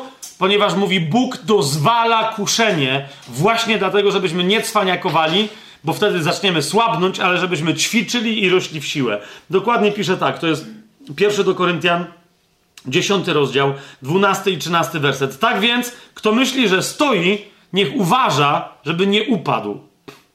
I teraz patrz, co, a dlaczego miałby upaść? Trzynasty werset. No bo może przyjść pokusa. Tak? Tylko to Paweł mówi, że to, on wie, on pisze do Koryntian, oni wiedzą doskonale, jak są kuszeni. Tak? I, tylko mówi, tylko wtedy, jak upadniecie w pokusie, to nie tłumaczcie się, że pokusa była za silna. Zauważ, co on mówi. Nie nawiedziła was pokusa inna niż ludzka. No właśnie. Ale Bóg jest wierny i nie pozwoli, żebyście byli kuszeni ponad wasze siły. I to jest to, co ja kiedyś zacytowałem, a ludzie pomyśleli, że ja mówię, że Bóg kogoś kusi. Nie! Ale Bóg dozwala kuszenie, nie dozwala tylko, aby kuszenie było ponad czyjeś siły. Dlaczego? Bo kuszenie jest dobre, bo wyrabia w nas cierpliwość, a cierpliwość umacnia wiarę ponad szczere złoto. A więc Bóg jest wierny i nie pozwoli, żebyście byli kuszeni ponad wasze siły. Zobaczcie, tu nie jest powiedziane, nie pozwoli, żebyście byli kuszeni, lecz nie pozwoli, żebyście byli kuszeni ponad wasze siły, ale wraz z pokusą, patrz na to, da wyjście, żebyście mogli ją znieść. To zdanie nie mówi, że wraz z pokusą, którą da, da też wyjście z tej pokusy, tak? On mówi, nie pozwoli, żeby na was spadła pokusa większa niż dacie radę ale wraz z dopuszczeniem tego da wam też wyjście z tej pokusy. Czyli widzisz, Bóg jest tym, który uczestniczy w Twojej walce przeciwko pokusie. Dlatego Bóg uważa, że pokusy są dobre. Czemu? Ponieważ w sposób wyjątkowy możesz doświadczyć współpracy z Nim w czym? W walce, żeby się okazało, żeby co? że co? Że jesteś hiperzwycięzcą. Łapiecie? Gdzie my się stajemy zwycięzcami? Nie dostajemy tytuł zwycięzców za nic, ale Bóg mówi: posmakuj tego. Mój syn był kuszony przez całe życie, od początku posługi swojej. Duch go wyprowadził na pustynię po co? Żeby był kuszony przez 40 dni. Tak? Po to go duch wyprowadził. Rozumiesz? Duch go tam po to wyprowadził. W, w dwóch miejscach jest powiedziane wprost, celowo, że duch go zaprowadził, aby był kuszony. To była jego wola. Jednocześnie po to, żeby doświadczył, że jego chrzest Duchem Świętym ma moc i że on, ojciec, razem ze swoim synem w Duchu Świętym działają przeciwko szatanowi, nieważne z czym on wyjdzie. Jakakolwiek by się nie pojawiła pokusa. Nikt nigdy nie był tak kuszony jak Jezus. Tak inteligentnie, tak błyskotliwie, z taką siłą diabeł tam osobiście największą moc perswazyjną, swoją moc przekonywania położył na szale, żeby Jezusa przekonać, pamiętacie, do tych trzech rzeczy na pustyni. I Jezus E, Jezus zwyciężył, dając nam przykład, jak się zwycięża. To, I to jest tu. Bóg, Bóg pozwoli, żeby przyszła na ciebie pokusa, ale da ci sposób, jak z niej wyjść. Pokaże ci rozwiązanie. Otwórzmy sobie list do mm, Galacjan. Czwarty rozdział, czternasty werset. Jeszcze raz, wiecie, e, bo to nie jest takie, że ktoś będzie kuszony do czegoś, co jest oczywistym grzechem. Nie? to, że Paweł prawie został zabity przez Likaończyków, czyli południowych Galacjan, e, znaczy e, inaczej, e, zachodnich, graniczących z południowymi Galacjanami Likaończyków, że prawie został zabity. Pamiętacie tę scenę z dziejów apostolskich, że został ukamienowany i prawie, że... Hmm, znaczy oni myśleli, że go zabili po prostu, nie? Czy on tam został wskrzeszony do życia z powrotem, czy co się tam stało, czy po prostu nie przyjrzeli się dobrze. Tak czy siak, po tym doświadczeniu, zauważcie, on się pojawia w, tych kraj, w tej części Galacji, do której teraz pisze list, jako do Galacjan i tam głosi i przypomina yy, w 13 i 14 wersecie tamto wydarzenie, wszystko na to wskazuje, pisząc, wiecie przecież, że pierwszy raz głosiłem wam Ewangelię w słabości ciała. I teraz uważajcie, on mówi tutaj dosłownie tak, a mojej cielesnej próby, takie mamy tłumaczenie w UBG, ale mówi dosłownie tak, a mojego cielesnego pokuszenia nie zlekceważyliście sobie, ani nim nie wzgardziliście, ale przyjęliście mnie jak anioła Bożego, jak samego Chrystusa Jezusa. Kapujecie, on tam się pojawił i całkiem możliwe, że niekoniecznie od razu na początku miał ochotę głosić, jeżeli wiecie o co mi chodzi. Nie? Cieleśnie. Może mógł być kuszony do czego? Oni mu powiedzieli, ale my wysłuchamy, nieważne, że bełkoczesz. On mógł mieć rozwalone usta, wiecie o co mi chodzi. Nieważne, że nie zacytujesz nam teraz dobrze pisma, bo nie ma obok ciebie. Nie, nie, rozumiesz? Bo nie, nieważne. Bełkocz, bełkotem pobitego człowieka, my cię i tak słuchamy, bo jesteś posłańcem Bożym. Nie? Oni widzieli, że on był kuszony, być może do tego właśnie, bo, bo, bo spójrzcie, co on mówi, tak? Głosiłem wam Ewangelię w słabości ciała. Co go kusiło? To ciało, żeby ulec tej słabości, według mnie, i żeby nie głosić. Jak, to, nie, to nie było kuszenie, wiecie, że, że do, doceniliście mnie w mojej pokusie, bo tam była fajna baba, czyjaś żona, ale mi się spodobała. Jakby rozumiecie, musimy wyjść z tego rodzaju y, koncepcji pokuszenia. Tak? Im bardziej duchowo rozwinięty człowiek, tym bardziej. Każde pokuszenie jest pokuszeniem nie do popełnienia ewidentnego grzechu, ale do czego? Do tego, żeby nie pełnić woli Bożej. To jest to. Żeby zrobić coś dobrego. To jest pokuszenie. Ale jakiego dobrego? Nie takiego dobrego, jak w danym momencie dobre, dobrego domaga się od ciebie ojciec. Czyli żeby wypełnić dobry, ale martwy uczynek. To jest częste pokuszenie chrześcijan. Kiedyś pamiętam, o tym rozmawialiśmy i jeden brat mi o tym opowiadał. Yy, szedł na nabożeństwo w niedzielę i on mówi, że wtedy Bóg dał zrozumieć tą, tą, tą prawdę, nie? Yy, I ja nie pamiętam dokładnie, co się stało. Tam był jakiś wypadek, czy coś tam się działo, że no, był potrzebny na ulicy. Tylko nie wiem, czy wiecie, czy samochód kogoś uderzył, czy ktoś kogoś pobił, nie pamiętam, ale tam coś się działo na tej ulicy, że, że on tam przyszedł i jakby nie bardzo ludzie chcieli, tam jakaś karetka dopiero miała dojechać, niby była policja, ale tam były jakieś, jakieś kobieta, jakieś dziecko, którzy byli w jakiejś tam takim panice i on jeden, jedyny tam był spokojny, nie? I on jakby widział to po sobie, że no nie ma nikogo, kto się tam nimi zajmie, rozumiecie? I, i stwierdził, że na, nabożeństwo jest. I no i, nie, jeszcze czekał, czekał, ale mówi, jak do, do, doszło do momentu, w którym wiedziałem, że jak nie ruszę teraz, to się na pewno spóźni na nabożeństwo. Mówi, miałem taki nacisk w sobie, żeby pójść i nerw, mówi, dosłownie w duchu, mówi, zacząłem prze, przeklinać, gdzie jest ta karetka, gdzie, czemu nikt inny nie ma, rozumiecie, co się dzieje, nie? Czemu? No bo nabożeństwo. I nagle do niego dotarło, co, co, się w ogóle dzieje? No nie, bo on też zaczął nienawidzić tego nabożeństwa po, przy, od razu, no nie, że. Nie? Ale cały czas, no ale nabożeństwo. Co odkrył za chwilę, że się przejmuje, co, co pastor sobie pomyśli, bo on takim był, wiecie, takim chodzącym regularnie, zawsze innych upomina. I patrzcie tu na brata, i on zawsze jest, a nie niektórzy przychodzą dopiero po uwielbieniu na kazanie i tak dalej. I ten mówi, teraz co? I teraz mnie pokaże, że nawet tenże brat Inni, co sobie pomyślą inni, jak się, a jak w ogóle się jeszcze okaże, że ja teraz mam być świadkiem czegoś i tak dalej, to w ogóle nie będę w niedzielę na nabożeństwie? No i nagle do niego dotarło, bo on wcześniej kiedyś był katolikiem, mówi, a no tak, nie? obowiązek niedzielny. Musisz być na mszy, bo jak nie masz grzech ciężki, pójdziesz do piekła. I nieważne, czy tu człowiek umiera, tam coś, nie, nie, nieważne. Musisz być, to jest dla Boga ważniejsze. Naprawdę? I mówi, że zobaczył twarz umęczonego, cierniem ukoronowanego Chrystusa, który leży pod krzyżem. Nie? Mówi tak, dokładnie. Gość tam po to leżał, żebym ja się nie spóźnił na nabożeństwo, że sobie pastor źle o mnie nie pomyślał, bo ja już o nim źle myślę, że on sobie o mnie źle pomyśli. Dokładnie o to Chrystusowi chodziło. I rozumiecie, i on wtedy do niego dotarł, potem to jakby teologicznie sobie ustawił, ale do niego dotarło, mówi, to był, ja byłem kuszony do martwego uczynku. Co jest złego w tym, żeby pójść na nabożeństwo? W tej sytuacji wszystko. To jest diaboliczne działanie. Pójść na nabożeństwo. W momencie, kiedy Pan cię, rozumiesz, cię zostawia w miejscu i mówi, pomóż tym ludziom. Wiecie o czym mówię?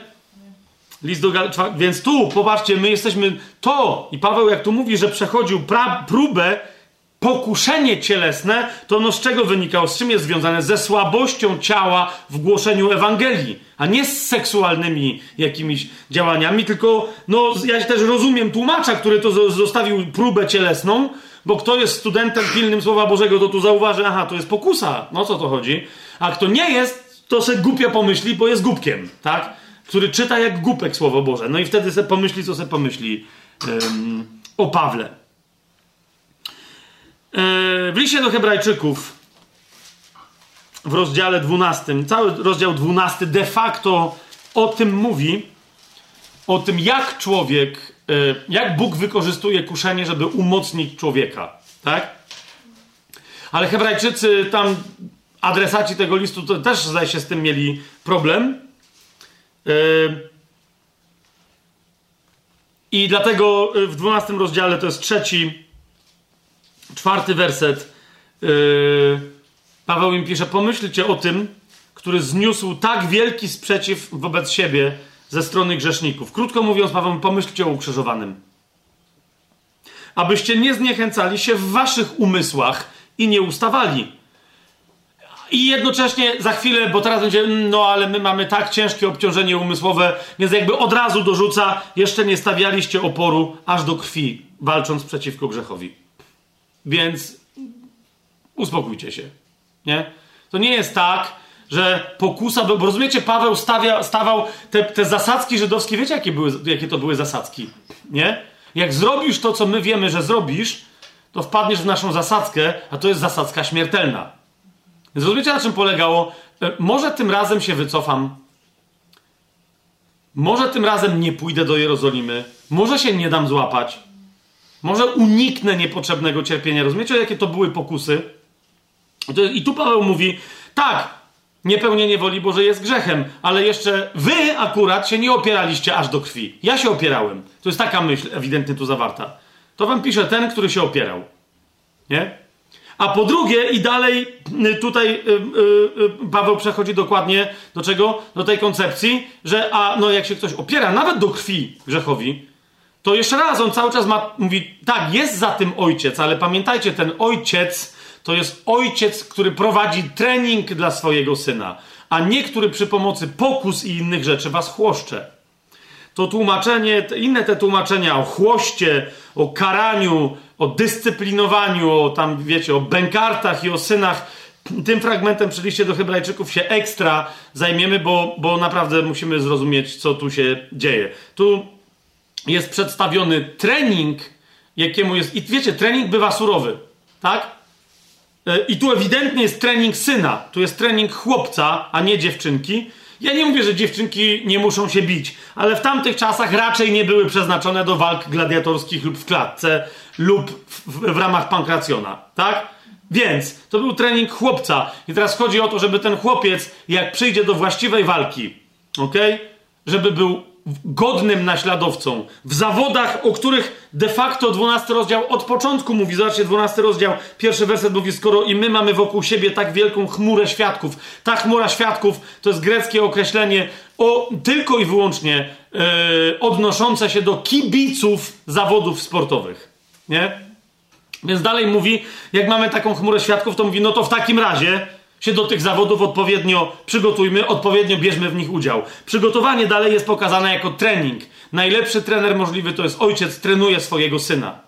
a więc dyscyplinuje go, pokazuje mu właściwe postawy, uderzy go czasem. Ja zostałem uderzony ra dwa razy dosyć poważnie na treningu kijem bambusowym przez e, trenera, dlatego że źle stałem i jak mi tłumaczył, jak mam stać, nie przyjmowałem tam właściwej postawy, to dalej robiłem swoje, nie? Jak mnie czepnął dwa razy, tudzież jak się wtedy, dalej w Krakowie mówi, strugnął mnie, tak to nawet mnie, to nie, że mnie uderzył, strugnął mnie, tak, żeby mnie zabolało, nie żeby mi krzywdę zrobić, nie? To uwierzcie mi, że od tej pory już pamiętałem zawsze, no nie, gdzie kolano ma być zgięte, a gdzie ma być druga noga wyprostowana. Więc to samo tu jest opisane. Nie? To samo tu jest opisane. Wszyscy, którzy tak byli trenowani przez swoich ojców, zawsze byli im za to wdzięczni, bo wyrośli na mężnych mężczyzn. Taka jest myśl 12 rozdziału, ale zwróćcie uwagę, ona się odnosi do tego, w jakim sensie próbą wiary, a więc treningiem jest pokusa, a ściślej rzecz ujmując, przezwyciężanie pokusy. Amen? W pierwszym Piotra, w pierwszym Piotra, yy, w pierwszym rozdziale pierwszego listu Piotrowego, w wersetach 5-7 Piotr tak mówi o temacie, który teraz rozważamy. Jesteście strzeżeni mocą Boga przez wiarę ku zbawieniu, przygotowanemu do objawienia się w czasie ostatecznym. Z tego się radujcie. Chociaż teraz, na krótko, jeżeli trzeba, jesteście zasmuceni z powodu rozmaitych pokus aby doświadczenie waszej wiary, o wiele cenniejszej od zniszczalnego złota, które jednak próbuje się w ogniu, okazało się ku chwale, czci i sławie przy objawieniu Jezusa Chrystusa. Wiecie, co się tu dzieje? To jest cały czas ten sam wątek. Do czego są pokusy? Do ćwiczenia Twojej wiary. Jak kiedy ćwiczysz swoją wiarę, opierając się pokusom, tak? Wówczas to się liczy na poczet chwały. W ten sposób oddajesz chwałę swojemu Panu. Okazujesz się być dwa, drugi Tymoteusza, drugi rozdział, trzeci werset. Dobrym żołnierzem w, w jego służbie, bo toczysz dobrą walkę. W drugim liście Piotra, w drugim rozdziale, w dziewiątym wersecie, a propos tego, jakby ktoś tam zwątpił, że no, bo to on tu mówi o rozmaitych podstępach i pokusach, które się pojawiają w kościele, znowu dla umocnienia, drugi Piotra, drugi rozdział, dziewiąty werset, Piotr pisze: Umie Pan pobożnych wyrwać z pokusy, a niesprawiedliwych zachować na dzień sądu, aby byli ukarani. Jasne? My jesteśmy strzeżeni mocą Boga. Jeszcze raz popatrzcie, to jest cały czas ta myśl u Piotra w pierwszym rozdziale pierwszego jego listu. To się do tego odnosi. Tak? Jesteście strzeżeni mocą Boga, ale zwróćcie uwagę jeszcze raz, przez wiarę. Ta moc działa przez Twoją wiarę. To jest niezwykle istotne. Teraz prawie, że już do tego przejdziemy. No nie? Chcę tylko jeszcze pokazać inne zastosowanie słowa pokusa. Mianowicie to jest rozdział trzeci yy, objawienia Janowego, dziesiąty werset. To jest obietnica dla kościoła w Filadelfii. Otóż słowem pokusa o, bardzo interesujące jest nazwany czas wielkiego utrapienia. Dokładnie tym słowem Pan mówi tak, ponieważ zachowałeś słowo mojej cierpliwości, ja też zachowam cię od godziny pokusy, która przyjdzie na cały świat, aby doświadczyć mieszkańców ziemi. Trzeci rozdział to jest um, objawienia Janowego, dziesiąty werset. Jeszcze raz przyjrzyjcie się temu. Zachowam cię od godziny pokusy, która przyjdzie na cały świat, aby doświadczyć mieszkańców ziemi. Jaka to będzie pokusa? No, trzynasty rozdział objawienia, żeby oddać pokłon bestii. A przez ten pokłon oddać pokłon smokowi, żeby przyjąć znak bestii, żeby uczcić bestię jako Boga. I to będzie pokusa, której będzie poddana cała ziemia. To nie jest żadna pokusa seksualna, pokusa. Tam jest powiedziane, że, że ludzkość się nie wyrzeknie swoich grzechów. I tam jest pięć grzechów. No jeszcze zależy, jak to liczysz, no ale tam jest parę grzechów wymienionych. Yy, yy, a, ale ten grzech to będzie to, to od uznanie Bogiem bestii to będzie coś absolutnie. Przyjdzie czas, kiedy cała ziemia będzie do tego kuszona. Do tej pory były tylko E, w pewnych okolicznościach e, kuszone osoby. To wszystko, o czym ja teraz mówię, te zasadzki, częściowo, bo jakby wiecie, to są i zasadzki, i pociski. Tak? Niektórzy wręcz uważają, że całe zasadzki diabła to są pociski. W sumie się z tym zgadzam, tak? Bo, bo Paweł, kiedy mówi, jak sobie otworzymy list do Efezjan, szósty rozdział, spójrzcie. Paweł, kiedy mówi yy, w liście do Efezjan w szóstym rozdziale, jedenasty werset, przywdziejcie pełną zbroję Bożą, abyście mogli się ostać wobec zasadzek diabła, to potem możesz tak czytać i pytać, no ale jakich? To jedyne, co się pojawi, to będzie szesnasty werset, gdzie jest powiedziane przede wszystkim weźcie tarczę wiary, tra ta ta ta ta. Widzicie to? Żeby co? No żeby zrobić jedyną rzecz, którą się diabeł posługuje, którą będziecie mogli, czyli tarczą wiary, zgasić wszystkie ogniste strzały złego.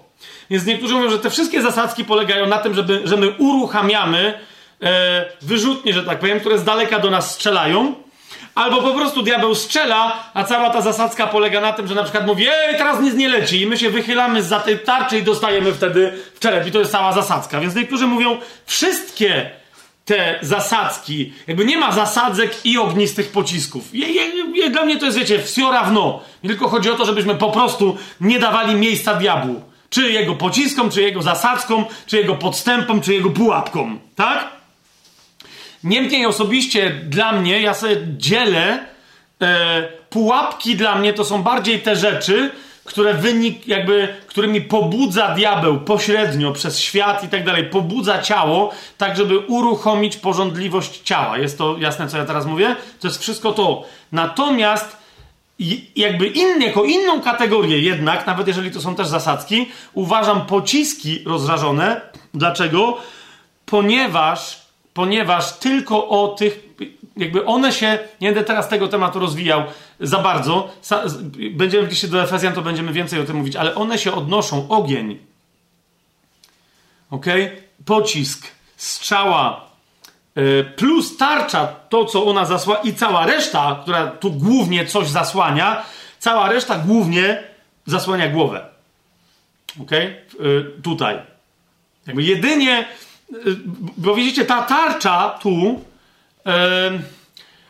on jest, ja nie pamiętam teraz jak się nazywała po łacinie, no ale ona tu jest na, opisana językiem greckim. Otóż ta tarcza gladia, nie, nie gladiatora, tylko legionisty. Legioniści mieli dwie tarcze. Tarcze zwane paradnymi albo pojedynkowymi, bo, bo, bo ponoć kiedy brali udział w pojedynkach typu gladiatorskiego, korzystali z tarczy okrągłej, ale tarcza okrągła była lekka, w zasadzie nie była trzymana, ale była przytwierdzona tuż za nadgarstkiem do, do przedramienia.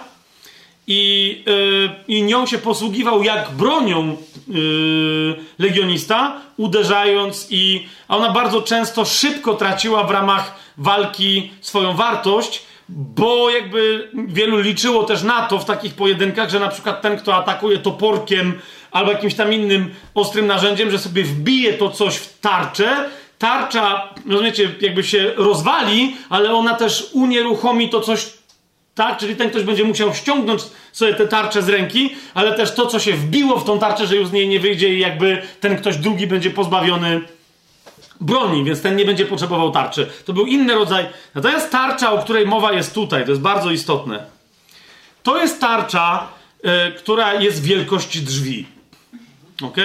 W języku greckim ta tarcza wręcz nazywa się, czyli jest grecki wyraz, który oznacza drzwi, i jest drugi wyraz, który brzmi, czyli oni nazywali tą tarczę drzwiami, tylko tam jest zmieniony, e, zmieniona końcówka tego wyrazu, tak? Czyli powiedzmy, że w Polsce są drzwi, a tarczę, która wygląda jak drzwi, nazwalibyśmy odrzwią. Wiecie o co mi chodzi? To jest tarcza drzwiowa. To jest dokładnie to, co, co, co wiecie, widujemy na jakichś e, rysunkach, poglądowych filmach i tak dalej. E, to, do czego legioniści szli do bitwy. I to jest bardzo istotne. Nie legionista jeden na jednego z kimś tam walczący, tak? To jest tarcza, zresztą cała zbroja Boża sugeruje co? Że to jest zbroja wojska Bożego i że nie jedna osoba tak ma być ubrana, tylko wszyscy, tak? Ta tarcza drzwiowa, ta duża tarcza, ona przy jej pomocy, na przykład kiedy legion y, y, czy oddział legionowy atakował, nawet wiecie, na mury i tak dalej, to jest, to jest to przy pomocy czego robili żółwia, taką formację, tak, że oni się chowali w środku tych, y, tych tarcz. E, również kiedy, kiedy ustawiali się w linii szerokiej, kilkusetosobowej i byli ostrzeliwani z daleka, oni swobodnie nie musieli nawet za bardzo, wiecie, klękać i tak dalej. Te tarcze były tak duże, że oni wystarczało, że się pochylali, ok? I to ich osłaniało całkowicie przed atakiem pocisków, tak? E, ja, ja to teraz trochę opisuję, ale żebyście dobrze rozumieli, co się tu dzieje, tak? Bo taką tarczą do takiej tarczy przyrównał Paweł wiarę. Nie? Ja swego czasu sobie sprawdzałem i, i badałem, ale e, powiecie, to jest łatwo w filmie pokazać, że oni tam się strzelali i latały pociski rozpalone, tak? Ale to historycznie sprawdzałem, czy Paweł się odnosił do jakiejś rzeczywistości, że ktoś tam wtedy strzelał takimi pociskami. W starożytności strzelano strzałami, niekoniecznie pociskami, E, chociaż tu wyraz jest interesujący, bo on raczej powinien być przetłumaczony jako pocisk, bo on dokładnie oznacza czubek, ten taki ostry jak igła, czubek grotu strzały. Nie? Więc to równie dobrze może być, wiecie, pocisk dzisiejszy. No wiadomo, że tam chodziło o strzały. Okazuje się, że w zasadzie od. Ym, są wykopaliska, które pokazują strzały, które, które, którymi kiedy strzelano, by, one były zapalone. Yy, to ciekawe, na przykład są wykopaliska z czasów wojen Xerxesa perskiego z Grekami, nie? I okazuje się, że i Grecy wiedzieli, jak się strzela rozżarzonymi pociskami, i Persowie tym bardziej wiedzieli i się nawzajem ostrzeliwali, tak? Yy, chodziło o to, że to są takie. Zresztą czasem, jak będziecie widzieć w jakimś muzeum i tak dalej, bo średniowiecze miało dokładnie takie samo rozwiązanie. To jest taka strzała, która ma grot, ale tuż za grotem zamienia się jakby w takie trzy, wiecie, takie rozszczepienie, w takie trzy, yy, tak, tak jakby robi miejsce, yy, bo, bo, to jest nakładka metalowa, yy, robi miejsce, żeby w środku coś zapakować. Nie? I cała ta nakładka dopiero wchodzi na drewno. Jest to jasne, co, co taki. no wyobraźcie sobie, że, że, że, że w metalu ktoś by ktoś by wyciął trzy paski, a trzy zostawił. Po czym docisnął y, to ostrze i skręcił troszeczkę. Tak? To te trzy paski, które one powodują, że końcówka metalowa z grotem się trzymają, ale tam jest pewna przestrzeń. Teraz do środka ładowało się wełnę, rozmaite tam rzeczy, które y, się rozpalało. I teraz na czym polega cała rzecz? Że, by, bo bywało tak, że czasem tam były rzeczy nasączone smołą, także jak taki pocisk leciał, to wiecie, to mógł kogoś trafić i on dalej płonął. Ale nie chodziło o to, żeby on doleciał palący się. Chodziło o to, żeby on doleciał rozżarzony. Czyli, żeby rozumiecie, grot e, się rozpalił tak bardzo, jak to jest tylko możliwe, i żeby, żeby gorąco rozpalonego metalu przebiło się przez tarczę, czy przez człowieka, czy konia, czy przez coś tam. Tak? I teraz uważajcie, to jest kolejna bardzo interesująca rzecz. Otóż Rzymianie, często w tych filmach, które ja widziałem historycznych, pokazuje się Legion Rzymski z różnych okresów, który te tarcze drzwiowe, wiecie, oni tam się zastawiają i tam jest elegancko w środku tych tarcz i nic im się nie dzieje. I jak padają strzały, to zasadniczo się tłuką jako przykrywkę metalową. Wiecie o co mi chodzi? Bo te tarcze są metalowe. Z tego co wiem, na pewno nie w czasach Pawła, ale w ogóle te tarcze były wprowadzone chyba dopiero w III lub IV wieku. Metalowe że, i tak dalej. Rozumiecie, legiony e, wygrywały technologią, ale wygrywały też pieniądzem. Jeżeli można było wprowadzić technologię tańszą, to wojny się wygrawało ekonomią rzymską, a nie tylko technologią, tak? Więc na czym polegała technologia e, oryginalnej tarczy drzwiowej? Ona była drewniana, obleczona skórą. Ok? Nie, nie, nie, nie, nie. Bo niektórzy wymyślają, że te, że te tarcze były mokre. Bez sensu. One były klejone w środku, zbijane i klejone, ale jak się poleje wodą skórę, no to masz po tarczy. A to nie jest tak, że za chwilę sobie zrobisz, no więc, więc ta, one nie były polewane wodą, ale jest interesująca e, rzecz, były namaszczane oliwą. Nie tylko te, tą technologię znali także Żydzi, w psalmach, ja nie, teraz nie wiem, to jest zagadka, znajcie sobie sami, tak? Ale jest mowa o namaszczaniu swojej tarczy, no nie? O tym, żeby namaścić swoją tarczę.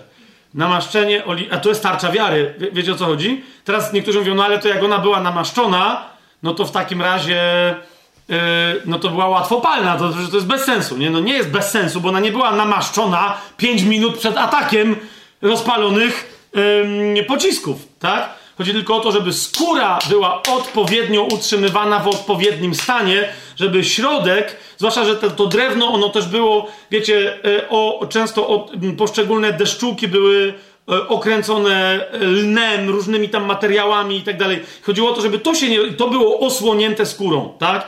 Idzie tylko o to, że jak wpadał, jak się wbijał w to taki rozżarzony pocisk, to on tam miał taki opór, że, ta, że on nie przechodził na drugą stronę. Nie? To, to jest to. Y, nawet jeżeli przeszedł, to nie przechodził daleko. To jest bardzo. Dlaczego? Bo on, to, jego rozszerzenie, które powodowało, że to się wszystko paliło, nie przechodziło przez konstrukcję we, nawet jak przebiło skórę, nie przechodziło przez wewnętrzną konstrukcję tej tarczy. Tak? I co najważniejsze, bo zauważcie, szósty rozdział, szesnasty y, werset. Weźcie też hełm zbawienia i miecz ducha, którym jest Słowo Boże. Tarcza, mie, y, y, hełm i miecz. Otóż legioniści w momencie, kiedy zostali zaatakowani najobfitszym nawet w, strumieniem, falą, jedną za drugą pocisków rozżarzonych, w momencie, kiedy ta fala się kończyła, ok, mieli, mieli jedno proste rozwiązanie. Mianowicie obcinali wszystkie te pociski yy, twa, mieczem, dokładnie tym, o którym to jest mowa. Zauważcie, to jest miecz słowa. Nie? Obcinali je i ta tarcza dalej swobodnie mogła służyć. Potem ją trzeba było odrestaurować, ale jakby to palenie tych pocisków do nich nie docierało. Nie? Te tarcze były lekkie, to jest bardzo. Te metalowe tarcze później to już była piechota ciężko zbrojna, to były, to były to były najcięższe, najciężej uzbrojone legiony późnego cesarstwa rzymskiego, a nie tego, o którym Paweł nic nie wiedział o takich tarczach. Nie?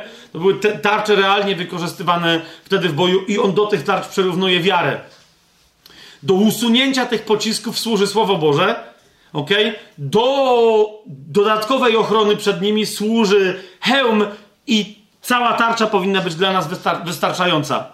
Dodatkowo yy, jeszcze wam na to zwrócę uwagę, że bardzo często z takiej tarczy, którą uderzyły, zwróćcie uwagę, co się tu dzieje, w którą uderzyła pierwsza fala ataku przeciwnika, czyli uderzyły te strzały, tak? Bardzo często ta tarcza miała w sobie dalej rozżarzone te pociski, tak? Teraz, teraz co robił legionista? Obcinał je, tam była cała taka specjalna komenda, która, która nakazywała oczyszczenie tarczy, ale te rozżarzone żelaza niektórzy dalej mieli.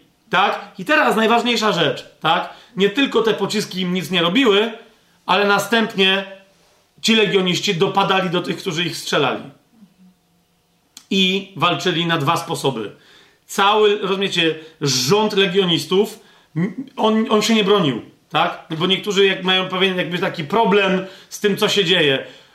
Rząd legionistów naruszał równowagę linii przeciwnika w sposób ofensywny. To znaczy, kiedy dopadali do przeciwnika, no i wiecie, jak tu była linia, to ci też robili jakąś linię, no bo tak? I teraz co się działo? Pierwsze, cała linia legionistów uderzała na jedną komendę tarczą w przeciwnika. W której tarczy były rozżarzone pociski, które oni sami przesłali. Ok? I to było na raz.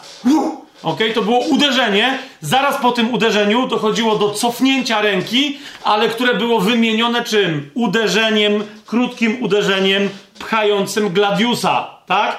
I co się wtedy działo? Cofnięcie gladiusa, cofnięcie o krok, ok? Które powodowało, że wiecie, można było się rozpędzić dwa kroki do przodu, uderzenie tarczą, uderzenie gladiusem, wycofanie się. Wiecie, po drodze kto zginął, to się to rozwalało kompletnie szeregi przeciwnika, tak? Kto, dost, kto nie dostał tarczą z tymi pociskami, to dostał gladiusem.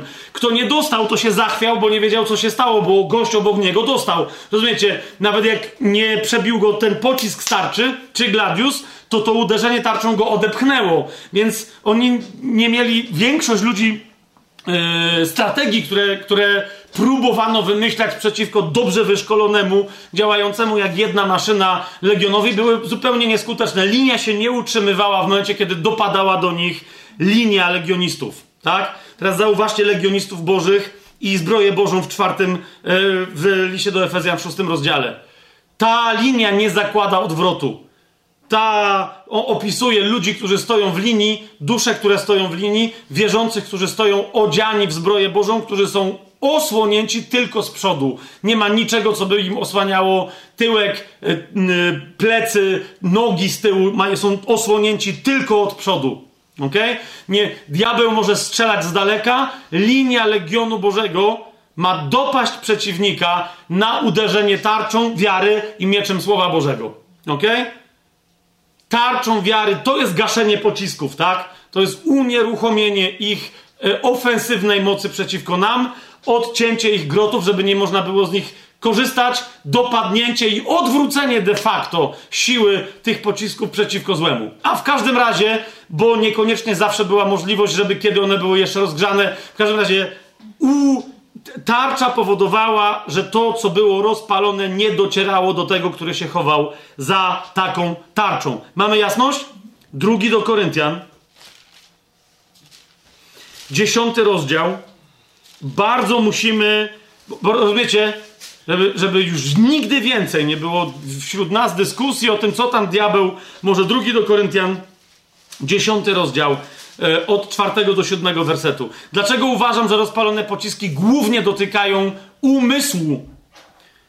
Bo wiara jest widzeniem rzeczy, które są niewidzialne, rozumiecie, i opieraniem się na faktach, które są niewidzialne. Rozżarzone pociski według mnie to są głównie te rzeczy, które sprowadzają nas, kuszą nas, żebyśmy patrzyli na sposób cielesny. Ok? I druga rzecz, jak mówi o walce o orężem duchowym Paweł w, w liście do Efezjan, mówi również, to jest bardzo istotne, i do tego samego się odnosi właśnie w dziesiątym rozdziale drugiego listu do Koryntian, a więc opisuje miecz, tarczę. Chodzi mi o to, że wiecie, my czasem mówimy, że, że, że tylko miecz w opisie zbroi Bożej jest funkcją ofensywną.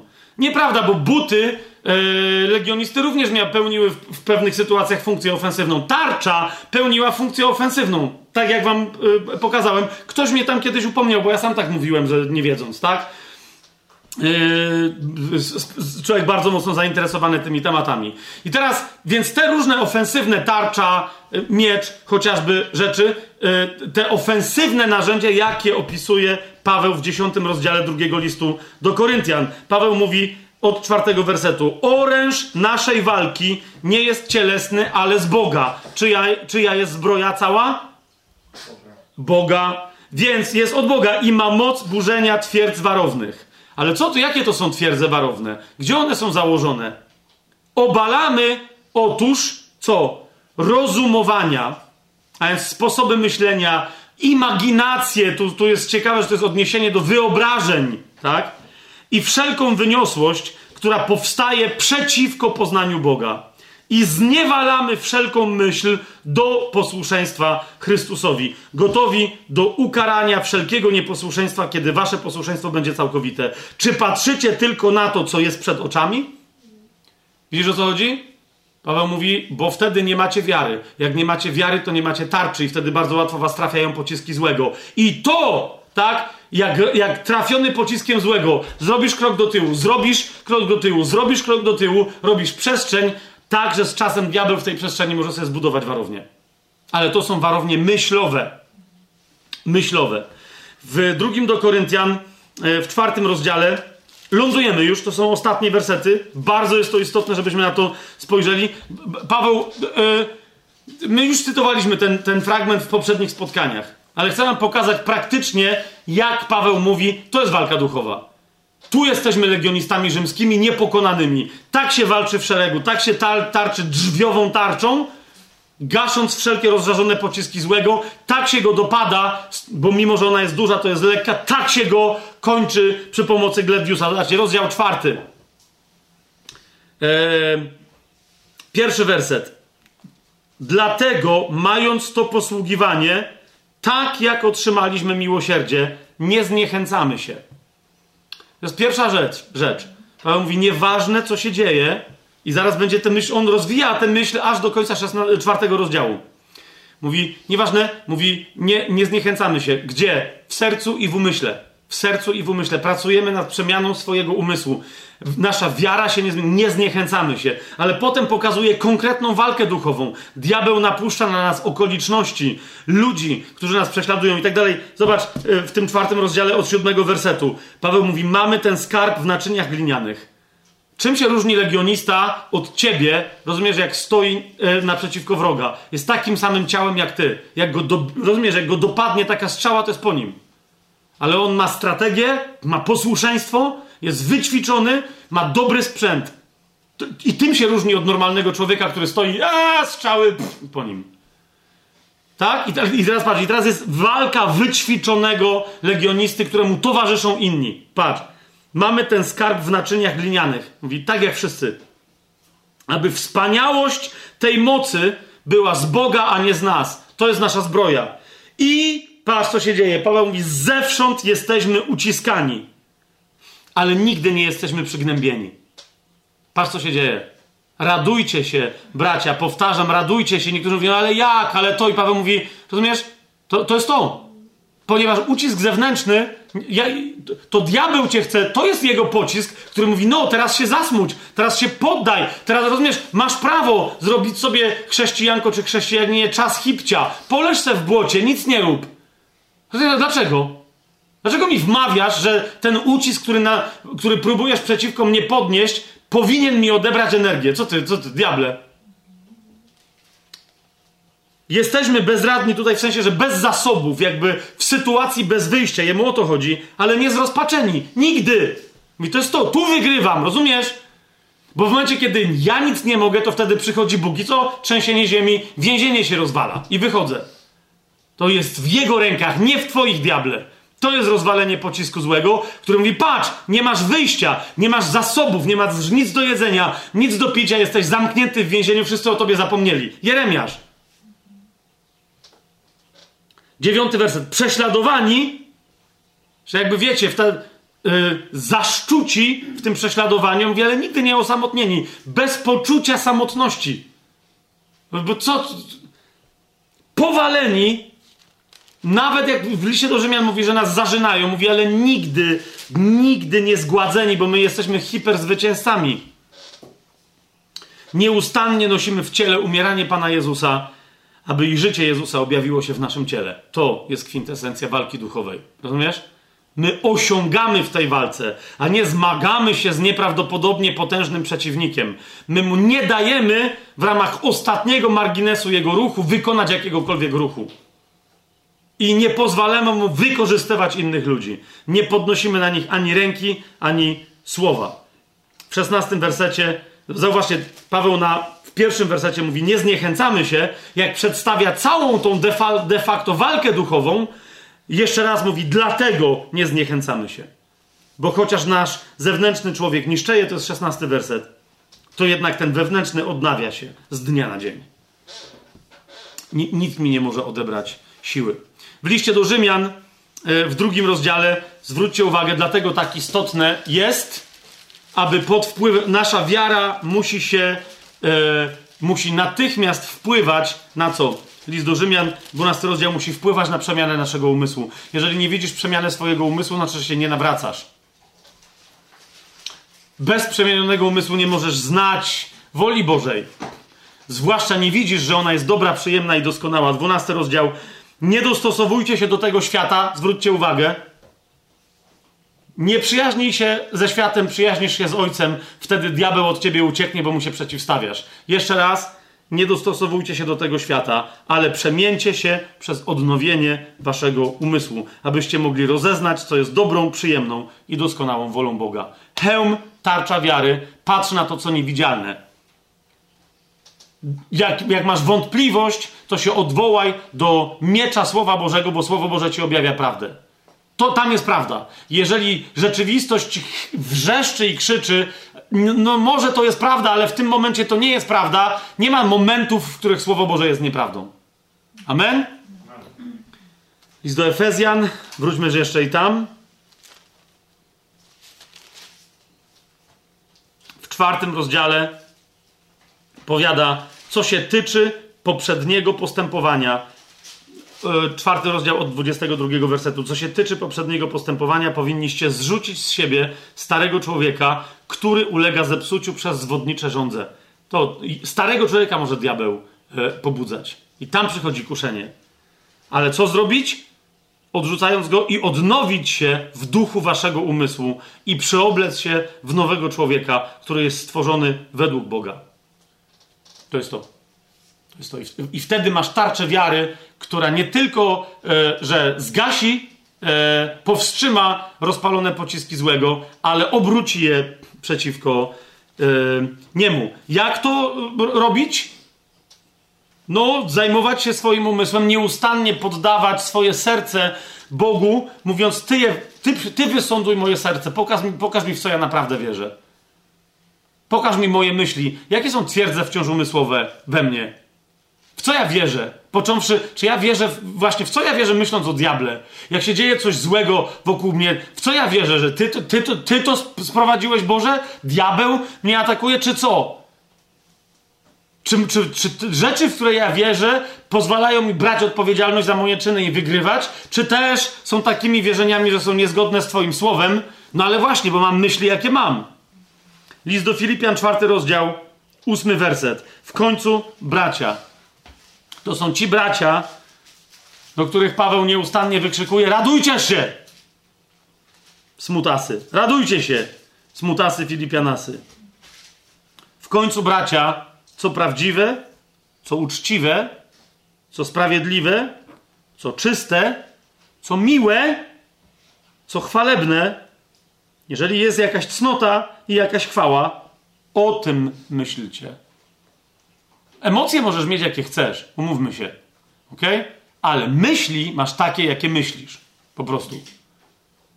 Ty myślisz o tym, co czujesz. I emocje, jeszcze raz, emocje są emocjami, ale potem myślisz myślisz w swoim sercu i to, co zamyśliwuje, przemyśliwuje, decyduje Twoje serce, to się potem staje rzeczywistością w Twoim życiu.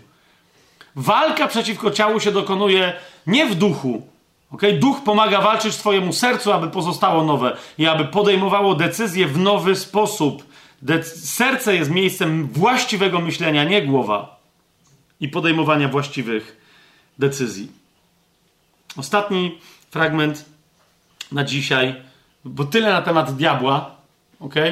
Rozważ kwestię tarczy wiary, namaszczania jej, posługiwania się Słowem Bożym. Czy ono jest w Twoim wydaniu, czy posługujesz się nim tak ostro? Zauważ, zauważ Jezusa, tarcza wiary. Jego wiara jest naszą wiarą. Spotyka się z nim szatan, mówi do niego. Co do niego? Posługuje się cytatami. Dureń. Na, naprawdę. I co Jezus zrobi? gasi natychmiast tę odpowiedź. Mówi, nie tak jest. Słowo Boże. Tak? Nie, Słowo Boże nie mówi tego, co ty mówisz, że ono mówi. Ty je cytujesz, ale mówisz co innego, tam, tam wciskasz. Gasi. Obcina. I atakuje z powrotem. Mówi, nie, Słowo Boże mówi też to i to powoduje, że ty nie masz racji i że to nie jest prawda. Bach, bach, bach. Ja mówię, że jak czwarty raz dostanie, to zginie, więc się wycofuje. Czwarty raz dostał na krzyżu. List Jakuba, tam sobie wrócimy. Bo powiedziałem, że, że i do tego się odwołuję. Zobaczcie, ile mamy źródeł możliwych, z których wynika cierpienie. Te rzeczy, o których ja mówiłem teraz, świat, ostatnio i dzisiaj świat, materialność tego świata, e, duszewność naszych ciał i diabeł, o, o wszystkim, co pochodzi z tych źródeł, powiedziałem, że te cierpienia są do uniknięcia. O tych cierpieniach od diabła to sami widzicie. Przede wszystkim to jest kwestia tego, jak my jego postrzegamy i na co mu pozwalamy. Jak jesteśmy tym, kim mamy być w Chrystusie, to nie pozwalamy mu na nic i tyle. On nie może być źródłem naszego cierpienia. Nawet jak przychodzi od niego pokusa, jedna, jedyna rzecz, to mamy Pana, który nam daje rozwiązanie, wyrywa nas z niej jak trzeba, daje nam zwycięstwo. I tylko nasza wiara się umacnia, nasze posługiwanie się mieczem w tą stronę, w tą stronę tarczą, rozumiecie, ca cały czas rośnie, na, rosną nasze umiejętności, stajemy się legionistami, weteranami w tej walce i przykładem dla innych. O tym, jak sobie radzić z tymi innymi źródłami cierpienia, jakim jest świat i tak dalej, to my jeszcze do tego wrócimy następny, w następnym spotkaniu przy okazji tego wyjątkowego kumulującego w sobie różne sprawy tematu ościenia lub też ciernia dla ciała Pawłowego. Tak? To będzie następnym razem. Chcę tylko jeszcze jedną rzecz poruszyć. To będzie ostatni cytat, on się nie będzie tyczył diabła, ale będzie się tyczył Boga. Tak? Bo jakby widzicie, te źródła są różne. Bóg nigdy nie był, nie jest i nie będzie, nie może być po prostu z natury swojej, nie może być źródłem jakiegokolwiek cierpienia. I dlatego wrócimy do listu Jakuba, który o interesu do pierwszego rozdziału, bo, bo myśmy go dzisiaj wielokrotnie nawiedzali, ale zaraz po tym, jak on mówi, że niech nikt nie mówi, że jest kuszony przez Boga, dodaje jeszcze jedną rzecz, jakby, jakby krótko, ale chcąc powiedzieć, diabeł, świat, porządliwość wasza, nienawrócenie, to wszystko tak. Ale naprawdę zwróćcie się do Boga takiego, jakim On naprawdę jest. A On jest tylko dobry.